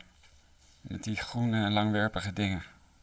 Die klassieke dingen. Hmm. Volgens mij staat er bij eh, de nieuwe wereld eentje altijd op een tafel of op een kast. Dat is wel interessant. Heb je veel meegekregen van die Deming shit? Ja, eigenlijk van het begin af aan gevolgd. Want dat is, eh, want dat is voor mij dat is een beetje een soort van voor mijn tijd en zo. Het vreemde, ik had kennis in Leersum, die ik al van de kleuterschool kende. Dus eh, jeugdvrienden. En die gingen naar Den Haag wonen, verhuizen. En uitgerekend gaan ze verhuizen in de Rio-straat. Dus ik logeerde heel vaak daar, in de straat waar Joris Deming woonde. En toen werden we in de jaren 70 al, volgens mij eind jaren 70, werden we al gewaarschuwd van eh, niet in, in de buurt van het huis komen. Hij woonde daar, Joris Demming, die woonde bij jou in de, in de buurt. Die woonde in het huis waar vrienden woonden. Die woonde eerst in Leersum. Die ging op een gegeven moment verhuizen naar Den Haag. Maar ik bleef altijd nog contact met die eh, vriend houden. Dus ik ging regelmatig naar Den Haag lo- logeren bij die maat van mij. En hij kwam regelmatig weer terug naar Leersum. En die maat, die woonde eh, in de Rio-straat. Dus waar Demink woonde. En eh, dat eh, waren geruchten in die straat dat je In dus niet in de buurt van het huis precies. moest komen. Van die ouders moesten niet in de buurt van het huis komen. Ja. Ja, dat is ook heel, heel vaag, toevallig allemaal. Ja, weet je wat dat is? Kijk, op een gegeven moment stapelen zich zoveel dingen op. Hè? En vooral inderdaad als je nu retroactief op de hele zaak kijkt, dan denk je van ja, jongens. eh, Ja. Helemaal als je die Rolodex ook nog Ja, erbij pakt en, zo. Yv- Yvonne Kuls natuurlijk. Wat? Yvonne, Yvonne Kuls. Kuls? Yvonne Kuls, die schrijfster. Ja, wat dan? Die heeft eh, een bepaalde boek geschreven over jeugdmisbruik vroeger al. Het, vro- het vrotte leven van Floortje Bloem, Jan Rap en zijn maat. Ja. Ja, en die is min of meer ook volgens mij gevlucht. En die woont nu in Spanje. Hm. Ja, want dat wordt echt... Die, die eh, was ook in connectie met Steve Brown, waar we het laatst net over hadden. Steve Brown, je weet wel wie eh, Peter R. de Vries voor zijn kont schopte. Ja. Die had vroeger een podcast, eh, Amsterdam Noir. Denk je, denk je dat Steve Brown eh, mensen smokkelde? Steve Brown, nou, ik denk het niet. Ja, want je hebt heel veel mensen in het Steve, criminele... Steve Brown, het was gewoon een harskoning hè, van eh, Ja. de Happy Family. Nee, ja, want ik, ik wil wel eens dieper ingaan op criminaliteit, weet je wel. En ik wil dat eigenlijk een keer doen met, eh, met Sven Hulleman, maar hij is even een beetje schuw de laatste tijd. En, of misschien voor mij, kan ook, maar... Hij is een tijdje offline. Ja, hij is even, hij is even aan het helen of zo. Ja. Ja, dat snap ik ook wel. Dat snap ik ook wel. Maar gewoon, de mensen moeten doen wat ze moeten doen. Maar ik zou graag met hem eens een keer eh, in gesprek willen over criminaliteit en ethiek, weet je wel. Want waar ik, wat ik dus zie, en je ziet dat ook, eh, wat ga je doen? Even mijn eh, jas aan. Ik krijg het koud even. Oh, je jas. Is het, vind je het koud? Ja, ik krijg het koud. Ik krijg het koud. Is misschien ook wel cool. We kunnen ook even, even staand podcasten. Dat is ook altijd wel... Normaal heb ik hier ook altijd een krukje staan. En dan heb- kan ik mijn benen erop zetten, maar... Ja, staan podcasten.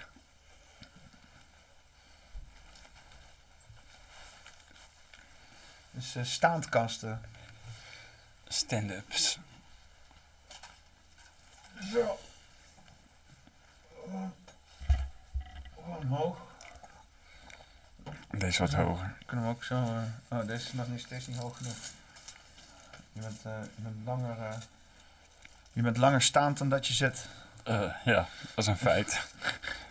Wicked. Zo, even deze aan de kant zo. of Zoiets. Of... Daar zo. Ja, ik had eerst te weinig krukken en nu heb ik in één keer te veel krukken. Dus dat is wel, dat is wel nice. Oh, ik, en ik heb zelfs een stoel op de tafel staan. bij Ja, ik zag het net, ja. Dus de, de troon. Apart.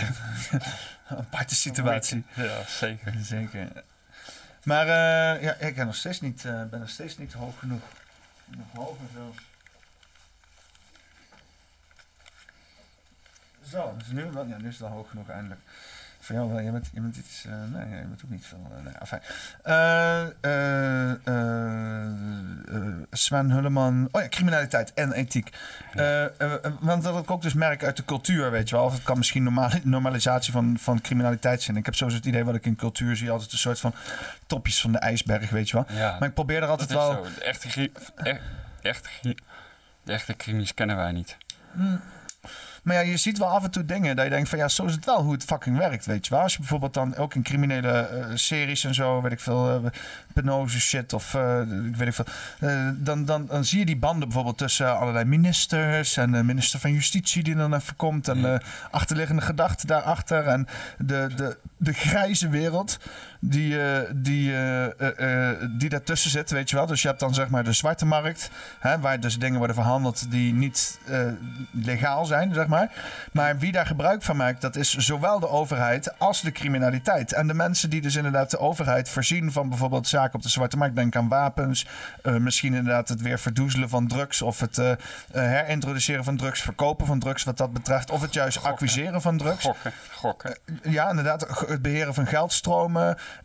eh, witwassen, dat soort zaken. Dat gebeurt allemaal in die zwarte markt. En dat gebeurt ook voor fucking overheden. Ja? Dus dan heb je diezelfde overheden die ons eh, aan het eh schoolen zijn of aan het, aan, het, aan het beleren zijn over ethiek en criminaliteit en wetgeving. Die vervolgens zelf daar niet hoeven aan te voldoen. Om aan de achterkant hun operators modi gaande te houden.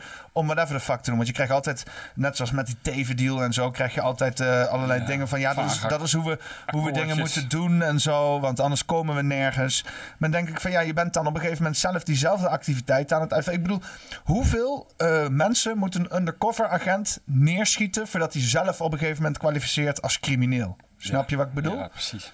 Hè? Ik bedoel, het is leuk dat je dan in dienst bent van de overheid en betaald wordt met onze belastingcenten. Maar als jij inderdaad allerlei onethische shit aan het uitvoeren bent de hele fucking dag, dan ben je niks minder als die fucking crimineel. Dus als ik dan inderdaad hier mensen eh, eh, eh, gelabeld zie worden als crimineel, hè, door omdat ze weet ik veel wat voor een beetje fraude hebben gedaan. Bijvoorbeeld zo'n. eh, die vorige week was Erik, Erik, weet je wel, die Ja, van, van, van de.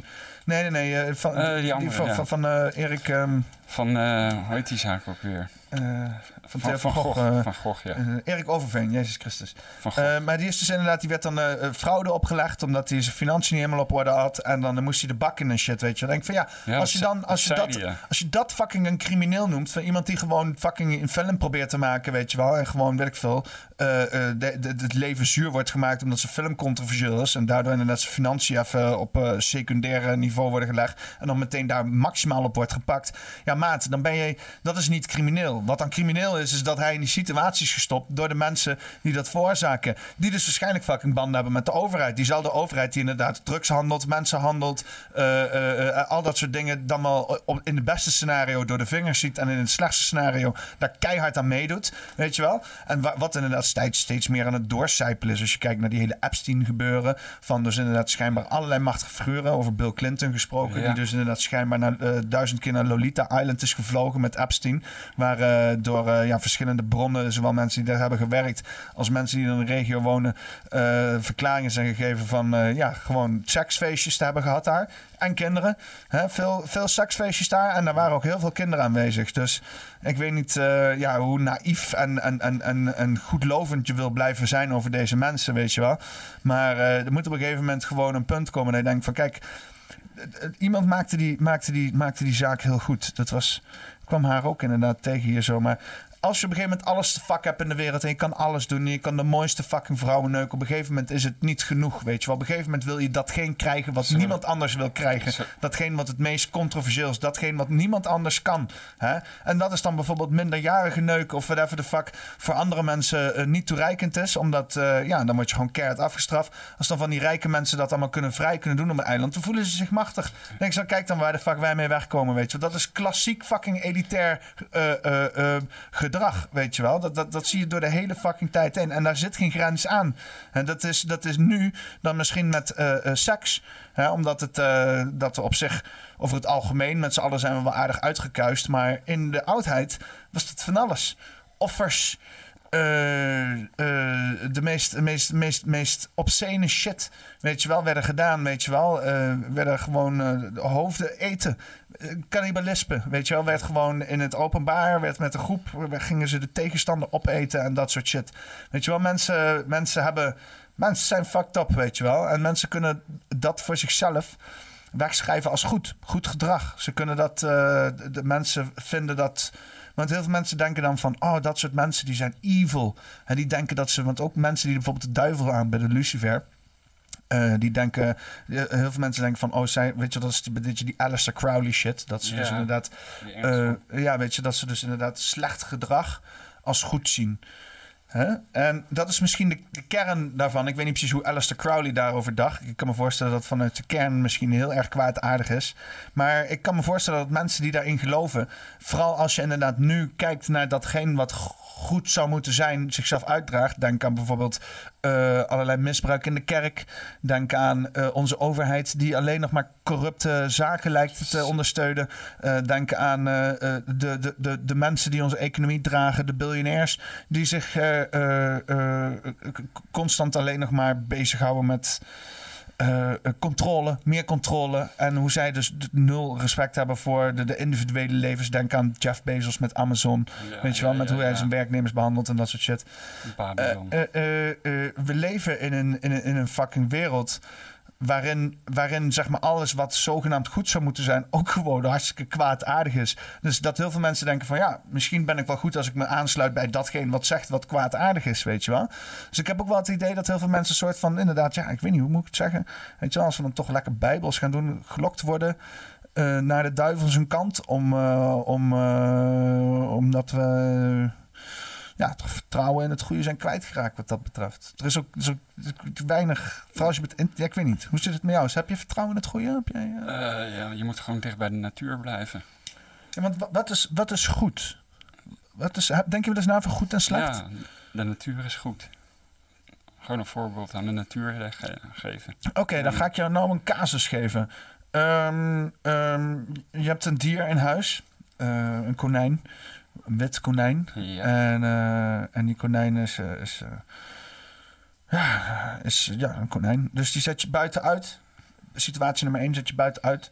Zet je in de natuur uit zo. En die hupt een paar verder dingen zo. Weer leuk, een leuk konijn wezen. En dan komt er een vos aan. En die vreet dat konijn op. Die slingert hem zo rond zo. Het konijn hoor je nog zo. "Wii, wii." En je ziet dat het beest half in het midden worden gesleurd. En organen overal. En het is één groot fucking drama. Dat konijn heeft de slechtste tijd van zijn fucking leven. Hè? En je ziet daar nog- die, die, die vos die pakt dan alleen het achterste deeltje weg. En dan zie je dat bovenste deeltje nog een beetje creperen. Zo, zo. Een vos, eh, En dan- een vo- een vos pakt een, een beter. Die is slimmer. Huh? Een vos pakt een eh, konijn beter. Oké. Nou, oké, dus Die pakt hem meteen in zijn nek. Ja, oké. is slim. Als een vos een kiphok eh uitmoordt, dan doet hij het alleen maar... eh, En denk je, dat, denk je dat vossen altijd perfect zijn? ja. Hmm. Oké, nou oké. Ik heb een vos als... vos als- Oké, oké, oké, wacht even, Ik, wacht- heb, ik heb er eentje als huisdier gehad. Oké, kom eens een- op terug. Oké, wacht even. Oké, dus konijntje zet je uit, wordt gegrepen bij zijn nek, is meteen dood. Oké. Maar het is, het is, En- en dan het is heb geen, je- het is geen wild konijn, en, hè? en, en dan heb je, dan heb je eh, een konijn thuis, Ja. weet je wel. En dan eh, hebben ze een leuk ding zo. En dan leg je hem neer op een snijblok en hak je het kop eraf. Ja, dat kan ik niet. Dat is, Je hebt hem wel... wat, is, wat is goed en wat is slecht? Is nummer situatie 1 goed of slecht? Is nummer situatie 2 goed of slecht? Wat is goed of slecht? Want nummer situatie 1 is duidelijk natuur. De- de- Als wij niet de kijken, vos- gaat natuur de er ook De door. vos maar- is goed, die tweede is slecht. Ja? Want eh, met dat konijn heb je een band opgebouwd. Omdat het je eigen fucking konijn is. Oké, dan, dan, dan, Je hebt, je hebt een dan, dan kom bepaalde, ik nu... je Dan kom een bepaalde band met de, kon, met dan, de konijn dan, dan, opgebouwd. kom ik nu jouw huis binnen getrapt. Een, een wilde, een Dan wild ko- konijn vind ik niet erg. Dan kom ik nu jouw huis binnen getrapt. Ja? En omdat mijn energierekeningen zo duur zijn, heb ik honger. En dan pak ik jouw konijn uit je hok en dan leg ik hem op het blok en dan doe ik zijn kop eraf hakken. Is dat goed of slecht? Dat is in mijn opinie slecht, want het is mijn konijn. Ja, oké, nee, nee, maar dan vind je het vervelend. Nou, Zeg gewoon, maar. het is gewoon mijn konijn. Ja. Het is mijn huis. Dus het is, is slecht. eh. Het is mijn en, huis. en, het als, en, mijn huis. en, en als de vos dan binnen snikt en jouw konijn uit je vos eet, uit je s- hok Dat- eet. dan heb ik pech. Dat had ik laatst. Maar dat is dus dan wel goed. Nou, ik zal een verhaal vertellen. Ik, was, ik zat met Tom. Toen waren we in België geweest. En we zaten de hele tijd over egels te praten. De volgende dag, avond, ik hoor een teringherrie in mijn eh, keuken. En de achterdeur stond open. Ik denk, krijgen we nou ja. Ik eh naar naartoe lopen. En er stond nog zo'n pak frolics van mijn overleden hond. En ik denk eerst een rat. En ik kijk zo, er zit er een egel in. Nou, die was zo brutaal geweest om in eh, mijn keuken te lopen. En dat hondenvoer te eten. Huh. Dus dat is eh, wel oké. Maar daar is niemand dood bij gegaan. Nee. Maar als een mens het is, is het wat anders. Hoezo? Ja, hij kan het ook gewoon vragen. Dat kan hij niet krijgen. Dat, eh, wij, wij- nee, maar, ja, hij kan het- als hij het vraagt, kan hij het krijgen. krijgen makkelijk zat. nee, maar dan, dan stellen we dus inderdaad eh, natuurlijke dingen op een hoger Ja, voetstuk. We van, dat is persoonlijk. Dan, Dat is persoonlijk. dan zijn we onderdanig moreel aan natuur. Dat is persoonlijk. Ik ben gewoon opgegroeid met heel veel dieren. Dus ja, ik zie het waarschijnlijk wat anders als de rest. Nou ja, kijk, ik, ik, ik zie ook natuur zoals natuur, weet je wel. Maar- ik, ik probeer ook, zeg maar, de mensen ook te zien als natuur. Op een of andere Eh, manier. dat is in feite ook zo. Alleen de gemiddelde mens is eh, verwilderd van de natuur. Verwilderd van de natuur. Ja, zo is het. Ja. Kijk dan, ik vis en dan vang ik snoekbaars. En die fileer ik ook tot eh snoekbaarsfilet. Die liggen in de diepvries. Dus de natuur geeft en neemt. Nou ja, kijk, eh, als ik hier... eh, ja, maar eh, wij zeggen dat je bijvoorbeeld uit dat meer daarachter... bijvoorbeeld dat ik dan snoekbaars daaruit Nou, vis. daar, daar zou ik niet uit... dat zou ik niet eten. Nee, maar ik heb dat met het meeste shit. Dat ik hier denk, hier uit de Rijn zou ik nou ook niet echt willen vissen... met al die fucking de en shit. nee, de rij niet. Maar het Amsterdamse Rijnkanaal is nog behoorlijk zuiver. God, voor me aan het rijden, jongen. Ja, maar dat is voor mij heel dichtbij. Dat is ten zuiden van Leersum. Ah, ja. Wijkbeduursteding in Bente. Nou, je hebt hier wel eh, nog allerlei eh, eh, zo'n soort van gaten, weet je, aan de polder. Met Ja, allemaal pet- poelen en zo. Pet, pet, petgaten. Petgaten? Ja. Of hanken. Hanken? Ja, of petgaten. ja. Dat is oud, oude shit, oude taal. Zijn dat gaten in de uiterwaarden? Is Ja, dat... Waar ooit dijkdoorbraken waren. Er is toen een eh, werveling geweest. Hebben ze de dijk weer dichtgegooid en het gat opengelaten. En dat zijn dan plassen geworden. Meen je niet? Yes, man. Schatverdamme, man. Maar ja, daar zitten dus ook wel eens vissen en zo. Ja. Want de Rijn stroomt er wel eens over en dan blijft er wel eens aan hangen en zo. Karper, spaling en zilte. Snoeken. Kan je vreten? ja, je kan alles wel eten. Ook meervallen. Die kunnen echt extreem groot worden. 2, 3 meter. M- Meerval, die vang je toch gewoon met je hand of niet zo? zo. Ja, dat is in Amerika. Dat is een ander, Hillbilly fishing en shit. Dat is, dat is een ander soort meerval. Oh, oh, bij ons is het niet zo groot? Dat zijn bullets. Oh. En dit zijn eh, Europese meervallen. En wat, eh, al, al- overal, waar, overal elk dier waar je Europees voor zet, eh, klinkt meteen een stuk. Weet je, als je hoort Europese beer, denk je ook van ja, dat zal wel een kleintje zijn, weet je wel. Ja, En maar het hoeft niet. het hoeft niet klein te zijn. Nee. Hoe groot kunnen ze worden? Je hebt ook wolven in Nederland. Ja. Die zijn toch wel vrij groot. Ik heb, ik heb nog nooit een wolf gezien. Nee, alleen op het nieuws. Ik ook niet. Ik heb alleen wolven hoaxes gezien op het nieuws. Er was er ook een gesignaleerd bij het rondehuis. Wat, eh, in Nunspeet? Ja, ook. Natuurlijk. Ja, ja. ja die, die mensen hebben waarschijnlijk gewoon wolven bij hen dan toch in de limo Ja, zo. ja, in Leersum is er ook een eh wolvengat. Er is ook een legende over een wolvenman. Een wolvenman? Ja. En wat doet hij dan? Die schijnt er rond te hebben gelopen met een eh roedel met wolven. Oude zagen. En, en wat deed hij dan? Was hij een weerwolf of zo? Of? Ja, zoiets, ja. Want je hebt wel lijpe shit over wol- of je hebt een hele, hele eh, eh, mythologie over ehm, eh, hondenmensen. Mensen met hondenkoppen. Ja, weird hè? Die, eh, Zie dat zie je terug in de Bijbel constant. En je ziet het in Griekse mythologie zie je terug. Heel veel hondenkoppen shit. Egyptische hieroglyphen. Ja. Ja, een soort van eh honden, eh, hondenmensenras wat er vroeger is geweest of zo. Weird. Freaky. Zou, zou er een leersam eh, hondenmensenras zijn geweest? Ja, Misschien is mijn die- familie wel hondenmensenras geweest. Met het familiewapen, met de met hondenkoppen. die greyhound, ja. Oh. Dat zou zo kunnen. Woef. Nasty. Het is wel eh, misschien waarom ik iedereen's anus altijd ruik. Oh, ja. Heb je dat gemerkt toen je binnenkwam hier? Nee, nee je had vorige keer wel over wc-papier eh, vouwen of rollen. Wat? Je had het wel toen over wc-papier. Had ik het over wc-papier Ja, of, je of je vouwde of een prop. Wanneer? Oh, een tijd niet toen je binnenkwam hier, toch? Nee, nee, een tijd geleden. Nee, van je cast. Ja, en wat doe jij? Ik denk er nog naar eens bij na. Doe je niet, doe je niet, heb je niet gewoon iets, een- bewuste gewoon- actie die je doet gewoon je... Op zijn Indonesisch een fles. Chobek. Een fles? Ja, ken je dat niet? Nee? Bij elke Indo staat zo'n fles. eh, Oké, een soort van klisma uitvoeren of zo. een, eh, soort, een soort. Als de Fransen- bidet. eh, Ja, precies. Zoals de Fransen een bidet hebben. alleen dan met een fles, zo'n beetje Ja. zo squirten zonder die Even, aan. Zo, eh, hoppakee. Wel hygiënisch. omdat je het nat maakt.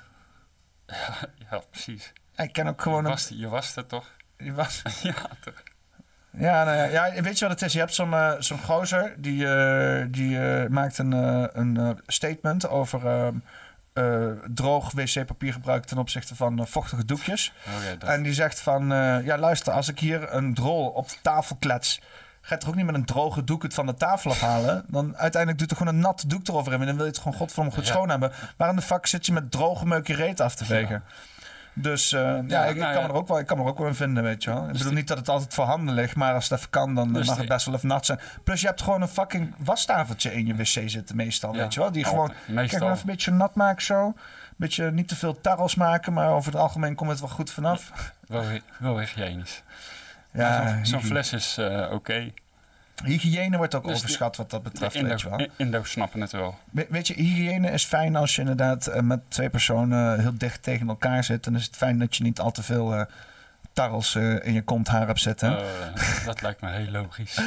Maar even even serieus, als je gewoon op jezelf bent en met jezelf bent en zo, en weet ik voor de fuck, en als je niet andere mensen geen last van hebben, eh, dan hygiëne van jezelf, weet je, dat is ook een beetje goed voor je immuunsysteem. Een beetje ranzig te zijn af en toe, weet je wel. Eh, al, ja. dit, al dit constante cleansing van alle fucking eh, huidmateriaal en haarmateriaal en alle fucking beschermingsshit die je op hebt gebouwd, waardoor al onze voorouders duizenden jaar geleden ook gewoon een prima huid hadden op hun 60ste, 70ste, weet je wel. Of whatever de fuck al mensen allemaal wel niet doen.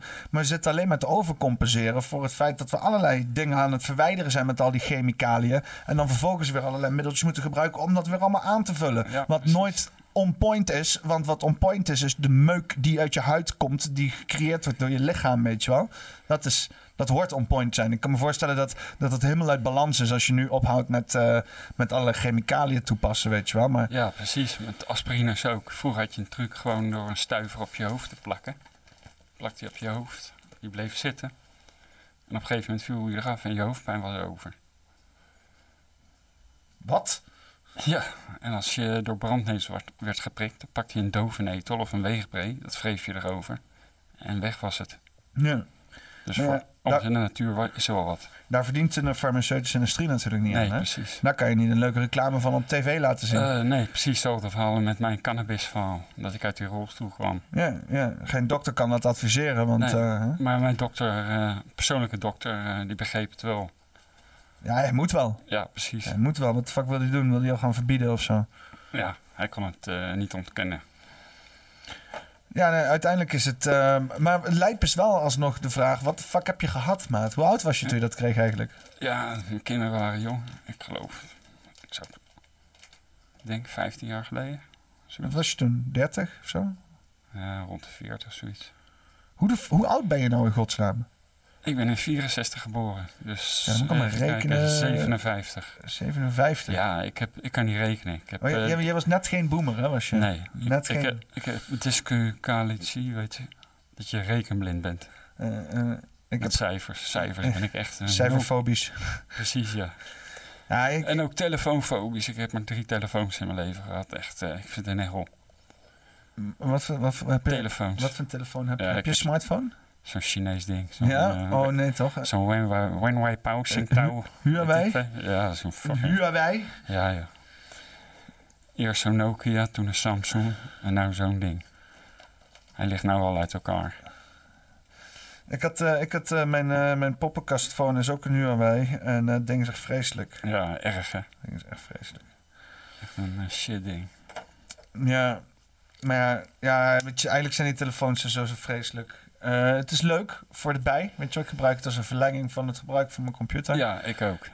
Ieder maar dat. eh, zodra ik in wat voor sociale interactie met, met het kutscherm zit te kijken. Ik wou nog een, een, eh, een, een, eh, een analogie maken, iets dergelijks. Dat, dat, ik zei, dat ik inderdaad wil zeggen van... tegenwoordig als je een fysieke winkel hebt, weet je wel... dan moet je alsnog mensen op social media eh, proberen te bereiken... omdat ze letterlijk voorbij je winkel lopen... terwijl ze op hun telefoon aan het kijken Ja, zijn, weet je wel. ja, ze ontdekken alleen maar je winkel als ze dan op hun telefoon zien van... Oh, je bent nu dicht, weet je, dan, dan eh, op basis van locatie eh, kan je dus inderdaad getarget worden voor fucking advertisement. En dan als je in de bu- buurt bent van die bakkerij, dan zien ze op hun telefoon. Ping! Oh, heb je zin in een, eh, een yoghurtbroodje? Ga nu hier links, weet je wel. Want dat is uiteindelijk de toekomst. Dat is waar ik voor de vak opgeleid ben, om dat soort fucking shit te doen. Wat al belachelijk is. Maar ja, weet je wat? Mensen kunnen ook gewoon omhoog kijken. Eh, heb je zin in een broodje? Heb je zin in een bakker? Rondkijken gewoon. Ja. Het valt altijd op als je auto rijdt. Eh, Mensen bij bushaltes, altijd op de telefoon. Ja, met, met autorijden eh, zie je mensen in de auto Ja. fucking op de telefoon zitten, weet je Dat wel. zie ik ook dus, ja. Die dan gewoon, gewoon lekker links gaan rijden en dan gaan ze lekker op de telefoon zitten. Zo Dan denk ik van, joh, luister dan. 10 kilometer te laag, 20 kilometer te laag. Ja. Helemaal geobsede- obs- geobsedeerd door de telefoon. Ja, ik, Betoverd. ik kan me voorstellen als jij zeg maar zo'n daily commute hebt in zo'n fucking file of in zo'n kutweg, weet je wel, waar je al duizend keer hebt gereden, daar op een gegeven moment inderdaad ook echt uitzoont. Ja, gewoon. precies. Dan Dat, valt daar ook gewoon klopt. geen niks spannends meer te behalen, weet je wel. Dat is ook een beetje het hele probleem. Het feit dat dit helemaal werkt, die hypnotisering via die telefoon, is ook omdat aan de andere kant onze wereld steeds minder fucking spannend wordt, weet je wel. Er is gewoon geen reet meer te beleven wat dat betreft. Ja, je kan naar de club gaan met z'n allen, yay! Of je kan naar eh, inderdaad shit gaan kopen overal, yay! allemaal shit. Of naar een pretpark gaan om neppe shit te zien, van shit die je eigenlijk gewoon zou moeten zien om fucking naar, naar Mexico, naar een of andere echte Rio Grande te gaan, in plaats van met een, met een bootje over een plastic Rio Grande te varen of zo, weet je wel. Dat soort... En lekker in de rij staan.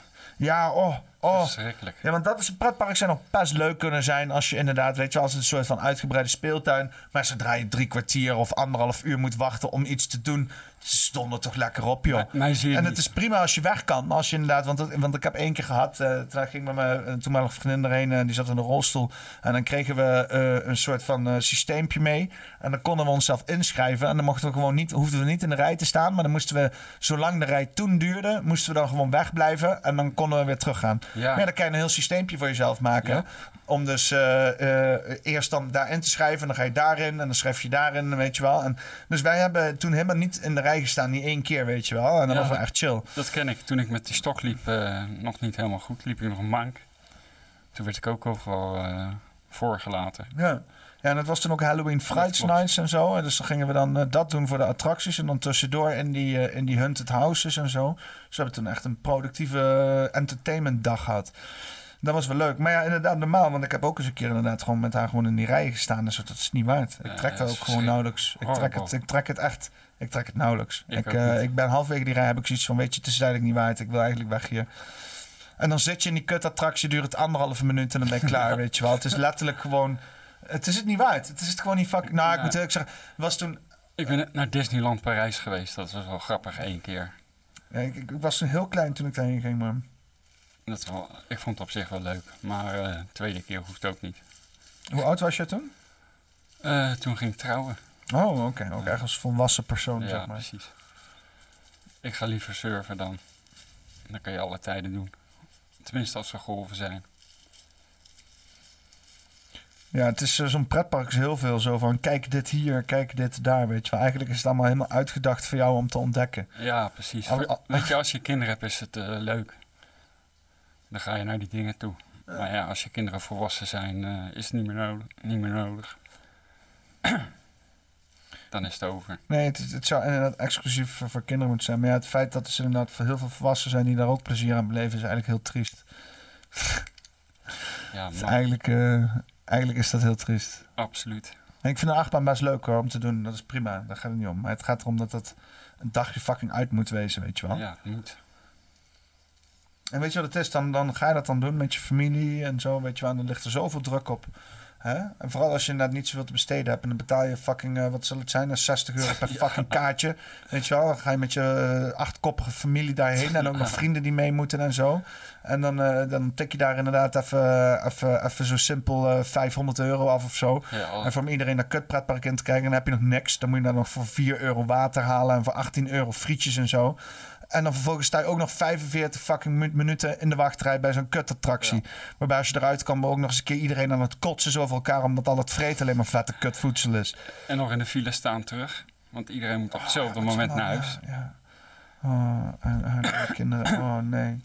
Altijd. Kan toch mensen die in die val lopen, jongens. Oh, en dan ook nog dan daarna gaan zitten klagen, weet Ja. je wel. Oh nee, nee, nee. Waarom is alles zo kut? Ja, kijk dan wat je aan het doen bent. Ja. Is een mentality. Wat is dat? Een, een eh, kopers, huizenkopers mentaliteit. Oh, mo- mortgage. Mortgage mentality. Zeggen de Engelsen. Want wat betekent dat precies dan? Ja, dan zit je vast eh, in alles. Net wat je allemaal zegt. Maar hoe koop je anders een huis dan? Eh, erven. Ja. Ja. En als dat huis ook vastzit aan een, aan een, eh, aan een mortgage. Nou, moet, je moet gewoon zorgen dat je een huis hebt. eh, of erft die dat niet heeft. ja, toch? Pa, ga eens een huis bouwen. Maat, doe eens even dan. Hey. Bouw eens een huis, jongen. Kwestie van geluk hebben. Ja, dat is het wel inderdaad, hè. Dat is het fucking wel. Sommige dingen kan je manifesteren. En sommige dingen heb je gewoon geluk.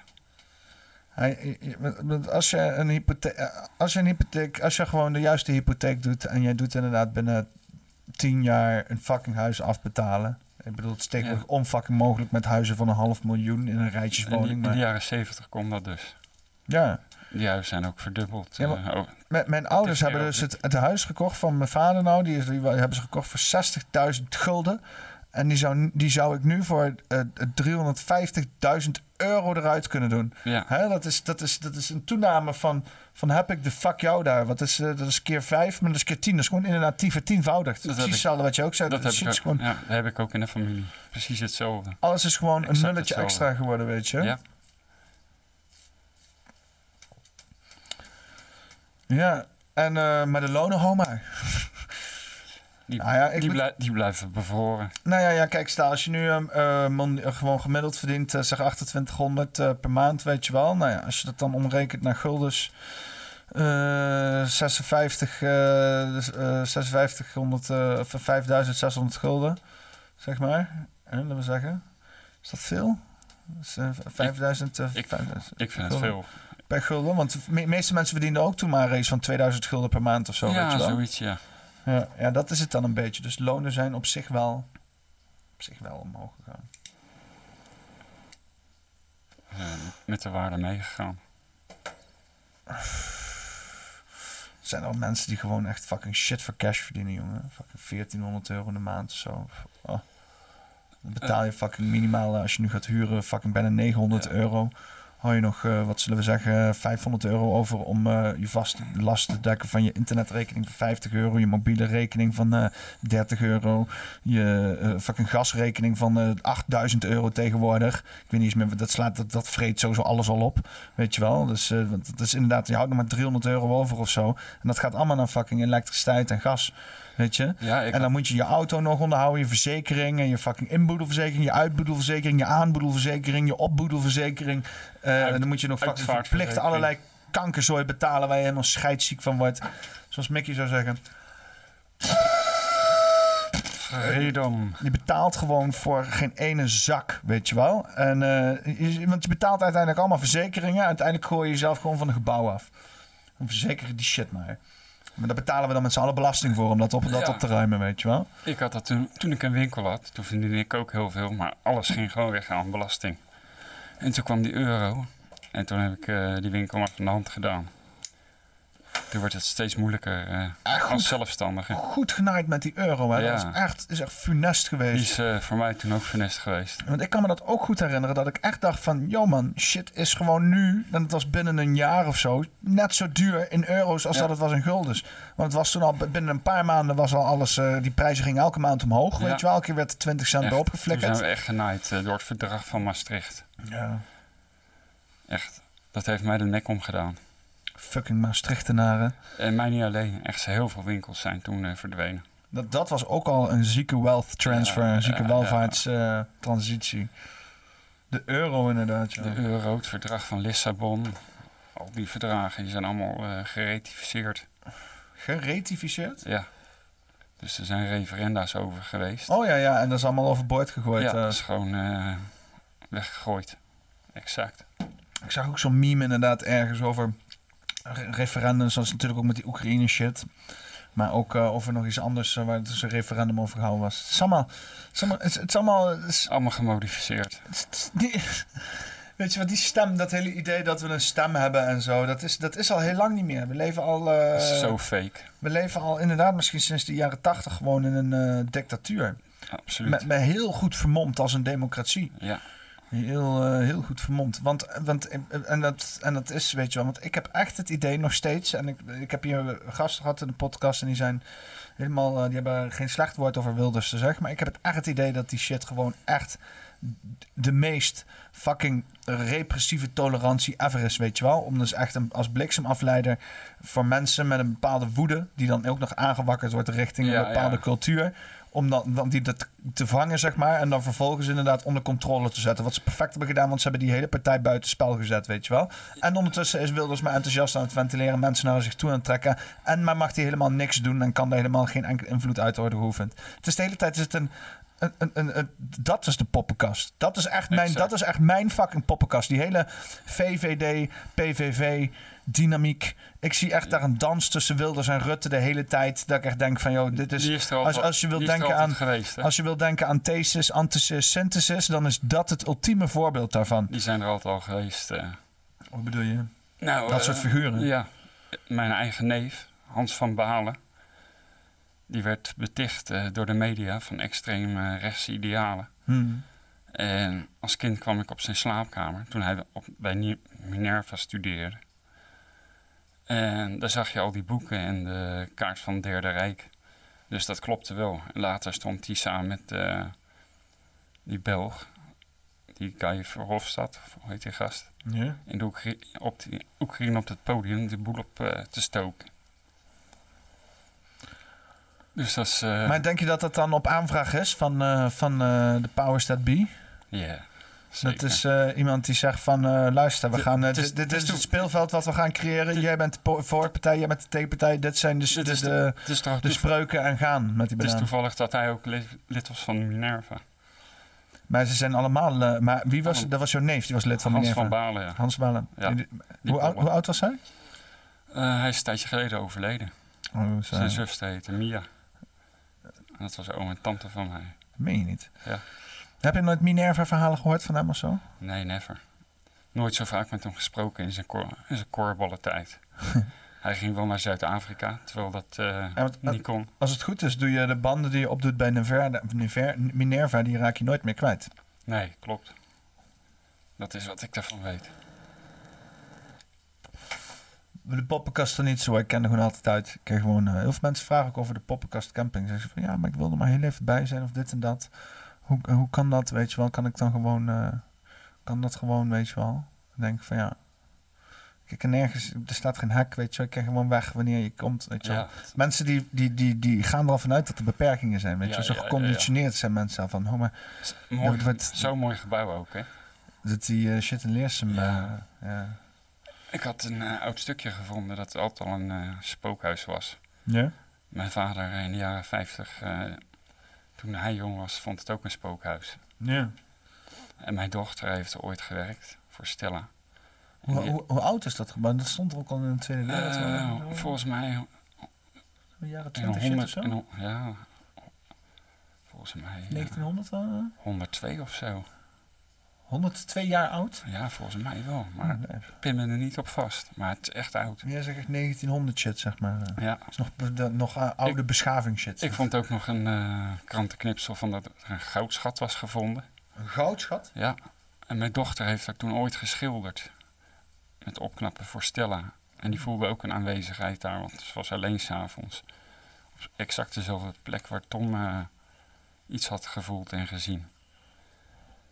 Dus het is altijd een mysterieus huis geweest. Hmm. Ja, het is... eh, Maar het is echt een toplocatie. ik geloof wel in die leelijn die daar ligt. Ik geloof Ik dat ook, een- absoluut. Zeker weten. Ik ben wel enigszins overtuigd van... eh, Toen wij naar die... Je had daarboven toch dat veld met die shamanen.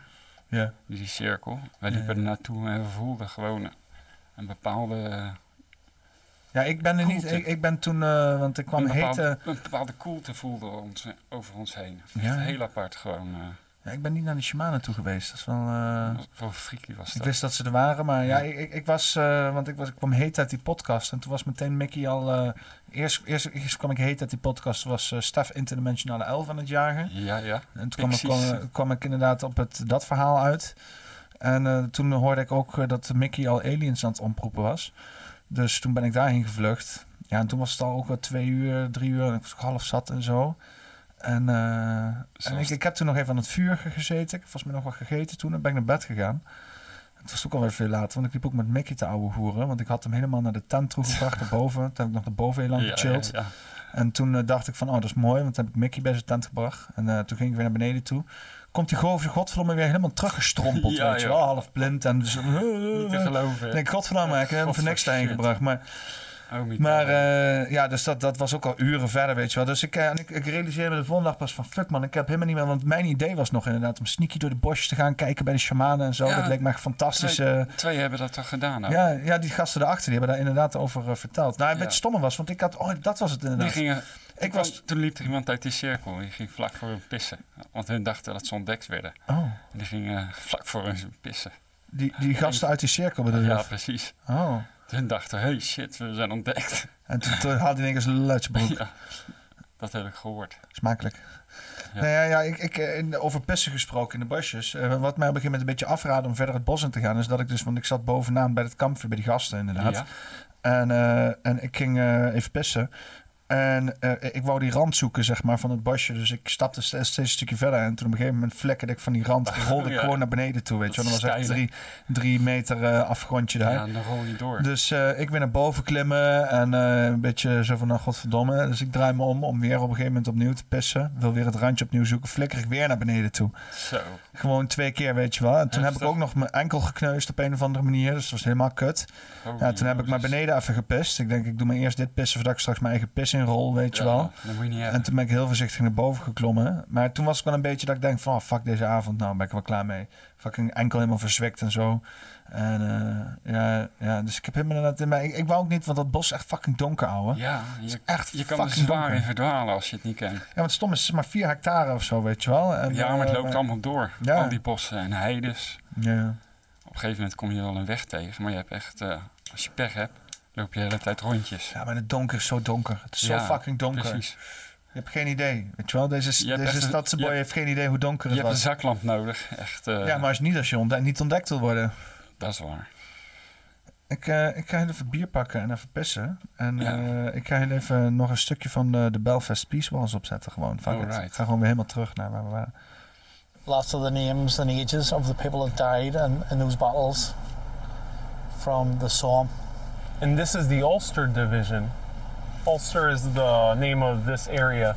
The yes, Northern so Ireland, this, this uh, county. yeah. And right here we have another one Australia, India, South Africa. Also, a lot of Irishmen did serve in World War One until the entire uh, Easter Rising. So these ones, again, India, Australia, South Africa, they were all Commonwealths of uh, the United Kingdom. Yeah. So they would have all came together to help the, the fight against the Germans. Hmm. And uh, I know especially the Australians and the New Zealanders would have fought in uh, fought in Turkey. Yeah. There was a big, uh, yes, uh, Gallipoli was a big uh, battle there. Hmm. And a lot of people from New Zealand and Australia lost their lives Oh. there. Unfortunately, the the gates are closed. We'd have to drive around. And this is, other uh, yeah, yeah, sure. This thing. would be one of the, the gates. This yeah. one of the police barricades. Yes. Oh, fascinating. So these gates would be closed at night to stop people from both areas mixing together and sort of the local youths basically just that are bored, what just want to fight, and they'll come down to these sort of areas. They're still closing them. So they're still closed. Waar kijken in nu Eh, aan de andere kant heb je een Republikeinse wijk en die poorten worden gewoon continu gesloten. Zeg maar zo van je- gated communities of zo. Ja, eh. je hebt een paar poorten die eh, zijn open. Maar als er problemen zijn, kunnen ze alle poorten sluiten. Dat doen ze ook dan geregeld. Maar wie is, zijn hun dan ingesloten of zijn hun dan ingesloten? Wie is dan ingesloten? Beide zijn ingesloten. Want het is, want het is maar we hebben het over het, eh, het eh, zuidelijke tipje van het Ier- Ierland, toch? Het noordelijke stuk. Noordelijke stuk Ja. van Ierland.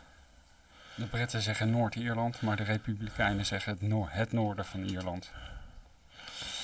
Eh, eens even kijken. Ik ga er eens even een, een mapsje bij pakken. Even om die shit te... Oh ja. Northern Ja, ja, ja. dat is ook wat stomme. Want inderdaad, Ierland ligt ten, ten noordwesten van, van. Engeland. Dus het noordenstukje inderdaad. Maar dus als hun alles sluiten, dan zitten hun, zijn hun afgesloten van alles. Toch, of niet? Vroeger was dat ook een echte daadwerkelijke, daadwerkelijke grens. En nu is dat inderdaad met... eh, nou, is die, nou is die gewoon open. Vroeger stonden er overal eh, hele grote wachttorens. Ja, want het was met Brexit was dat nog even spannend, toch? Wat de fuck Ja, ermee ging precies, ja. Zijn ze nog steeds niet over uit, hè? Oh yes, die. We Maar daar zijn ze nog steeds niet over uit. eh. Wat, wat, maar wat is de huidige situatie nu dan? Eh, nou is nog steeds eh, het, de regering van Noord-Ierland is er nog steeds niet. Ben je allemaal aan het doen, ja? Ja. Hebben ze. Waarom, waarom druk je hem niet gewoon zo? Ja, ik zat verkeerd. Oh, Cheers. nou, cheers. Uit. Ben je, ben, ben, heb je wel eens vaker beugelvlekjes... Vlekjes. Beuzel, beu, beuzel. Ze zijn goed voor molotov cocktails, hè? Ja? Ja. Ik moet heel eerlijk zeggen, want deze komen van de cafetaria af. Die heb ik besteld heel laat in de nacht. Toen ik eh, ambitieus was over hoe lang ik wakker zou blijven. Maar, Eh, eh, deze ruiken naar frituurvet, ouwe. Moet je maar ruiken. Ja, fuck, je hebt gelijk. Shit, zeg naar. Holy Moses. Dus, maar als je ze eraf haalt, dan, eh, als je hem eraf haalt, kan je gewoon zo afhalen. Dat is het mooie. Het is eigenlijk een heel, heel vernuftig fucking systeempje, die, eh, die, die beugel eh, dit. Ja. Het is zo, het is eigenlijk stom dat we kroonkurken gebruiken en zo. Dat is Echt wel. eigenlijk ook weer de ultieme recycling shit. Precies. Ah, je ruikt nog steeds een beetje friet, maar ja, afijn. Alles. Maar eh, hoe komt het dat jij zo eh, into the IRA shit bent en zo? Wat is daar, eh, heb je daar bloed of zo gebonden? Bloed met ja, mensen? ook dat. En omdat we op een gegeven moment altijd naar Schotland op vakantie gingen. Dus die cultische connectie is snel gelegd. De fuck heeft Schotland dan weer met de IRA te maken? Is ook een Gaelic staat. Net zoals Bretagne in Frankrijk. Maar hoe kijkt Schotland dan tegen de hele Ierse independentie af? In de Ja. Ierse Schotland, onafhankelijkheid? Schotland is net zo verdeeld als in Ierland. Wat in Ierland zich afspeelt, dat speelt zich over in eh, Schotland af. Maar dan zijn het man, ma- mannen met jurken die met balken naar elkaar aan het smijten Nou, zijn? Of? Meer eh, Glasgow Rangers tegen Celtic. Ja, oké. Dat is een heilige oorlog Ze, hebben- ze, ze hebben het eh, weten te... te, te- maar dan gaan ze ook... dat zijn dan ook hooligans dan of zo? Ja, maar die zingen ook die IRA-liederen en die loy loyalisten-liederen. Die zijn nou verboden in het stadion. Maar ze zingen, ze, ze zingen ze nog wel steeds. Ja, want hoe denk jij... eh, want, eh, hoe denk je dat het de komende tijd allemaal gaat daar met de eiland? Nu eh, zo post-Brexit. Want Ik- ik het leek ook heel even op dat... dat Ik denk dat ze wel verenigd gaan worden. Omdat de lo loyalisten... Wie gaan verenigd worden?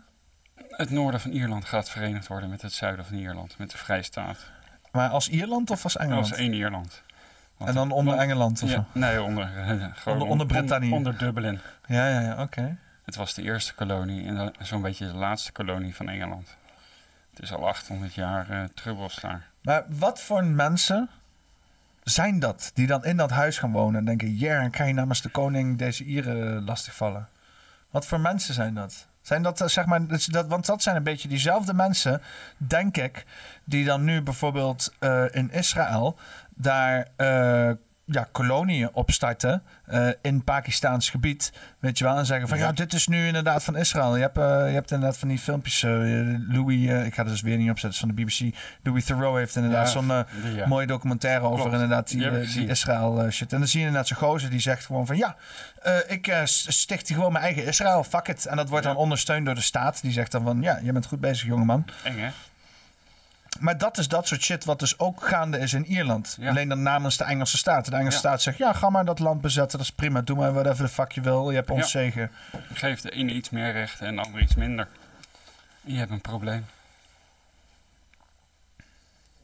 Dat is ook waarom we allemaal met z'n allen zo hapig zijn over die hele medische shit natuurlijk. Hè? En daarvoor zegt zo'n vrouw als Beatrice eh, de Graaf, zo'n eh, terroristendeskundige, die loopt gewoon grote onzin altijd te, te lullen. Bijvoorbeeld over Bobby Sands, een volunteer. Had ze gezegd eh, bij de Wereld Draait Door ooit dat ze Bobby Sands iemand had vermoord. Nou, hij- had toevallig niemand vermoord. Wel met bommen eh, dingen gedaan, maar niemand vermoord. Hij had wel met bommen dingen gedaan. Ja, het was wel een... Wat had hij met bommen gedaan? Ja, hij had wel winkels laten afbranden. Hij had materieel opgeblazen. Ja, maar. dat wel, ja. Hij zorgde had- er dan expres voor dat er geen mensen En waren. of had, zo. eh, en had wapens vervoerd. Maar hij heeft zelf nooit iemand eh, neergeschoten. Hm. Maar dat loopt zij dan op de Nederlandse tv te verkondigen. Ja, en dat wordt voor waar aangenomen. Oh, dat was gewoon, maar dat is die trial by media shit, zeg Ja, maar. Hè? precies, Want dan ja. word je zeg maar aangeklaagd voor iets waar helemaal niks voor hebt gedaan. Precies. Wordt het eh, overal verslag gegeven in de media. En dan is de hele maatschappij erover Ja. uit dat dat is wat je hebt gedaan. En vervolgens worden we vrij besproken.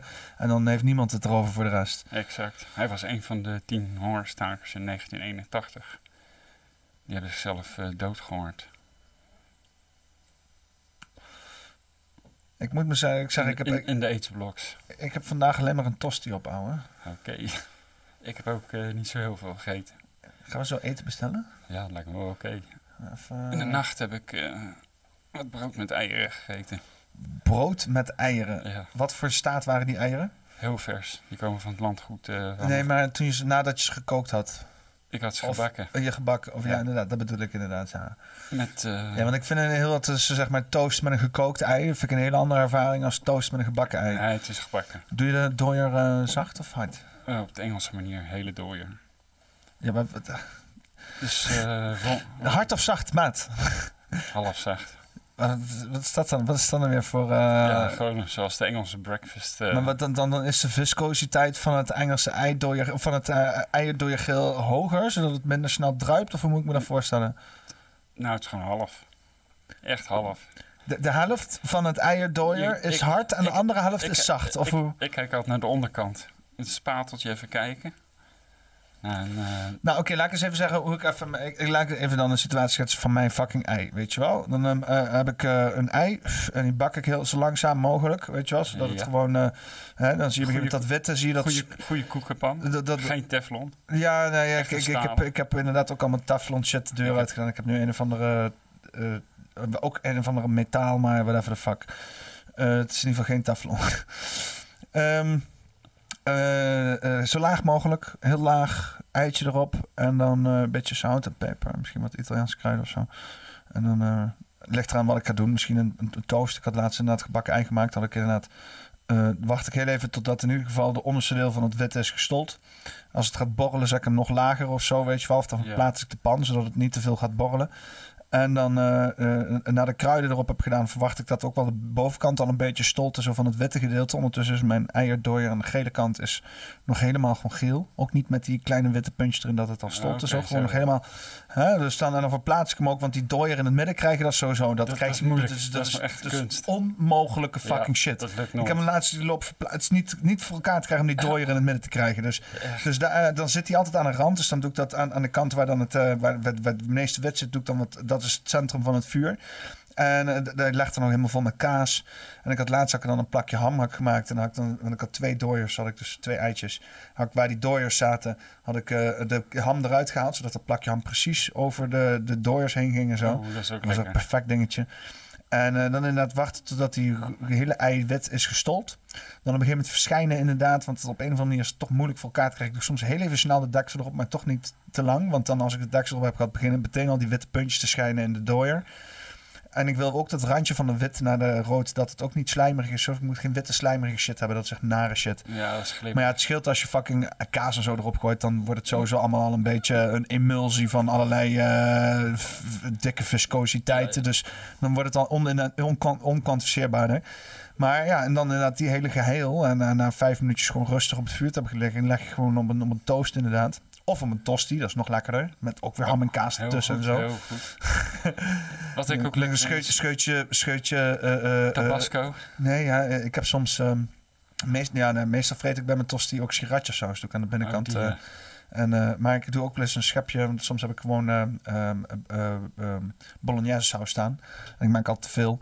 Dus eh, dat gaat dan ook bij de tosti, weet je wel. Ja, dan heb dat ik is een krok met dam met bo- bolognese saus, weet je wel. Menig uh, Bourgondier, die zouden nog jaloers op zijn. ja man, maar dan gaat dus als eerst gaat die dooier eraan en die smeer ik uit over de hele tosti, weet je wel. En dan gaat Ja, dat, ja, dat, ja. dat, dat eigeel, dat, helemaal, dat is helemaal lekker en ook een beetje zoutig en zo. En dat gaat dan over die tosti en zo. Dat vind ik echt... eh, Ik doe er ook graag ik eh, hard op. verse bies- bieslook over. Oh, ja. Ja, moet je wel net hebben staan inderdaad. Ja, maar ja. die heb ik meestal al staan. Maar een Engels ontbijt is helemaal top. Engels ontbijt met... eh, Met bonen en beans worst en shit. eh, bacon. Precies, met champignonnen. Heerlijk. Ik vind, ik vind het altijd wat te mooi. Ik bedoel, in, in een hotel dan wil ik me af en toe nog wel eens aan wagen, zeg maar. Dat ik dan denk van, oh, als je, dat, als je eh, dat eet, hoef je de hele dag niet meer te eten. Nee, inderdaad. Ja. Maar ik eet, ik eet zeg maar in de ochtend het moeilijkst. Ik ook, ja. Ik zou liever een Engels ontbijt liever past op drie uur of zo eten. Oh, dat, dan, dat doe ik ook wel eens. Op zich, het kan wel voor de tijden waarin ik ontbijt, zou ik best een Engels ontbijt kunnen weg kunnen muntje. Ik ontbijt ook vaak met een broodje kebab of whatever, weet je wel. Maakt ook niet uit. Ligt gewoon op tijd van de dag. Eh, Je hebt hier een Turkse bakker. Ga je toch in ieder geval ontbijt halen bij de bakker. Dat Ja, heeft dat- het idee dat je volgens daar gewoon met een vette lachmetje met vlees weglopen en shit. Dat is goede shit. Oh man, dat is zo Heerlijk. lekker man. Zeker weten. En dan ook gewoon, gewoon een bak groenten erin flikkeren, weet je wel. Ja, die, die zijn super lekker. Eh, rode kool. Ik vind het fucking nice. Rode kool in mijn fucking durum. Het is eh, het beste. Lekker toch? Ja, maar dat is echt... is- ik kan me voorstellen als je het nog nooit zo hebt gedaan en dat je dat dan hoort en denkt, wat rode kool. Ben je fucking vlees met, met, met, met, met burrito? Wat? Maar het is echt geniale shit. Het, die, die Turken weten wel hoe ze vlees moeten rollen. Zo echt. Ik ga graag naar de Turkse supermarkt. Ja? Ja, die is goed. Meltem Plaza? Nee, in Ede. Of in eh Veenendaal. Wat zit hij? Ashkenoermarkt? Daar zit van alles. eh, kruiden koop je gewoon grote potten. En dan, eh, die hebben ook een paar kruiden twee van kilo pak kruiden Ja, gewoon, eh. precies. Wat voor kruiden haal je dan? Eh paprika poeder, paprika shawarma kruiden. Kaneel, nootmuskaat. Wat zijn shawarma kruiden? Ja, die heb je verschillende. Ik weet niet precies wat ze er allemaal in doen. Maar die zijn wel goed bij de Turk. Ja, maar ik heb een vijzel hier en eigenlijk wil ik gewoon eh, alle basiskruiden hebben en gewoon weten in mijn brein wat ik moet samenstellen om... eh, ja, om nou, eh, dat kan je uit boeken halen of lezen op internet. Ik heb er ook twee. Een hele oude. boeken gaan. Ja, boeken. Ik moet eigenlijk met Oh, zo'n fucking iPad op in de keuken gaan staan. Zo. Op, dan, op internet staat ook alles. Koken met Nick kan je ook kijken. Kijk je dat wel eens? Nee, die ken Dat is ik op YouTube. En dat is die Nick van Game Kings. Weet je wel, diezelfde Ja, mensen. Van ja. Boris wel toch? Van, Ja, eh, Boris van van Viva Viva Valentine. Ja, dit, vroeger deden ze die Game King shit en zo op de box en alles. En dan was die Nick was daar ook, was die dikke. Ja. En die is editor ook bij, eh, bij eh, god, eh, eh, hoe heet dat ook alweer? Die, van die grapje, Dumpert? Nee, eh Reten. Reten, ja, Dumpert inderdaad. En dan eh zit ze ook allemaal leuk te doen. Zijn die video's editen en shit. En, eh, maar hij heeft ook zijn eigen YouTube kanaal. En eh, daar, daar doet hij koken. Oké. Eh, waarschijnlijk, omdat hij, waarschijnlijk omdat hij dik is of zo. Hij heeft volgens mij een opleiding, koksopleiding vroeger gedaan en zo. Daarom is hij dik, niet Ja, omdat ja. niet andersom. Wicked. Maar zijn shit is echt goed, man. Het is echt, deze gozer die... eh, ik keek toen eh, iets van Binging with Babish of zo. En dat is ook echt een YouTube-kanaal wat echt hard is gegaan en ook leuk deed. Dit is echt van datzelfde niveau, alleen dan Nederlands, weet je wel. Gewoon leuke, leuke maaltijden, gekke topics. Veel te veel moeite stoppen in allemaal eten, weet je wel. Maar da- maar daar ook echt gerealiseerd van... Hey, als je vanaf grond af aan iets maakt...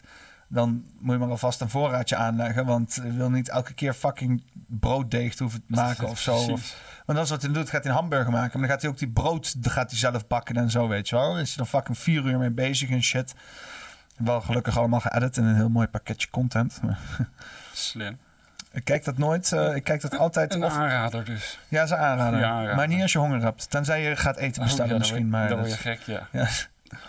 Ja, sowieso. Dan word je helemaal maf. Nick, eten met Nick. Ik wil wel even een klein stukje laten zien. Dat hij vindt het vast niet erg. Eh, eten met Nick. Heet het volgens mij zo eten met Nick, toch?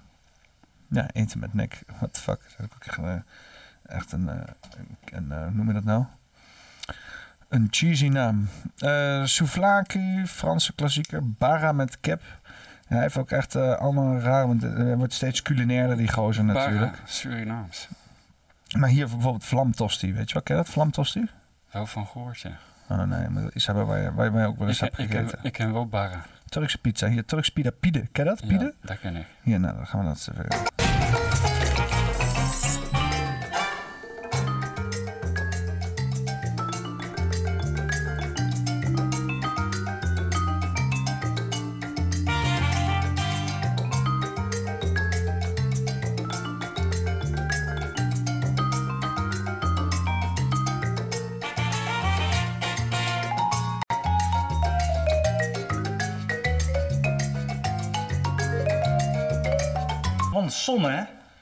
Af en toe kijk een beetje ik moet poepen. We kennen allemaal de Turkse pizza, oftewel de lamakoen. Maar kennen jullie ook het broertje van de Turkse pizza? Een ander lekker Turks gerechtje, namelijk pide. Wat hè? Pide. Zo schrijf je het.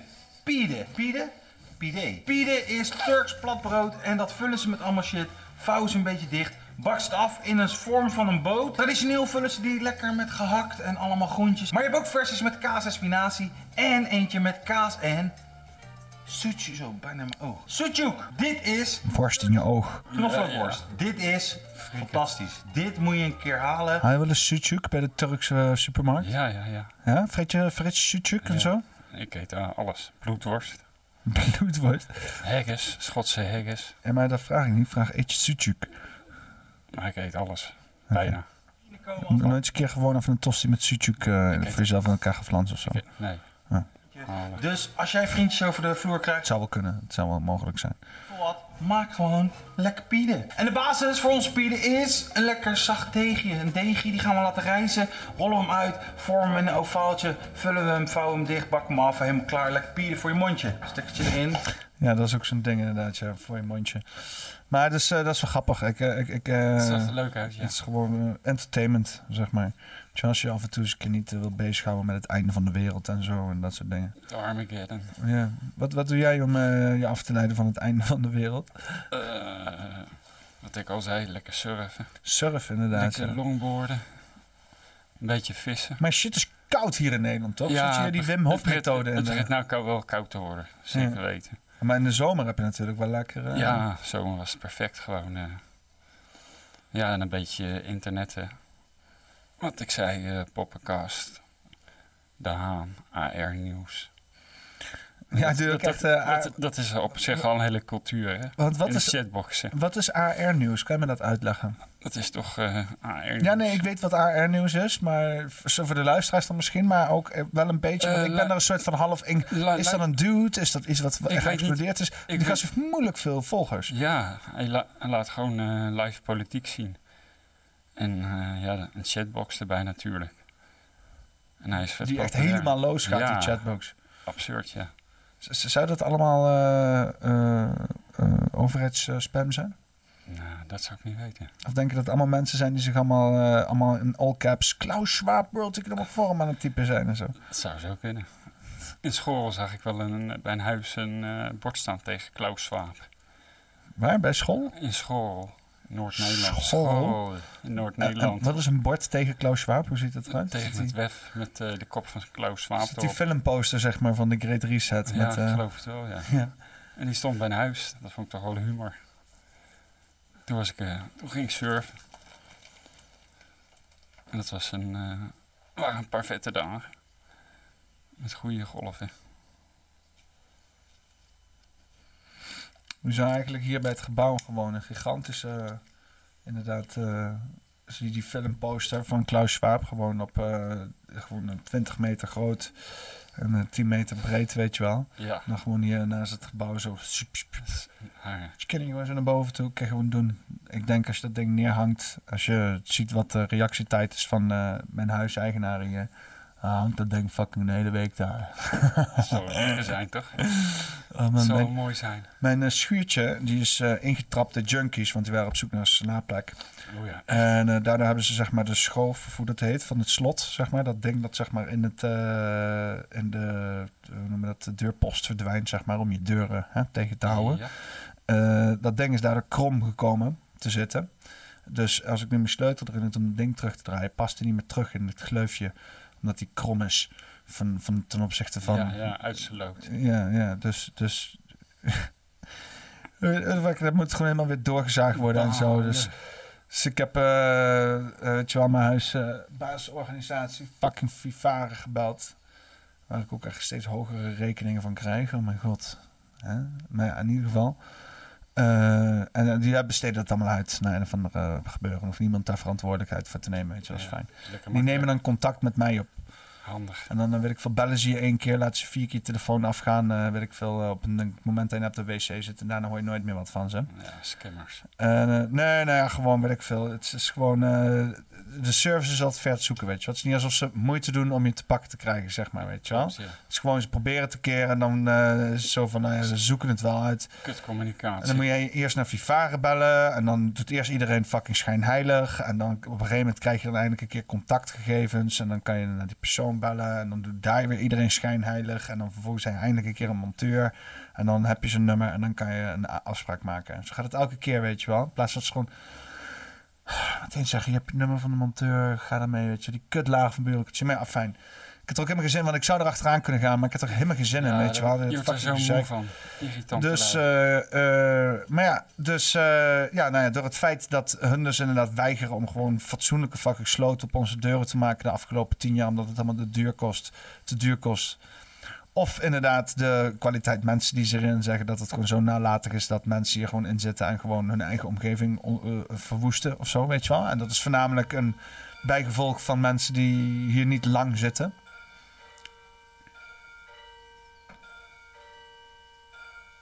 Ding dong.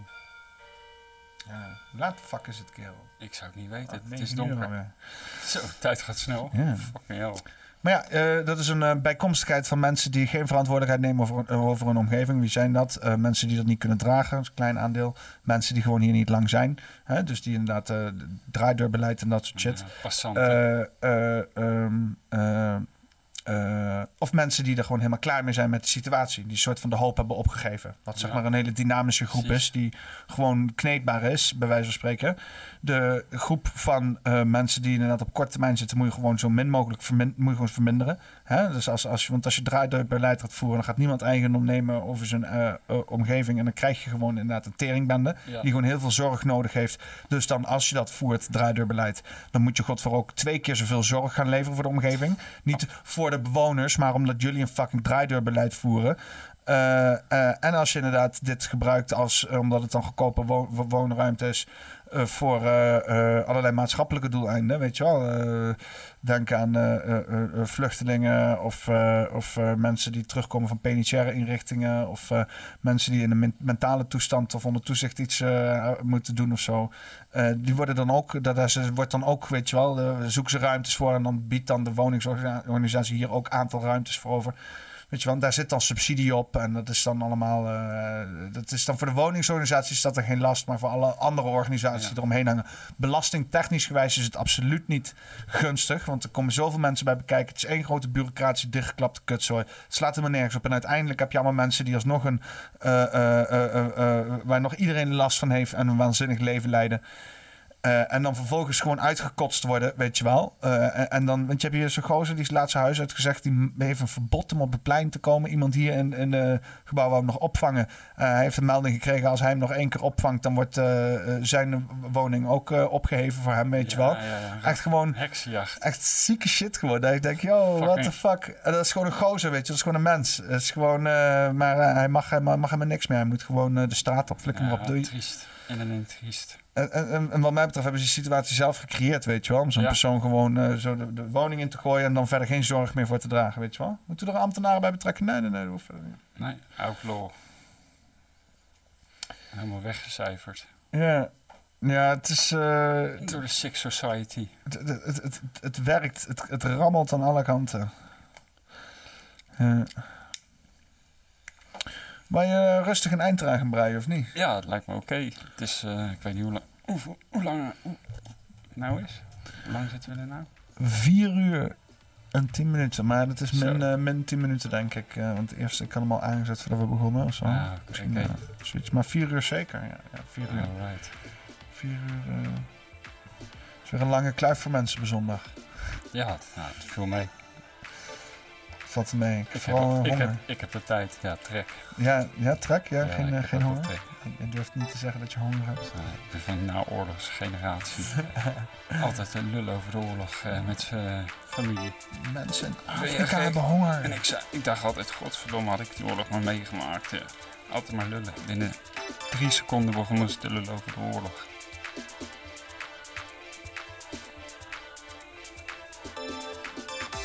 Maar eh, wat voor titel gaan we verzinnen dan? Donkere wolken boven Babylon. Oké, is goed. Zo. Donkere wolken boven Babylon. Babylon met eh, Bas Lamhorst. Right on. Poppenkast nummer 87, mensen.